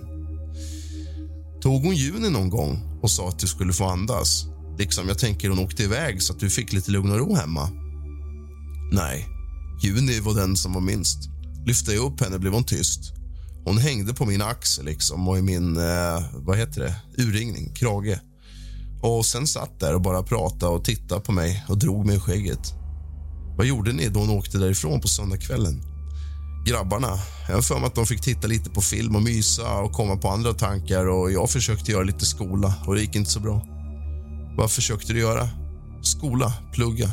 Ja, plugga. Juni då? Nej, hon... När jag sitter vid datorn sitter hon i mitt knä. Sitter jag liksom halvt på golvet sitter hon i mitt knä och tittar med någon filt. Hon lär sig sitta upp och balansera sig. Det är allt man ser. Ett stort jättehuvud. Hon satt i min famn och mitt knä hela tiden. Du mår inte så bra idag. Jag är väldigt yr. Jag sover inte mycket. Jag har mardrömmar när jag väl somnar. Förlåt, du har mardrömmar? När jag väl somnar så har jag mardrömmar. Så du har jobbigt att sova? Ja. ja relaterar du det till sömnbristen, eller? Ja. Okej. Okay. Jag skulle vilja börja fråga om vilka medier som du och Isabella har kommunicerat på. Alltså när ni kommunicerar på distans. På vilket sätt? Det är Snapchat, sms. Ja, jag funderar på Isabella. Hur har hon varit tillsammans med Juni? I början var det väl en helt vanlig mamma men ju längre tiden gick så verkade hon bry sig mm, om Juni. Jag vet, en gång reagerade jag när hon skulle parta med sina kompisar. Då bad jag henne hålla Juni medan hon var hemma innan hon gick iväg så att jag kunde duscha och prata lite med grabbarna och så. Så hon fick vara med mamma. Då tittade hon på Juni som en parasit. Sen frågade hon hur länge ska du vara med den här saken. Hon syftade på Juni, som om jag såg henne som en liksom parasit som bara störde henne. I slutet var hon inte mycket till mamma. Sa du i slutet? I slutet var hon inte mycket till mamma, liksom till någon av barnen. Det här tillfället som du beskriver, minns du när det var ungefär en eller två veckor innan allt hände? Du beskriver i början, vanlig mamma. När hon var hemma var mammaledig. Då var Juni så ung. Hon var helt nykläckt, så hon låg och sov hela dagarna. Från med att jag gick hem, då var hon inte mycket till mamma. Hon lekte knappt med Juni. När jag kom hem från jobbet frågade jag och ville mysa med min bebis kanske. Nej, jag orkar inte, jag är trött. Det är jobbigt, stressigt och så vidare.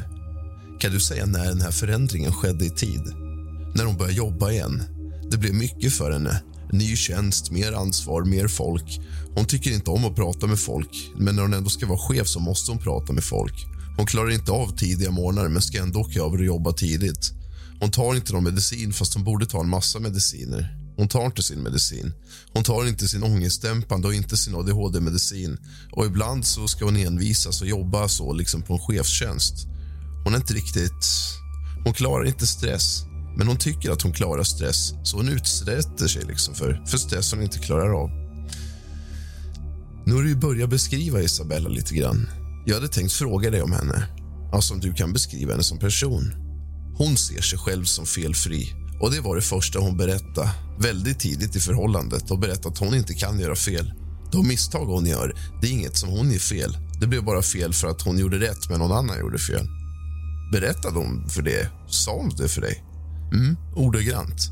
Det är jättekonstigt. Hon ser sig själv som ofelbar. Hon gör inte fel. Hon ser sig själv som stor, stark, självständig, stresstålig. Men ja, hon är inte direkt stresstålig. Inte så vuxen och mogen egentligen. När jag träffade henne då höll hon på att knarka och ha sig. Det var för att hon tyckte att det var jobbigt. och det är bara, Hon hade ingenting som kunde vara jobbigt, men ändå tyckte hon livet var jobbigt. Hon gör livet jobbigt när det inte är så jobbigt. Hon var gift med en karl som gjorde allt för henne och barnen och bodde i ett hus, välbetalt jobb, men ändå skulle hon se till att göra livet jobbigt. Knarka, sa du? Hur menar du? Kan du utveckla? Jag vet inte. Jag är jättedålig på knark, men vi... Ja, små påsar. Små påsar med vitt pulver i och snortar sin adhd-medicin. Vad sa du? Hon hade en adhd-medicin hon delade på, så var det pulver i dem. De sög hon i sig i snoken, i näsan. Så när de påsade med vitt pulver och knarkade sög in i näsan också. Och när använde hon det här? När gjorde hon det? I början av vårt förhållande. Jag hatar ju knark och har aldrig hållit på med knark så jag sa åt henne att du kan fan inte knarka, är du dum i huvudet? Till slut fick jag henne att lägga av med det. Första veckan i vårt förhållande höll hon på med det. Sen slutade hon när hon blev gravid. Har du sett det här något mer efter att hon blev gravid? Du säger att hon slutade. Nej, efter att hon var gravid då märktes det på henne också. Det var inte lika stissigt, överdrivet. Hon var mycket lugnare och sansad när hon var gravid. Hon var jättebehaglig som gravid. Hon spårade ju när hon, hon började bete sig. liksom. Nu på slutet, när hon träffar nya killen på sitt bygge. Då börjar hon bete sig som hon har. Hon har börjat prata med det här. Hon är gift på papper och då, som hon betedde sig när hon träffade mig och började knarka, ja, göra dumheter. Så börjar hon igen nu när hon träffar nya killen. Börjar göra dumheter igen. Så hon har väl... Ja, jag pratade med honom. Det är samma rutin. Hon bytte från barnens pappa till honom och från honom till mig. Så var det samma. Hon går rutinmässigt. Är det några ytterligare karaktärsdrag som du tänker att du vill beskriva med Isabella? Försöker manipulera folk. Hon är manipulativ. Hon gör så gott hon kan, spelar på skuldkänslor. Så fort jag gör nåt hon inte tycker är bra, alltså typ att vi ska göra lunchlåda till mig. Jag tycker om rått kött, rött kött. Då stekte hon köttet rött, la det i kylen så frågade jag om hon ville ha. Ska jag steka mer kött som hon vill ha? Det vill hon inte. Hon var inte sugen. Hon var inte hungrig och allt är bajs. Då stoppade jag min lunchlåda i kylen. Sen fortsatte hon för sig att äta upp den. Då fick jag själv för att jag inte kunde steka kött. Då började hon ge sig på mig för att jag är sämst och jag är dum i huvudet för att jag inte kan steka kött när hon åt upp min mat. Hon satsar på skuldkänslor och allt hela tiden. Det du beskriver nu, det är liksom hur hon är mot dig. Hur är det med barnen och övrig omgivning? Alltså, jag pratar med Johan och han har samma mot henne som... Ja, alltså otroligt att hon kan vara som människa, som hon har varit mot hon. Men hon var tillsammans med mig och höggravid med vårt barn. Då ringde hon ändå honom mitt i natten och skällde ut honom för att han dejtade andra som han inte ens gjorde. Jaha. Så hon hotade att ta bort deras gemensamma hund från honom och allt möjligt. Hon fick något infall mitt i natten. Jag förstår. Om du tänker på barnen, hur eh, yttrar sig de här karaktärsdragen? Vi uppfostrar på olika sätt. Jag har försökt vara närvarande och prata med dem, umgås med dem och bara vara där, vara där och bry mig. Hon köper saker, hon köper kärlek. Och när de är arga eller ledsna eller hon har varit borta mycket så kommer hon hem med en påse leksaker så sätter hon sig ändå med sin telefon och är inte så mycket närvarande. Sen kommer de ändå till mig, för jag är den som pratar med dem och leker med dem. Jag är den som går iväg till fotbollsplanen och spelar fotboll med dem. Det skulle hon aldrig göra. Det som nu var på Kolmården. Jag tog en av grabbarna och Juni och åkte till Kolmården i början av min pappaledighet. Då ringde hon på eftermiddagen och frågade vart fan vi var någonstans, för vi hade varit borta så länge. Då blev hon chockad att jag lät dem åka karuseller en längre tid. Hon hade aldrig, aldrig kunnat låta dem stå ut med att sitta och titta på hennes barn åka karusell. Hur menar du stå ut med? Nej, hon hade åkt hem för hon tycker att det är tråkigt. Jaha. Och sagt att barnen får åka någon karusell någon gång. Sen åkt hem igen för att hon tycker det är tråkigt att vara där. Hon prioriterar sig själv framför sina barn ibland. Jag förstår. Hon ser sig själv över det mesta. Ganska vansinnigt. Du nämnde det här med mediciner och diagnoser. Och Jag vet att du i tidigare förhör har pratat om att Isabella någonstans i maj-juni inte tyckte att hon behövde ta sina mediciner. Nej. Kan du berätta om det så jag förstår? Hon har inte sagt ordagrant exakt vad det heter. Hon har sagt att hon åt en medicin mot, ja, vad det nu är. Eh, och sen att hon har slutat medicin mot ångestdämpande, ADHD-medicin. Hon slutade med allt som hon åt när hon var gravid. Och Efter att Juni föddes och hon pratade med sin läkare om att börja med sånt igen. Men hon började med sin ADHD-medicin utan att prata med honom. För hon tyckte att han kan köra bäst. Och Sen tog de andra alls för att hon tyckte inte att det behövdes. Hon kom fram till att hon inte behöver dem längre. Så hon stod på medicin innan graviditet, slutade med allt under graviditeten. Ja, hon tog inte allt regelbundet innan heller. Och sen efter att juni kom så började hon på eget initiativ medicinera mot ADHD. Hon fortsatte med sin ADHD-medicin. Men inte det övriga. Nej. Jag försökte få henne att prata med läkaren. Hon fick ångest av exakt allt, så jag föreslog att det kanske är dags att börja med medicin. Men man ska inte ha så ångest över allt som vuxen. Man ska kunna sköta ett liv, liksom. Nej, det var sämst och jag var bajs. Vad fick hon ångest för? Att behöva gå till jobbet, behöva komma hem från jobbet, behöva hitta kläder på sig. Vad fick hon inte ångest för? Eh, det hon inte fick ångest för, liksom, det, det är helt vansinnigt. Aldrig mött en vuxen människa som är så, som får ångest för exakt allt. Helt vansinnigt. När jag föreslog att det kanske är dags att ta ångestdämpande så sa hon att hon inte har ångest över exakt allt. Men då får jag själv för exakt allting. Och Det går ut på barnen och det går ut över allt och alla. Men nej, hon behövde inte ångestdämpande. För hon har inte ångest så ofta. Hon har bara ångest hela tiden, i mina ögon. På vilket sätt går det ut över barnen? Hon blir trött och sliten och ligger i sängen och sover. Elliot är jättemammig. Han är ju mammas lilla bebis. Men han kan inte hänga på mamma. liksom. Mamma ska sova. Du får gå och leka med storebrorsan eller prata med Lukas eller göra någonting. Så fick jag ta hand om Elliot. Elliot hängde ju på mig istället. Han kom fram och ville krama mig. Jag skulle lyfta upp honom för att mamma inte orkade, för mamma låg och sov. Eller för att mamma satt och kikade ner i telefonen för att hon inte klarade av. Vad var det för mediciner hon åt? Hennes ADHD-medicin. Eh, rosa och vita piller. Jag vet inte vad de heter. Och sen ångestdämpande. Jag har sett dem, jag vet inte vad de heter. Så insatt är jag inte. Nu slår det mig en sak. Du pratade om att knarka, men sen sa du att hon tog sina ADHD-mediciner och delade på dem. Hon kunde dra isär. Det var ihoptryckta kapslar. Aha, jag förstår. Men har du sett henne bruka några andra preparat förutom mediciner? Ja, vitt pulver i påsar. Jag vet inte vad. Och inte från ADHD-medicinen då? Nej, det var knark-knark. Inget AstraZeneca-knark. Det var ful-knark. Vet du om hon har recept på alla de här medicinerna? Ja, i alla fall ångestdämpande, ADHD och så där. Sen så ska hon ha något mer recept. En Ronja har vid något tillfälle pratat om att eh, du sov hos dem eftersom du blev utslängd av Isabella. Ja, jag sov där en natt för hon fick någon manisk period. Uh, ja, ja, jag sov där. Det var innan vi fick papper på att jag var pappa åt Juni. Så att hon skulle ta Juni ifrån mig och allting. Det kom jag också bråka om, vårdnaden liksom. Jag vill inte släppa Juni till dig. Då fick hon en snedtändning i huvudet och sa ta det här jävla barnet och försvinn. Då tog jag liksom en påse kläder. Vem, vem sa det här? Förlåt. Isabella. Hon bad mig dra åt helvete med Juni. Då tog jag Juni och lite kläder. Då sov jag borta en natt så att hon fick lugna ner sig. Jag orkade inte bråka med henne. Vill hon inte vara med Juni så kan jag inte tvinga henne att vara med sin bebis. Så åkte jag till Hugo och sov en natt. Och sen mitt i natten började hon skriva till mig och bråka. Då hade hon kommit till insikt. Då ska hon ringa polisen för jag är sämst. Jag har kidnappat hennes barn och allt möjligt. Vad sa du? Du var rädd att Isabella skulle ta Juni ifrån dig. Vad menar du? Hon sa att hon skulle fortsätta låta Johan stå skriven som pappa. Hon skulle neka att jag ens var inblandad. Hon skulle se till att jag inte får träffa Juni. Då sa jag att jag då får låta faderskapstesta och allting. Då fick hon flippen och sa ta det här jävla barnet och försvinn.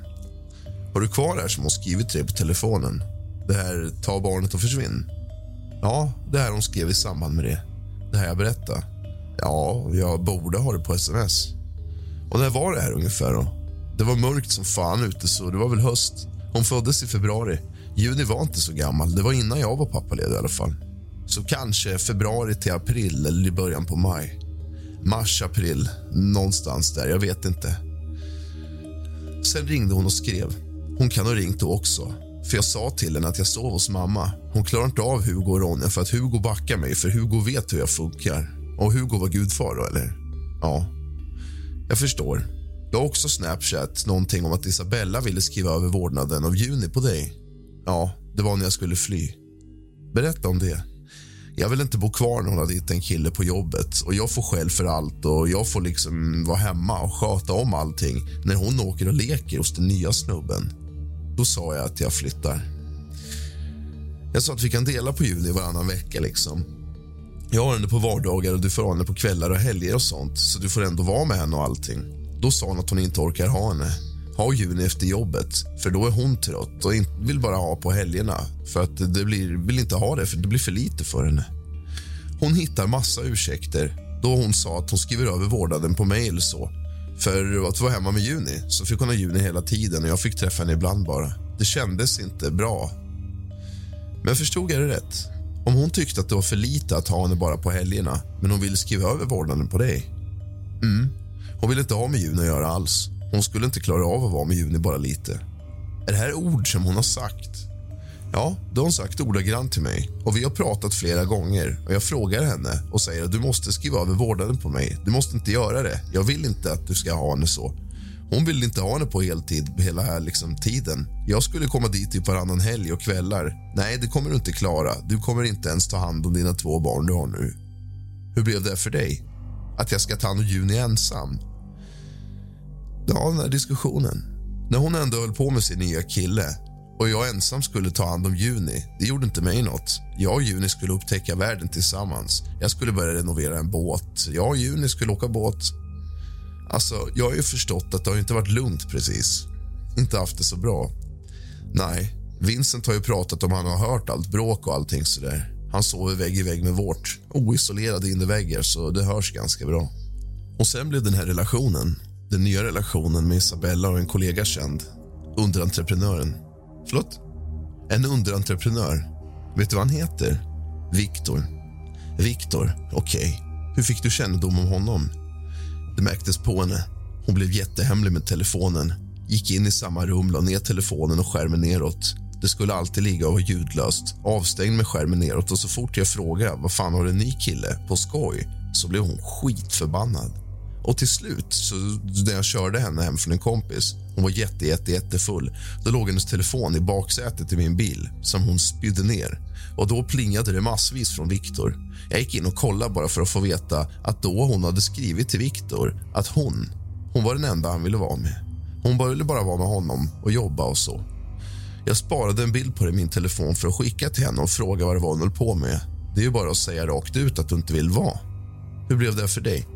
Det är ingenting att bry sig om. Det är ju bara att säga det är slut mellan oss. Jag flyttar. Jag tar med mig Juni som vi pratade om. För innan det hade vi pratat om vårdnad och allting. Det var ju därför jag skulle flytta någon helg som vi var barnlediga. Hur kändes det? Jag hade gett upp innan. Hon ville ha massage av mig hela tiden. Massage eller att man skulle knåda eller bara knäcka min rygg så jag inte hade ont. Hon ville inte ens röra mig. Jag hade gett upp långt innan det. Eller gett upp och gett upp. Jag var väl en beredd kille. Att hon, det är inte som att läsa en barnbok och läsa henne typ. I tidigare förhör har du berättat att Isabella kom hem. Nu ska vi se, söndagen innan händelsen. Mm. Alltså den 24. Ja. Jag skulle vilja be dig berätta så detaljerat du bara kan om stunden hon var hemma. Gärna med klockslag, om ungefär. Jag har ingen aning om klockslag. Men jag tänker del av dag, liksom. Det var eftermiddag någon gång, vad jag vet. Tidig eller sen eftermiddag. Jag skulle väl gissa på mellan tre och fem någonstans. Tre, fyra, fem, sex någonstans. När kom hon hem? Hon var inte hemma så länge. Men det var perioden hon var hemma. Jag minns inte så mycket. Hon kom hem, hängde lite med Juni en snabbis. Jag kunde gå på muggen. Grabbarna satt och spelade i sina telefoner eller på datorn eller nåt. De såg väl henne knappt. Sen är jag för mig att hon duschade, bytte kläder i sin väska och sen åkte hon. Sen kom hon hem någon gång mellan 15 och 17. Vad hängde med Juni? Alltså, var det direkt när hon kom hem? Hon kom hem, la undan väskan. Jag frågade om hon kunde ta Juni en stund så jag kunde gå och duscha. Vad gjorde hon precis när hon kom hem? Vem, jag? Ja, det minns jag inte. Det var väl städa, diska eller tvätta eller gå runt och leka med Juni. Du sa att du frågade om hon kunde ta Juni. Ja, jag brukar gå runt och dansa med Juni. Jag höll väl Juni i famnen och dansa. Jag brukar ha musik och dansa och städa. Jag höll väl Juni i famnen och gick runt och småstädade. Jaha. Tog hon Juni då, eller? Jag har för mig att de var i sängen. Vem? Isabella och Juni. Jag har för mig att de var i sängen eller soffan. Minns inte riktigt, men jag hann i alla fall gå på muggen och duscha.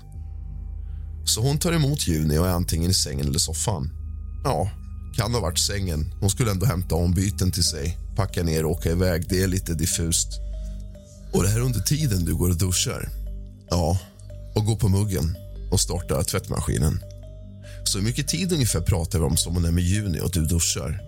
Jag vet inte hur lång tid duschen tog. 10-15 minuter att duscha, 5 minuter att gå på toa och 2 minuter att starta disk i tvättmaskin. En kvart, 20 minuter kanske. Uppfattar du Isabella och Juni någonting under den tiden? Som liksom vad de gör eller så? Nej, jag är i badrummet, tvättstugan och så. Man märker inte så mycket därifrån. De är två rum bort från sovrummet. Det är en bit bort. Sen om du kommer ut från badrummet, vad gör du då? Går in i sovrummet och klär på mig och går tillbaka och tar Juni så hon kan packa sitt och åka. När du går och klär på dig i sovrummet, var befinner sig Isabella och Juni då? Jag har för mig att Juni ligger på rygg och Bella liksom sitter bredvid och pratar med henne och leker med henne. I vilken säng ligger Juni? Min och Isabellas. Du klär på dig? Ja, klär på mig, torkar mig, tar tillbaka Juni och fortsätter dansa, tror jag. Pratar du och Isabella någonting där medan du klär på dig? Jag frågar hur hon haft det mellan lördagen och söndagen, eller på lördagen. Jag tror det var då hon hade sin kollega eller kompis som fyllde år, så jag frågade hur kalaset var, tror jag. Då hade hennes gamla kollegor från Slussen, bygget till Slussen, varit där också. Hur det var mellan dem och allt. Jag fick ett par snabba svar och det var väl okej okay och det var bra. Så skulle hon packa och åka vidare. Så Isabella lämnar rummet, eller var packar hon någonstans? Ja, jag pratar med henne. Vi går samtidigt som vi pratar. Hon tar med sig kläder i näven och går ut tillsammans med mig i köket, för hennes väska ligger där. Och Juni, i min famn. Ni är i köket och packar någon väska. Vad händer sen? Hon packar väskan, vi pratar lite. Hon berättar om polsk afton. Jag skämtar, trodde det var fulsprit och fuskbygge men det var tydligen middag och vin och umgänge. Är det festen hon pratar om då? Ja, det var den som var på söndag kväll. Hur upplevde du Isabella när hon var hemma? Hennes sinnesstämning? Nej, hon skulle iväg och parta. Hon hade precis partat så hon var glad och gav festa. Hur kände du när hon kom hem? Jag blev glad att träffa och se henne, att hon lever och så. Hur länge hon är hemma? En timme kanske. Lite mindre. Hur avrundas den här stunden innan hon åker iväg? Nej, hon berättar om polska aftonen och jag håller väl med och lyssnar. Och Sen tar hon en Red Bull ur kylen, pussar Juni och kramar mig. Sen går hon till bilen och åker. Vad sa du? Pussar på Juni? Ge mig en snabb kram och sen går hon till bilen och åker. Hur är det med Juni när hon är hemma nu, den här dagen? Som hon brukar vara, antar jag. Hon är mest glad att få åka iväg, så hon var på glatt humör. Glatt humör? Alltså, jag tänker gentemot Juni. Får du någon uppfattning hur hon är? Passiv? Hon är inte så supergullig. Det har hon aldrig riktigt varit. Vad händer sen när Isabella har åkt? Vad gör ni resten av kvällen? Filmkväll för Vincent och Elliot. De vill ju att mamma ska vara hemma, så jag gjorde en filmkväll med lite chips och sådär. Käka middag i vardagsrummet och titta film och de fick spela lite mer. Vilka ingår i den här myskvällen? Jag, Vincent, Elliot och Juni. Ja, hunden. Var sitter ni någonstans? I vardagsrummet. Och när ni avrundar den här dagen, hur går det till? Det är som alla kvällar. Just den här kvällen, menar vi. Ja, men det är åtta eller halv nio, någonstans däremellan. Så får Elliot ta sin sovmedicin. Sen en halvtimme efter det, då stängs tvn av. Stängs av allt. Vincent får gå och lägga sig och sova på en gång. Sen går Elliot upp och honom får jag läsa lite för. Så får jag ta mig upp till övervåningen med Juni och bok. N nej, han sov på soffan gjorde han. Vem? Elliot sov på soffan. Han skulle upp och sova. Han gick upp först. Och sen får Lukas ännu en gång redogöra för händelsen. Hur det gick till, vad som hände och så vidare. Så vi spolar fram lite grann. Hon spänner hela kroppen, drar ihop sig i ett litet knyte och gör massa ljud. Sen blir hon helt slapp i hela kroppen. Men samtidigt så lyckas Lukas ringa Isabella. Hon säger bara ring 112. Lukas ringer 112 och de säger gör hjärt-lungräddning på köksbordet. Så han la henne på köksbordet och gjorde hjärt-lungräddning. Sen efter ett tag sa han att han trodde att Juni hade satt något i halsen. Då fick Lukas lägga henne på mage på sin underarm och klappa henne på ryggen och sen fortsätta hjärt-lungräddning. Hon sa att ambulansen är typ 40 minuter bort. Då förklarade Lukas för henne att han skulle skicka ambulans. De skickas varje gång. Det stormar in massa brandmän. De puttar undan Lukas så de får hålla på med sitt. Lukas går och pratar med Vincent och berättar att Juni inte mår jättebra. Han får hålla sig där uppe så att han inte är i vägen. Sen så kommer Isabella hem. Hon går och pratar med Elliot. Sen kommer det en massa ambulansmän och det är massa folk överallt. Sen kommer helikoptern när de flyger iväg med Juni efter ett tag. Sen får de åka bakom i en ambulans upp till Karolinska. De har ringt Johan så han får komma och ta hand om barnen, grabbarna. När de kommer upp till Karolinska någon gång vid sju där, så sitter de i ett rum medan Juni har massa människor omkring sig. De sitter i ett rum och pratar med en undersköterska och sitter och väntar till de får träffa Juni en snabbis med massa slangar i sig. Lukas går och kollar för att det låter nåt från sovrummet. Lukas vet inte vad det låter. Han kommer fram till att det var Juni och hunden. Sen vet han inte mer. Det var ljud. Det var hunden som krafsade. Hon hade fått för sig att äta upp Junis barnsäng. Hon hade halvtuggat av ett ben på den. Kan du beskriva ljudet du hör? Nej, massa ljud den morgonen jag aldrig mer vill höra. Förlåt, jag hörde inte. Det var massa ljud den morgonen jag aldrig mer vill höra och jag kan inte riktigt beskriva dem. Nej, men just de här ljuden.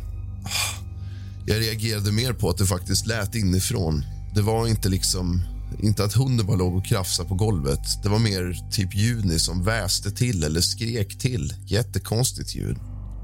Så ljudet du reagerar på kommer från Juni. Förstår jag dig rätt då? Jag antar det, för jag tror inte det är något ljud som en hund kan göra. Hunden brukar ju skälla till eller något sånt, men det här var inte ett så högt ljud.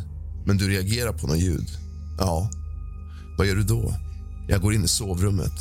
Jag skyndar mig in i sovrummet. Jag ser att det är en röra i hela sängen.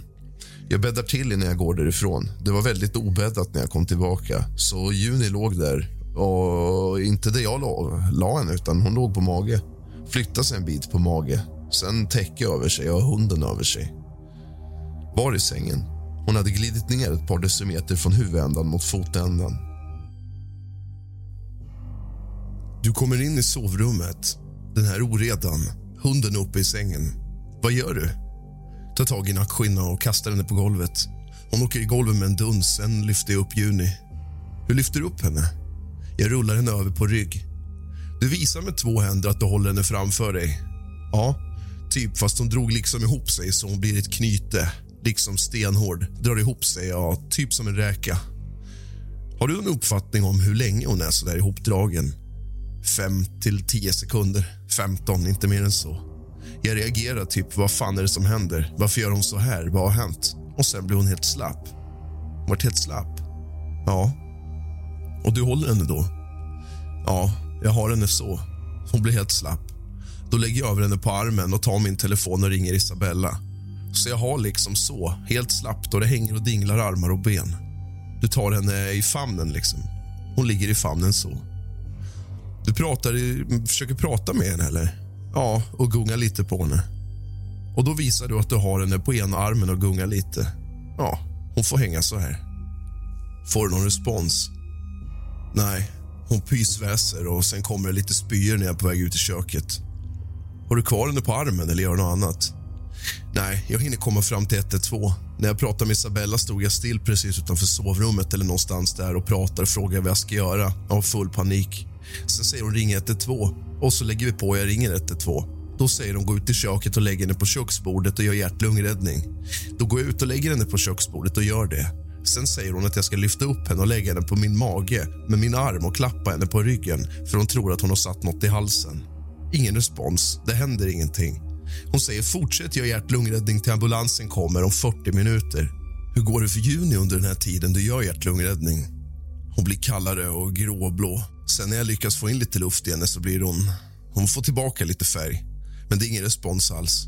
Hon blir kallare, sen lyckas jag väl hålla så. Hon behåller lite luft och färg, men sen kommer brandkår, ambulans och allting med 4 000 väskor och rör och sprutor och slangar. Och vad gör du under tiden som de håller på och jobbar? Jag satte på mig kläder, jeans och min t-shirt. Sen ville de ha reda på vad för slags vaccin hon hade fått. Hon fick vaccin på fredagen, så jag gick ut till bilen och hämtade, sen, hämtade BVC-boken. En läkarbok eller vad det heter. Så jag gick in med den till dem och sen pratade vi lite med Vincent om vad som hände. Jag gick runt och hämtade grejer åt brandkåren och ambulansen. Hunden, då har vi pratat om att det är något fel med den.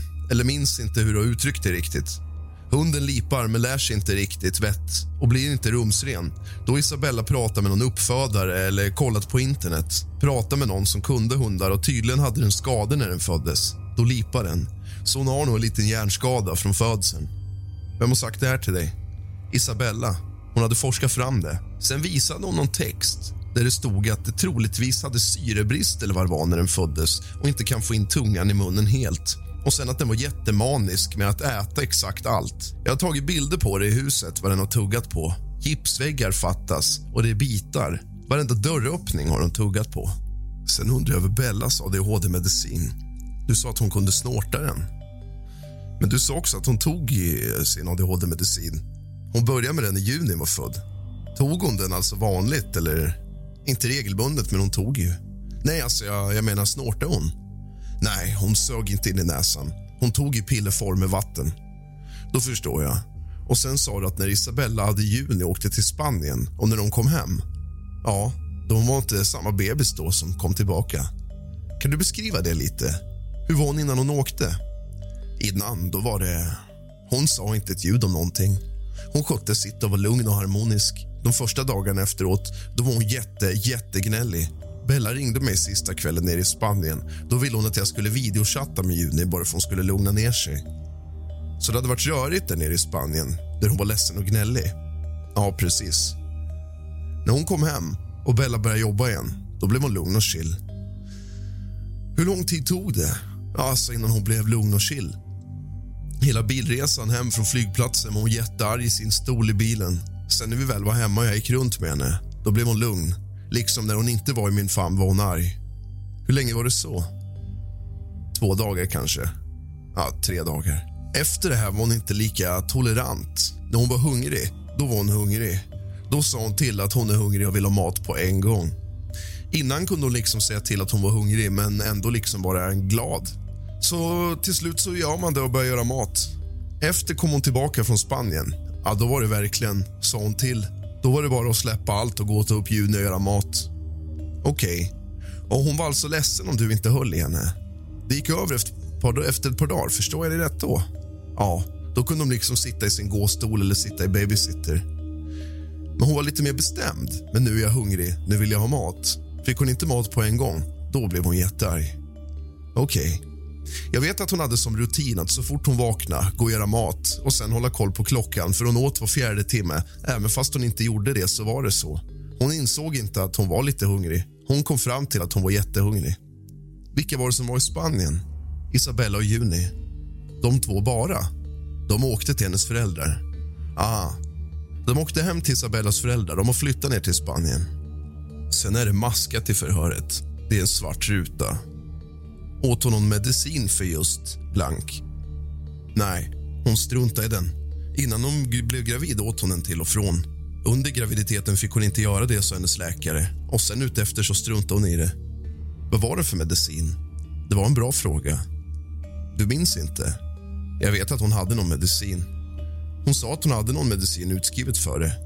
Hon skulle prata med sin läkare efteråt och göra massa undersökningar för hon har cancer samtidigt. De undersökte om cancern och hur det funkar med hennes andra mediciner samtidigt som alla andra mediciner är ihop med cancer. F förlåt? Hade hon, hade hon cancer? Sa du det? Hon har kvar. Hon skulle operera ut den. Hon tyckte inte om att vara på sjukhuset. Hon har hellre cancer och dör än det. Och sen på måndagen, när du gör de här livsuppehållande åtgärderna med Juni du får instruktioner från larmoperatören om jag har förstått dig rätt. Mm. Hur håller du henne? Jag skulle lägga henne på köksbordet, så jag la henne på köksbordet. Hon var jättenoga. Hon skulle ligga på köksbordet plant och hårt. Innan låg hon i famnen. Då på måndag morgonen, när du har larmat och försöker blåsa in luft och allt vad som händer. Hur ska du beskriva det? Hur känns det inom dig? Liksom, vad tänker du på? Hur är det för dig? Inte askul. Det är jättestressigt.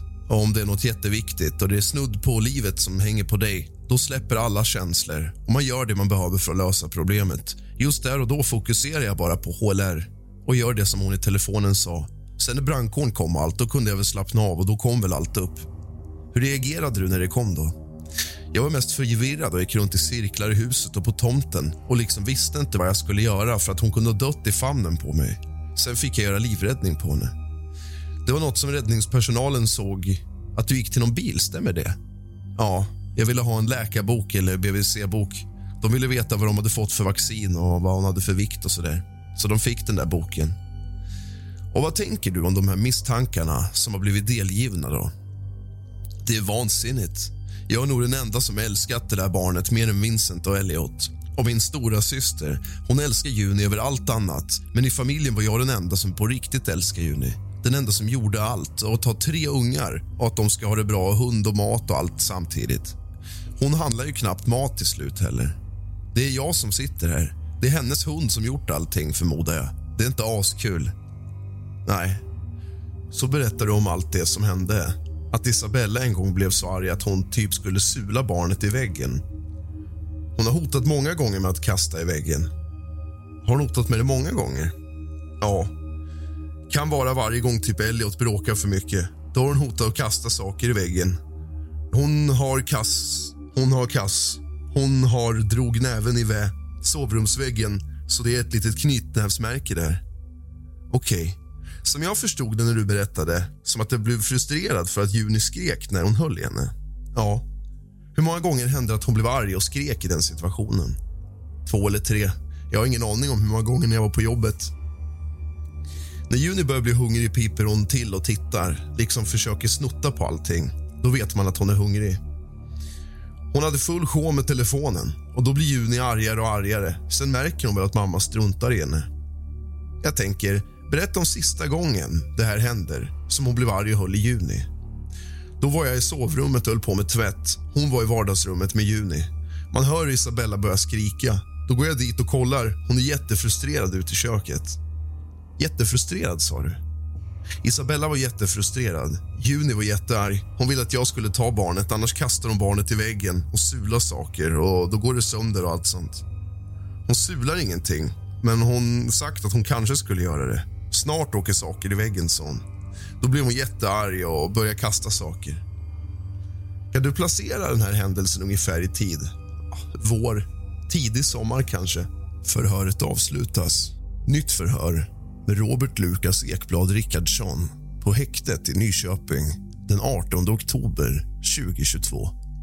Är det någonting som eh, du har fått som du vill säga någonting om? Ja, jag vet inte var jag ska börja. Det stod någonting där om skakvåld mot Juni. Mm.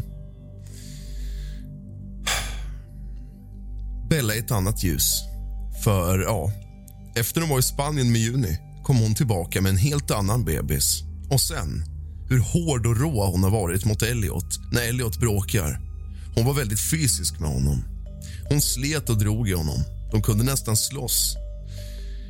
Han är ändå hennes gullebebis. Men det skulle inte förvåna mig om hon har varit våldsam mot Juni som hon inte kunde älska och ta till sig. Har du sett om hon har varit det? Fysisk mot Juni? Hon har ju gått runt med Juni i famnen och skrikit på henne. Att kom och hämta din jävla dotter. Snart kastar jag henne i väggen. Och sådana saker, men inte sett henne skaka så. Det skulle inte förvåna mig om hon gjorde det när hon var ensam i juni. Och när du såg den här tendensen mot Elliot, sa du? Till och ifrån. Men ibland hon var gravid, ja, ja. Men mest bråkig. Hon fick för sig att jag inte kunde medla så hon tog honom till sig allt i egna händer och så började de nästan slåss. För att han visste om att om han slåss eller bråkar mot mamma tillräckligt mycket så får han som han vill. För hon slutar bråka. Sen går hon alltid upp. Det slutar alltid med att de bråkar. Hur många gånger har det blivit så att hon har blivit arg mot Juni? Det var varje gång. Jag vet inte. När jag jobbade och hon var hemma. Ingen aning om det. När jag var hemma samtidigt så var det med Juni när hon blev trött eller hungrig. Hon var lite gnällig och Juni började skrika lite och Bella skrika mer och mer. Och de skrek på varandra. Om jag höll på med nåt annat eller bara la Juni så tappade hon humöret väldigt fort. Hände det liksom veckovis eller månadsvis. Någon gång i veckan kanske. Oftast när jag var hemma och satt med Juni för att Bella inte tyckte om. Hon ville inte att någon skulle störa hennes vardag och hon skulle sitta och hålla på med sin telefon och sköta sitt. Är det någonting som ni har pratat om, det här vad du har upplevt?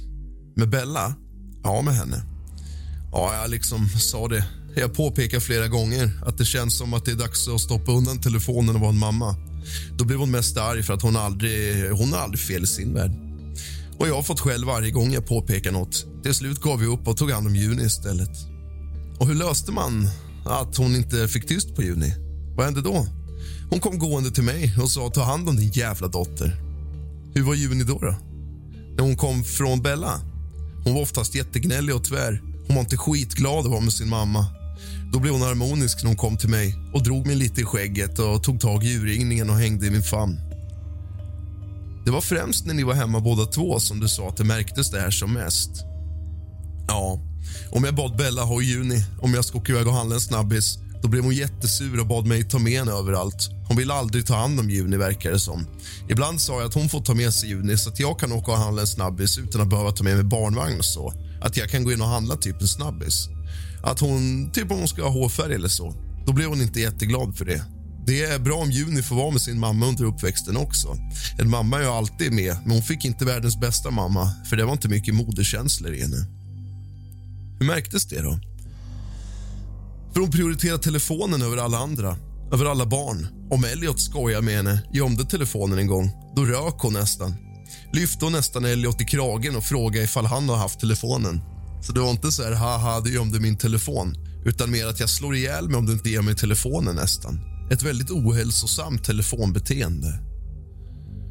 Det var nog oftast så när hon hade Juni. Det gick bra en stund. Hon låg och sov, men oftast när hon skulle ha Juni sa hon ja, lägg henne i sitt baby på golvet. Nedanför soffan så har hon ju inte Juni i famnen. liksom.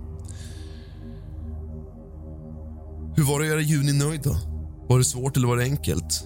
Nej, jag satte på lite musik och dansade så var hon nöjd. Och hur gick det för Isabella? Hon gav nog Juni till mig. Hon ansåg att Juni inte kan vara hungrig för hon åt nyss. Det är svårt att ha tidsuppfattning när man bara sitter vid telefonen. Timmarna flöt iväg. Sen jag sa att hon var hungrig, då fick jag skäll. Nej, hon kan inte vara hungrig. Då fick jag ta Juni och mata henne. Då blev hon nöjd. Så du berättar att, att hon har skrikit och sagt att hon skulle kasta barnet i väggen? I alla fall en gång, och kanske två, tre gånger. Hon har ju slagit näven i väggen när hon och Elliot har bråkat så det är nog knogmärken i hennes sovrumsväggar. Hur har du känt när hon reagerar så här då? Jag har ju tagit Juni. Så har Juni och jag gått och lagat mat eller viktvätt eller nåt. Hon är vuxen, hon får sköta sig själv. Jag tänker, de sista veckorna så verkar det som att hon inte har varit hemma så himla mycket. Hände det sånt här ändå? Alltså, när hon var hemma och var med Juni så blev Juni arg. Hon låg och lekte en stund i babygymmet, men hon var i babygymmet med mig. Ja, då stack hon in huvudet och lekte och pruttade på magen och Bella lät henne ligga där med filt. Och hon bara höll på med telefonen. Som vanligt säger vi alltid att någon håller på och leker med henne. Mamma leker med henne. Då blev hon arg och jag fick ta över. Hur tänker du med Bella och skakvåld menar du? Jag skulle inte bli jätteförvånad om hon hade tappat alltså fattningen när jag inte var hemma och hon inte kunde lägga ifrån sig Juni till någon. Jag skulle ha tänkt på det, men det var inte det som stod i. Jag fick reda på nu längre.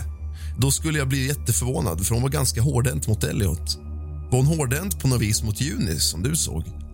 Jag kommer inte på något tillfälle när hon var liksom rå och hårdhänt så. Men sen vet jag att hon hade svalt en handgranat för Junis skull.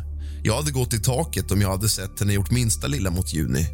Till slut om hon och jag bråkar och tjafsar. Jag berättar och tar Juni och flyttar. Då insåg hon att jag faktiskt prioriterar Juni och grabbarna över allt annat som hon inte har lyckats överfört. Så då vågade hon inte säga emot mig. Hon insåg nog att jag prioriterar barnen högre än vad hon gjorde. Därför lät hon mig nog ta Juni så fort jag var hemma. Hon märkte liksom att hon skulle tappa det. När hon kommer tappa det så lämnar hon ifrån sig Juni. Hur lång tid försökte hon då om Juni började gråta? Var det kort tid innan hon kom till dig? En kvart, tio minuter. När Juni fick bestämma sig för att hon ville ha mat, då skulle hon ha mat. Bella tyckte väl inte alltid att hon skulle ha mat utan ville väl mest bara leka eller sätta henne i gymmet med någon pipleksak eller blinkande lampor eller något. Men när hon är hungrig är hon hungrig. Då är det mat hon vill ha. Vad gjorde hon? Hon tappade humöret. De gångerna jag var hemma ropade hon på mig eller ringde i telefonen. Kom och hämta din jävla dotter. Och skrek och hade sig. Sen är hon bara allmänt jätteuppretad tills hon det fick sjunka in i telefonen igen. liksom. Hela hennes liv var ju telefonen. Känns hemskt att säga det om henne, men... Är det nåt annat du har tänkt på också, eller? Det beskrivs ju... Vi läste de här förhören från räddningspersonalen och ambulanspersonal. Ja, de tyckte jag stod väldigt still och bara var tyst. Men jag kan absolut ingenting om sjukvård, så jag bara litar blint på dem. Jag stod still och lät dem göra sitt för att inte störa. Jag har fått väldigt mycket i arbetslivet. Kan du ingenting, så håll käften och titta och lär dig. Så jag stod i bakgrunden och lät det vara. Ja, man reagerar ju på olika sätt. De tyckte du var passiv. Ja, jag kan, jag kan sy ihop mig själv om jag skär mig på jobbet, men inte mer än så. Sen när det kommer en massa väskor och massa slangar och grejer, då är det bara att backa och vara tyst. Jag litar blint på sjukvården. Varför ställde du inte massa frågor och så i det läget? För jag kan absolut ingenting. Jag lät dem hålla på för jag litade på dem. Och sen tänkte jag att jag frågar sen. Jag frågade Bella ett par grejer för hon har mer erfarenhet än mig, men hon berättade inte så mycket. Hon blev mest arg för att hon precis uppgett att hon har ringt till den nya killen på jobbet och pratat, grät ut hos honom. Hon var arg på mig för att jag störde henne i det. Förlåt, nu hörde jag inte vad, vad du sa. Hon berättade efter, när Juni låg där på intensiven. Då berättade hon att hon hade ringt och pratat med Viktor på jobbet och då gråtit ut hos honom. Och så hade jag ringt och stört henne i det. Jag ringde eh, när hon var på väg hem, när de höll på med Juni, ambulansen och det. Då ringde jag Bella, men då pratade hon i telefon med Viktor. Så hon blev arg för att jag ringde och störde det.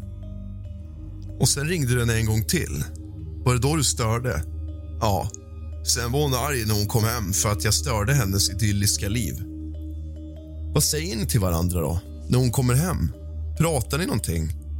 Jag försöker, men hon är mest... Ja, vi försöker få tag på Johan. Båda två som kan ta hand om barnen när vi ska iväg med Juni. Men inte mer än så. Hon pratar mest med ambulans. Någon ambulanskille hon typ kände eller något sånt. Pratar massor med honom, men mig pratar hon inte med. Jag fick inte så mycket svar på något av henne heller. Eller jag var bara tyst och lät alla göra sitt. Jag hämtade Junis doktorbok som de ville ha, för de ville veta. Den låg i hennes skötväska i bilen, så jag gick och hämtade den till dem. Det är första gången i mitt liv som jag någonsin ringt en ambulans. Allt var bara jättenytt. Första gången jag gjort HLR på riktigt också. Är det något annat du läst i förundersökningen som du vill kommentera? Jag har läst och jag fick det digitalt. Jag har inte skrivit ut någon papperskopia. Det var en massa fina ord tänker på hur hård hon är mot Elliot just och varit väldigt fysisk. Om han ändå är hennes lilla diamant. När jag fick reda på allt det här så skulle det inte förvåna mig om hon varit våldsam. Du sa att hon var ett störande moment. För Juni var bara jobbig för Bella mot slutet. Hon ville inte ha Juni. Hon kunde inte älska Juni. Juni var bara någon som behövde mat och var vård hela tiden. Varför kunde hon inte älska henne? Först när hon sa det hon ville egentligen inte ha Juni, sa hon. När Juni väl fötts och sen att jag ville ta Juni och flytta så kan Bella inte ha Juni varannan helg. Jag vill inte släppa henne till Bella heller varannan vecka. Då fick hon för sig att då kunde hon inte älska Juni. Hon kunde inte älska henne. Nej, för jag vill inte släppa Juni till Bella bara vind för våg så här. Antingen ska jag släppa henne bara blint och lämna henne med Juni och försvinna från Junis liv. Du menar antingen eller? Ja. Antingen skulle jag träffa Juni varannan vecka eller ha henne hela tiden eller varannan helg. Så antingen fick jag träffa Juni någon dag här och där eller så fick jag ta hand om henne helt ensam. Hon har sina idéer. Kunde inte på något sätt begripa att jag inte riktigt ville ha henne ensam så att hon var råhård med Elliot. Hon prioriterade allt före barnen. När jag träffade henne, hon söp och knarkade och lämnade barnen till sitt ex. Diskuterade ni någon gång det här med att du tyckte hon var hård och rå mot barnen? Jag sa till henne att jag inte ville lämna henne när hon är så ostabil. Alltså lämna Juni med henne när hon är så ostabil och åker iväg. Hellre partar och liksom... Ska hon ha Juni, då ska hon ta hand om Juni. Det är inte så att hon vill ta hand om Juni och sen fick hon för sig åka och parta så hon kan komma och lämna Juni sent på kvällar och nätter och sånt till mig. Då blev hon mest arg och sa att jag kunde lika gärna ta Juni och dra åt helvete i stort sett. Jag skulle bara lämna allt och försvinna. Jag skulle ta med mig Juni, ta allt och försvinna. Mm. Hon sa att hon inte kunde på något sätt gå med på att hon bara fick ha Juni på helger och jag hade hela dagar och nätter, vardagar och nätter. Det gick inte. Hon skulle inte gå med på det, något som jag kommit på för att det var inte hennes idé. Då går det inte.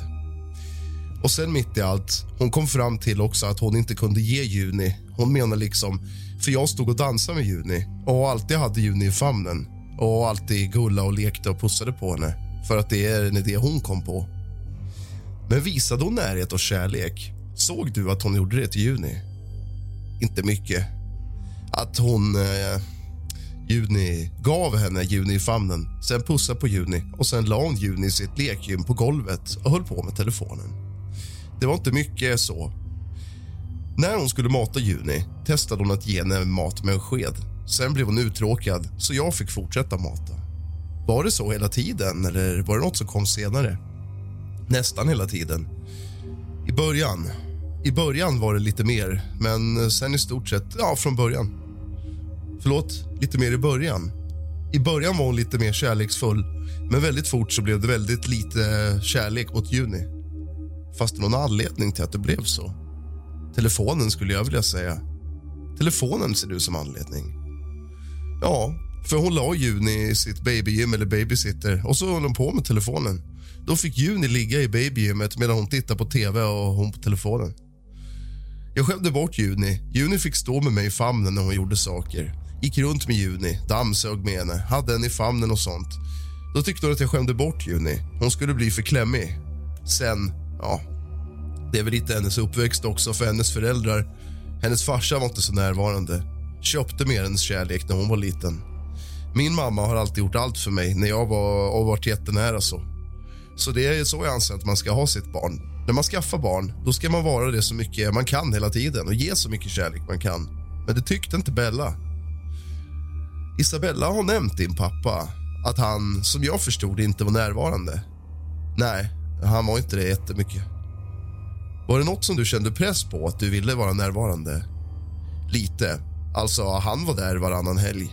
Han var där varje sommar. Han hade båt, så hela året sparade han varje sommar. Så vi var ute i två, tre veckor i sträck i skärgården. Då var det bara han och jag, verkligen. Då fokuserade han på oss. Hur kände du då inför papparollen? Jag kände mig... Jag har inte nåt att jämföra med. Jag hade... Jag vill säga, var som min mamma, men mindre...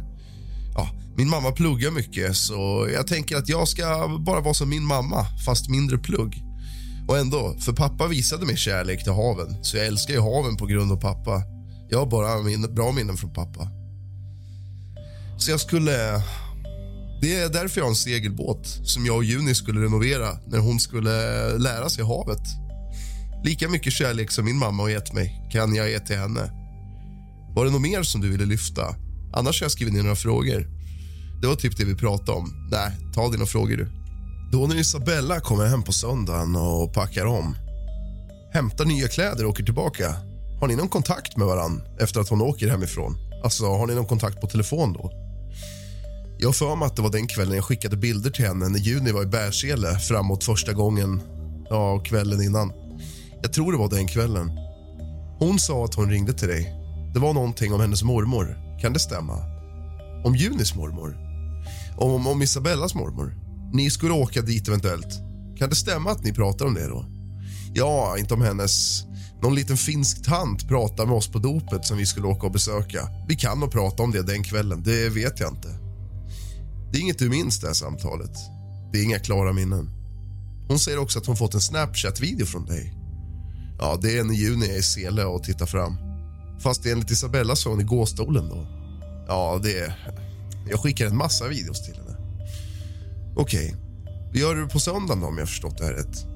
Gåstolen har jag inget klart minne om det är. Hon var i gåstolen till och från, så det ska jag mycket väl kunna ha gjort. Det kan vara så. Ja. Minns du att du skickade några Snapchat på den söndagen? Jag vet att jag skickade nåt när hon var i Sele. Var var ni då? Då var vi ute och gick med hunden. Och måndagen den 25 juli på morgonen när du ringer till Isabella, vad är det du säger till henne? Det minns jag inte exakt, men något om att hunden har varit i sängen och att Juni inte mår alls bra. Jag säger massa osammanhängande saker.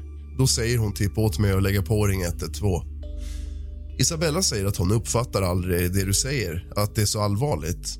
Nej, jag var nog väldigt osammanhängande. Vi har tittat lite i telefonen och sånt där. Hon skriver till dig den 25 efter att ni har att ambulansen och allt börjar åka mot Stockholm.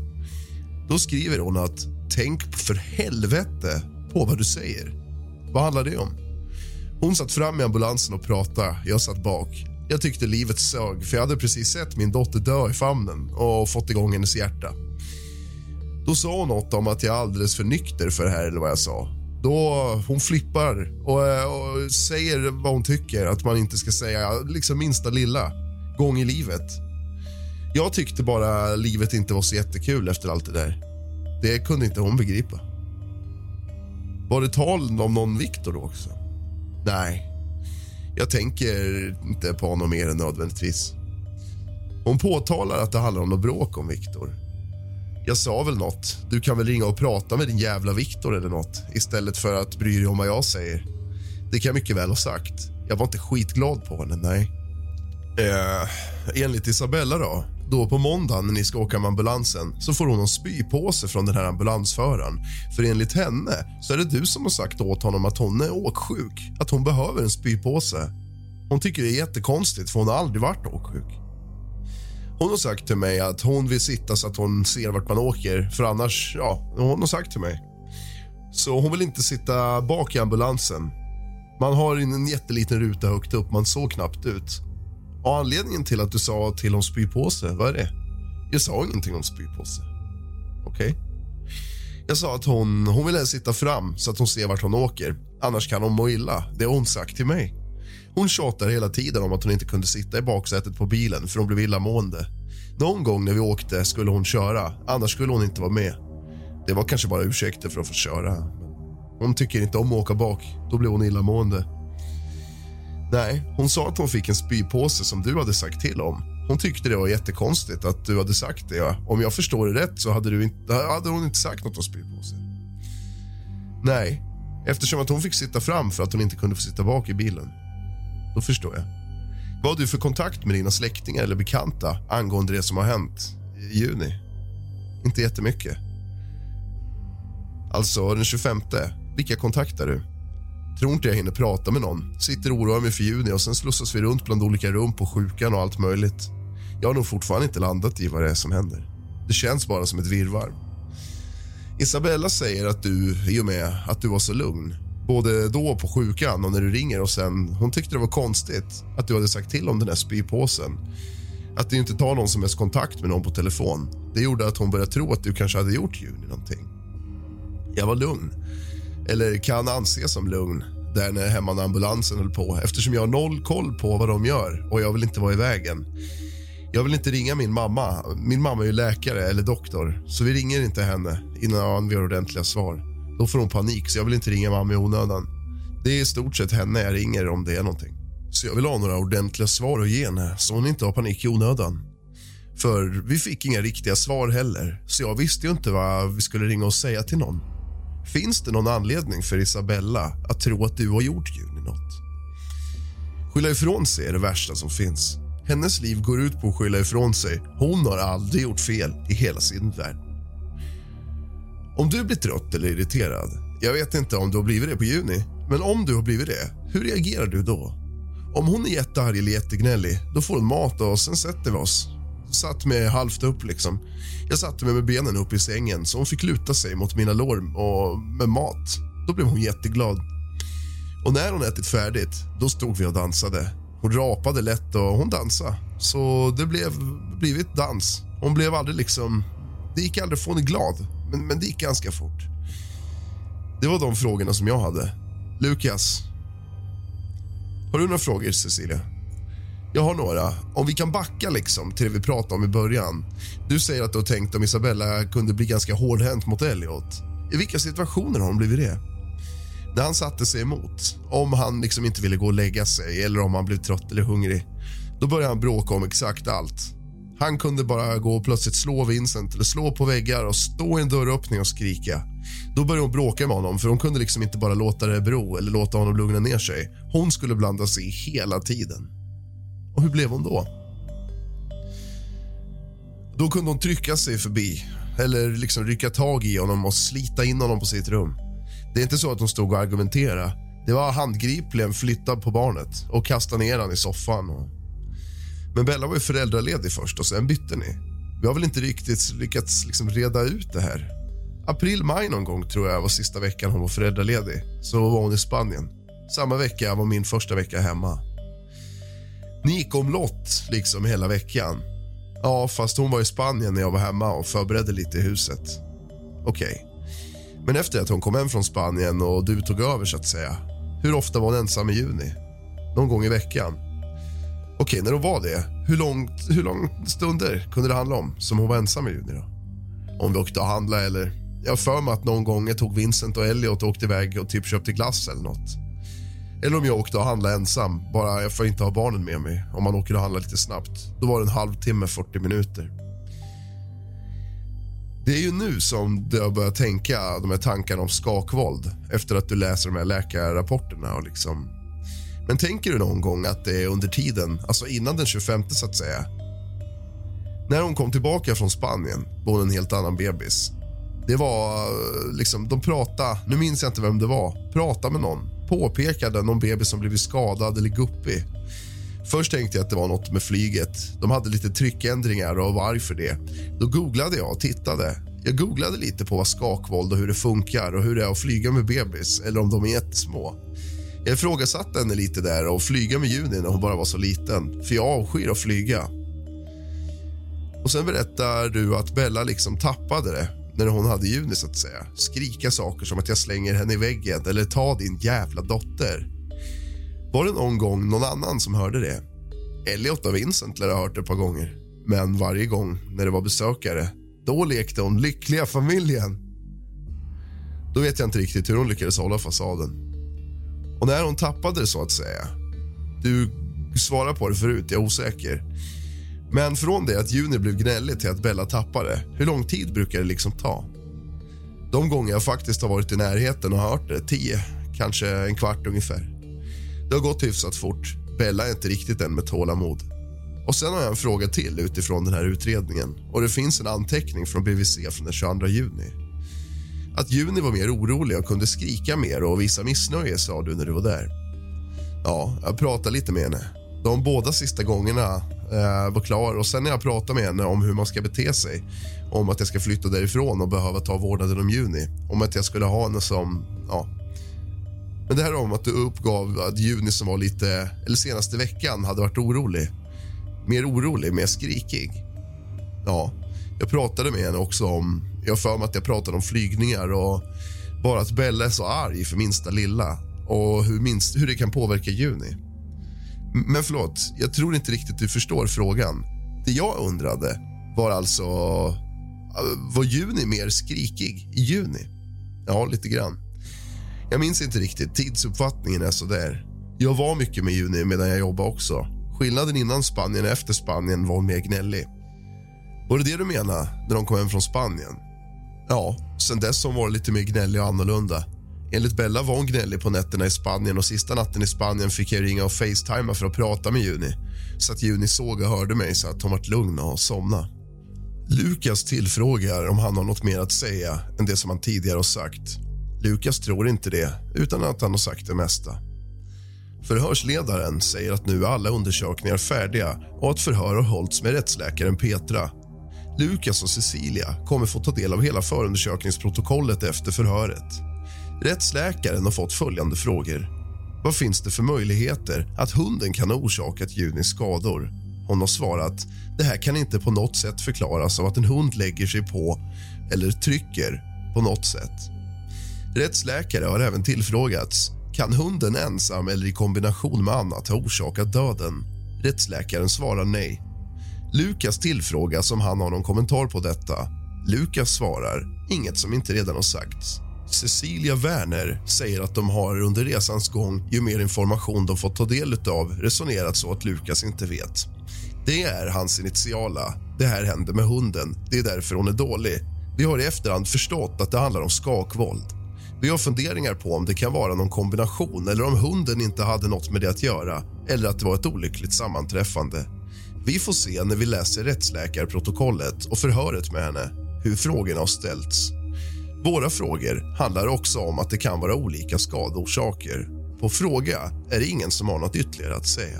Du har lyssnat på del 10 av bebismordet i Trosa av kusligt, rysligt och mysigt. Och det här var den sista delen. Det finns ingenting mer i förundersökningen. Vi får helt enkelt vänta på rättegången och vi kommer definitivt ta upp det här då.